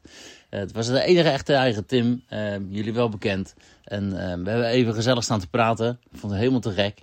Omdat ik dagelijks jullie podcast terugluister. In de auto na mijn werk en, en weer terug. En ja, zelf hoop ik dat ik Paul en Tim samen ook nog een keer mag ontmoeten. Maar ik moet korter gaan houden. Ja, als verrassing voor de jongens gingen we s'avonds met het gezin naar de heldendiner van Ravelijn. Ik had ooit mooie reviews ge gehoord van, uit jullie podcast. Dus die mocht niet ontbreken. Ja, dat was ook heel erg gaaf. Dat was echt waanzinnig. Tweede verrassing voor de jongens kwam de dag daarna. Ook, uh, ook door mooie reviews van jullie podcast besloten we om naar Caro te gaan. Ja, dat was ook te gek. zelf ben ik geen, geen musical liefhebber, maar ja, het was ook super. Ja, en verder hebben we zaterdag wel rustig eraan gedaan. Waar hebben we echt heel ik hem al versleten. En zondag de hele dag nog in het park bezocht met de, verlichte routines eigenlijk. Zoals om half tien naar het uh, Spreukjesbos gaan. Uh, daar was het lekker rustig. Ideaal. Eekhoorntjes, vogeltjes om je heen. Uh, gebakken eten bij Bakkerij Krummel. En het museum bezoeken natuurlijk. En wat er ook bij hoort is gewoon zuurstokken kopen bij de Zoete Inval. Dat hoort elk bezoek. Ja, echt. S'avonds zag ik een overvolle iPhone. Er kon echt gewoon niks meer bij. Ik heb gewoon dingen moeten wissen. er stonden zoveel foto's en filmpjes op. Ja, die komende week nog uit moet werken. Maar hoe ik dat moet doen, weet ik ook nog niet. Maar ja, uh, zien we dan weer. Maar het was echt een onvergetelijk weekend. Dus ja, super. Nou, uh, met een vriendelijke groet, Patrick van de Spreukenschuur. Nou, bedankt voor het verslag, Patrick. Dit is nou een verslag wat wij zelf waarschijnlijk nooit zouden kunnen brengen. Nee, inderdaad. wij slapen gewoon thuis natuurlijk. Maar wel heel tof, al die voice clips. Daar, daar worden we altijd heel erg blij van. Dus blijf die vooral, vooral sturen. Voor iedereen die nog niet aan Caro is geweest, die nog niet het heldiner heeft gedaan, die wel met kinderen naar de Efteling gaat. Ja, als je zo'n weekendje plant, dan heb je gegarandeerd een succesvol weekend. Ja, dit is echt een, eh, een topweekend. Dit is denk ik de manier hoe je de Efteling eh, eh, op zijn best eh, ja, ervaart. Ja, zeker. Ja. Tim, we zijn aangekomen bij het laatste puntje van ons draaiboek. En dan nog dit. Ja, Paul. En dan eh, klop ik toch even bij jou aan met een, eh, een storingsmelding. Ja, nou, ik weet precies waar je het over hebt. Want misschien verse luisteraars die denken van ik ga eens even het complete oeuvre van Kleine Boodschap checken. Die eh, missen misschien iets in hun podcast feed. Eh, namelijk aflevering 1. En twee. En sinds vandaag ook aflevering 2 inderdaad. Want er zit een, een technische beperking op de host die wij gebruiken. Eh, voor onze, het hosten van de feed specifiek in dit geval. Die laat namelijk maar 300 items toe in de podcast feed. Wat dus betekent dat nu in eh, podcast apps dat die allemaal denken dat aflevering 1 en 2 op dit moment dus verdwenen zijn. Dat is niet het geval. Die kun je gewoon nog luisteren via de site. Eh, en we zijn bezig nu met de host om hopelijk dit recht getrokken te krijgen. Want dat is nogal een vrij grote, nou ja, laat zo zeggen, als je andere podcasts luistert, vooral Amerikaanse, heb je ze waarschijnlijk wel ooit als sponsor langs horen komen. Ik kan er niet omheen. Dus dat is een, vrij logge tent inmiddels. Al ben ik er wel eens ooit een keer te gast geweest op het hoofdkantoor, maar dat terzijde. Hopelijk kunnen die eh, een, aanpassing doen, in ieder geval specifiek voor ons. Want het is gewoon een arbitrair getalletje bij hun in de code. eh, dat wij in ieder geval een paar honderd entries meer daar krijgen. Ja, als dat niet zo is, dan eh, moeten we naar andere oplossingen gaan kijken. En die zijn er wel, maar die zijn technisch vrij ingrijpend. Waardoor het zou kunnen zijn dat als er iets mee fout gaat, dat in één keer iedere luisteraar weer 300 nieuwe afleveringen van Kleine Boodschap in zijn podcastfeed heeft staan. Ook niet echt eh, wat ik graag zou willen. Is wel vette guerrilla marketing. En dan drukken we gewoon alle andere podcasts uit de markt. Nou, ik denk dat we vooral heel veel boze luisteraars al hebben. En daar zit ik dan niet echt op te wachten. Nee. En het is ook niet heel chic. Dus ja, we weten dat er nu iets mis mee is. Eh, schrik er niet van. Als je het echt wil luisteren, die aflevering, ga even naar de, eh, naar de website. Die afleveringen zijn ook een stuk korter dan de tegenwoordige afleveringen. Dus Ja. je bent er ook wel vlotter doorheen. Je moet alleen wel 300 keer klikken om bij die aflevering uit te komen. Eh, ik, ik zou zoeken naar Kleine Boodschap 1, dubbele punt. Ik denk dat je hem dan wel vindt. Ja, of Google op kleine boodschap strookrijk. Dan kom je automatisch bij aflevering 1 uit. En dan kan je vanuit daar kan je 2, 3, 4, 5. eh, Oh, ja. Goeie tip, Tim. Goeie Ja. tip. Dus eh wordt aangewerkt. Eh, hopelijk snel een oplossing. Maar mm, de bedrijf kennende en vooral hoe de techniek erachter werkt, zal het niet binnen een dag of twee geregeld zijn. We houden vinger aan de pols, Paul. Ja, zeker. Ja, Tim. Ja, ik is wel een dolkomisch moment eh, eh, delen. Die, wat mijn vader had meegemaakt recent. Eh, die zat in de bus van zijn werk naar huis in Tilburg. En dat een beetje uit het raam te kijken. En ik dacht ineens, wat hoor ik toch voor bekende stem? Wie is dit nou? Wat bleek nou? De buschauffeur, die was kleine boodschap aan het luisteren. dus ons pap, voor de mensen van boven de rivieren, zo noemen wij mijn vader in Brabant. Dus ons pap, die hoorde gewoon zijn eigen zoon in de bus. Maar duurde even voordat het kwartje viel. Dus als jij eh, de betreffende buschauffeur bent eh, in Tilburg, eh chapeau. Goed bezig. Ja. Tim zijn paal op het verkeerde been gezet. ja, inderdaad. En verder nog spannende fratsen uitgehaald in de omgeving. Ja, nou ja, je weet Paul, we hebben tegenwoordig met het gezin alle Nederlandse en Belgische dierentuinen al uitgespeeld. Dus we Ah. hebben een, een nieuwe hobby, hè? Duitse dierentuinen. Ja, de Z Germans checklist. Ja, inderdaad. We waren eerder naar Kreeveld geweest. Twee weken terug zijn we naar de Zoo van Duisburg geweest. Echt een verschrikkelijk lelijk hoekje van Duitsland, maar wel een hele toffe dierentuin. Net een maatje groter dan Kreeveld. Ehm, eh, ja, echt een hele authentieke Duitse dierentuin ook weer. Echt heerlijk. Ehm, aantal highlights. Nou, ze hebben eh, ontzettend veel koala's. Ze zijn ook de, de stamboekhouder eh, van het FOK-programma. Ook heel tof is dat ze er eh, wombats bij hebben zitten. Ook echt schitterende beesten. En ze hadden als volgens mij enige Europese dierentuin een rivierdolfijn. Maar die is hartstikke dood. Maar daar zitten nou eh, zeekoeien in. Dat verblijf ook altijd mooi. En ik heb vooral genoten van hun eh, klassieke dolfinarium. Wat echt de jaren 80 sfeer uitstraalde. Ook qua show trouwens. En ik heb zitten denken, wat is, het nou, wat is nou zo typerend aan die Duitse dierentuinen? Wat ik er zo heerlijk aan vind. Maar ik denk dat ik erachter ben. In die, die kleine Duitse stadsdierentuinen hebben ze gewoon in de jaren 90 de tijd stilgezet. En als je daar nu dus naartoe gaat, dan reis je eigenlijk 30 jaar terug in de tijd. Kom je, ja, hoe die dierentuinen er nu bij staan, is eigenlijk zoals de dierentuinen hier er 25 jaar geleden bij stonden. Dus eh, het is gewoon een eh, stukje nostalgie in Duitsland eigenlijk. Ja, maar ik weet niet of dat de nostalgie is die je graag opzoekt. Ja, ik hou daarvan. De, Maar goed. die- de dieren wat minder gewoon. Nou, dat, dat- daar is op zich is wel aan dierenwelzijn Ah, gewerkt. Je- Je merkt wel dat ze in Duitsland wel eh, anders erin staan in het contact tussen verzorger en dier dan in Nederland. Kijk, in Nederland is het al zover dat eh, contacten tussen dieren en verzorgers minimaal zijn. Maar in, in, om het even welke andere buitenlandse dierentuin staan verzorger en dier nog heel erg dicht tot elkaar. Zo ook in Duitsland. Dus dat is wel even wennen als je de, de Nederlandse dierentuinbril op hebt. Maar toch, hele bijzondere dierentuin. Heel tof om een keer bezocht te hebben. Ja, dat hebben we verder nog gedaan. Uh, was wel leuk. We hebben meegedaan aan een wilde buitendag van uh, Oer, de kinderclub van uh, natuurmonumenten. Hier in de Oosterwijkse bossen en, en Venne. Heel tof. Een, een of andere speurtocht uitgezet met een schatkaart. En op tien plekken allerlei opdrachtjes. Variërende van boomklimmen tot, tot spoor zoeken en insecten vangen. En nou goed, al dat soort, al dat soort dingen. Was heel tof georganiseerd door natuurmonumenten. we zijn ook lekker met de trein naar Breda geweest. Uh, daar bleek in het uh, station een speciale Playmobil winkel te zitten. En onze kids die zijn uh, momenteel heel erg fan van Playmobil. Ja, waar zijn ze geen fan van, zou je ook kunnen vragen. Maar... Ik kan vast wel wat dingen verzinnen. Voetbal of zo. Ja, ja. bakstenen. Formule 1. Oeh, ja, ook een goeie. Ja, nou daar zijn ze allemaal geen fan van. Rara, hoe kan dat? maar, dus we zijn naar, ja wat was het? Het was eigenlijk een soort kruising tussen een Playmobil museum en een Playmobil flagship store. Maar dan wel eentje waar je dus alle onderdelen los kunt krijgen. Dus als je een, uh, een kapseltje of een handje of een armpje of een stoeltje kwijt bent, dan uh, kun je daar loskopen. Draait volledig op vrijwilligers. Dus uh, een hele verrassend leuke tent. Dus heb je kinderen en hebben die wat met Playmobil, ga ook eens bij station Breda kijken. En, en, tot slot ben ik nog met een hele goede vriend weer eens een dagje naar de Hoge Veluwe gegaan. Natuurlijk een van mijn favoriete plekjes in Nederland. En het was heerlijk om in het, ja, zeg maar het hoogtepunt van de herfst door eh, de bossen te struinen rond de jachtslot Sint-Hubertus. En eh, ja, lekker door de blaadjes heen te wandelen, paddenstoelen te zoeken. Echt een heerlijke dag gehad daar. Met een eh, mooi zonnetje trouwens. Kijk, dus goed vermaakt is weer. Altijd hè? Daar ben ik ook niet bang voor. Ja, we zijn aan het einde gekomen van de aflevering weer. Heb je nou een vraag aan ons of wil je iets naar ons toesturen? En dat kan ook een voice clip zijn, die ontvangen we heel graag. Ehm, dat kan naar verschillende plekken via social media dan kun je het best eigenlijk gewoon kijken naar kleineboodschap.com slash volgen. Daar vind je waar we op Twitter, Facebook, Instagram al die plekken te vinden zijn. Je vindt ook op onze site een linkje naar het contactformulier. En je kunt ons ook gewoon mailen op info.kleineboodschap.com. En dat e-mailadres is ook de plek waar je het beste je voiceclip naartoe kunt sturen. Ja, en we zitten nog niet op uh, TikTok, Telegram of uh, Mastodon of zo, toch? Nee, nee, nee, nee. nee. Daar gaan we ook niet in investeren. Nee, en ik gok eigenlijk zelfs dat we binnenkort van Facebook weggaan, want daar doen we echt helemaal niks mee. Instagram en, uh, en Twitter, daar zijn we gewoon het meest actief. Op de een of andere manier is Twitter ook altijd het geëigende uh, kanaal voor pretparkliefhebbers.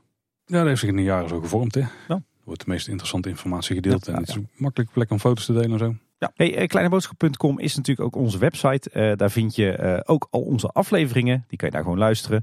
Uh, daar vind je de show notes bij, de relevante linkjes. En ook deze aflevering zullen we er weer heel wat plaatsen. En verder vind je er ook linkjes naar onze andere podcasts, De Buitenwereld. En naar onze optredens in andere podcasts en vlogs. We hadden het er al even over aan het begin van deze aflevering. en daarnaast luister je Kleine Boodschap natuurlijk in je favoriete podcast app en op Spotify. En kun je in een van die apps nou een rating achterlaten, dan kunnen we dat altijd enorm waarderen. Helpt ook blijkbaar andere mensen vanwege algoritmes en dat soort dingen om onze afleveringen makkelijker te vinden. Wat nog beter werkt is gewoon mond-to-mond reclame. Dus ken je iemand waarvan je denkt, die kan wel eens geïnteresseerd zijn in informatie over de Efteling. Of die houdt heel erg van podcast en die wil gewoon meer leren over de Efteling. Nou, dan tip je een kleine boodschap. En dan eh, wordt onze luisteraarsgroep zo weer uitgebreid. Hey, en even een tip voor uh, volgende week. Neem je tropenhoed mee. En uh, check misschien alvast wat interviews met de Louis Vergaal in het Engels. Want dan uh, valt wat je volgende week gaat horen misschien een beetje mee. Klein beetje. Dat was in ieder geval weer deze week. Bedankt voor het luisteren. Tot de volgende keer. En houdoe. Houdoe waar.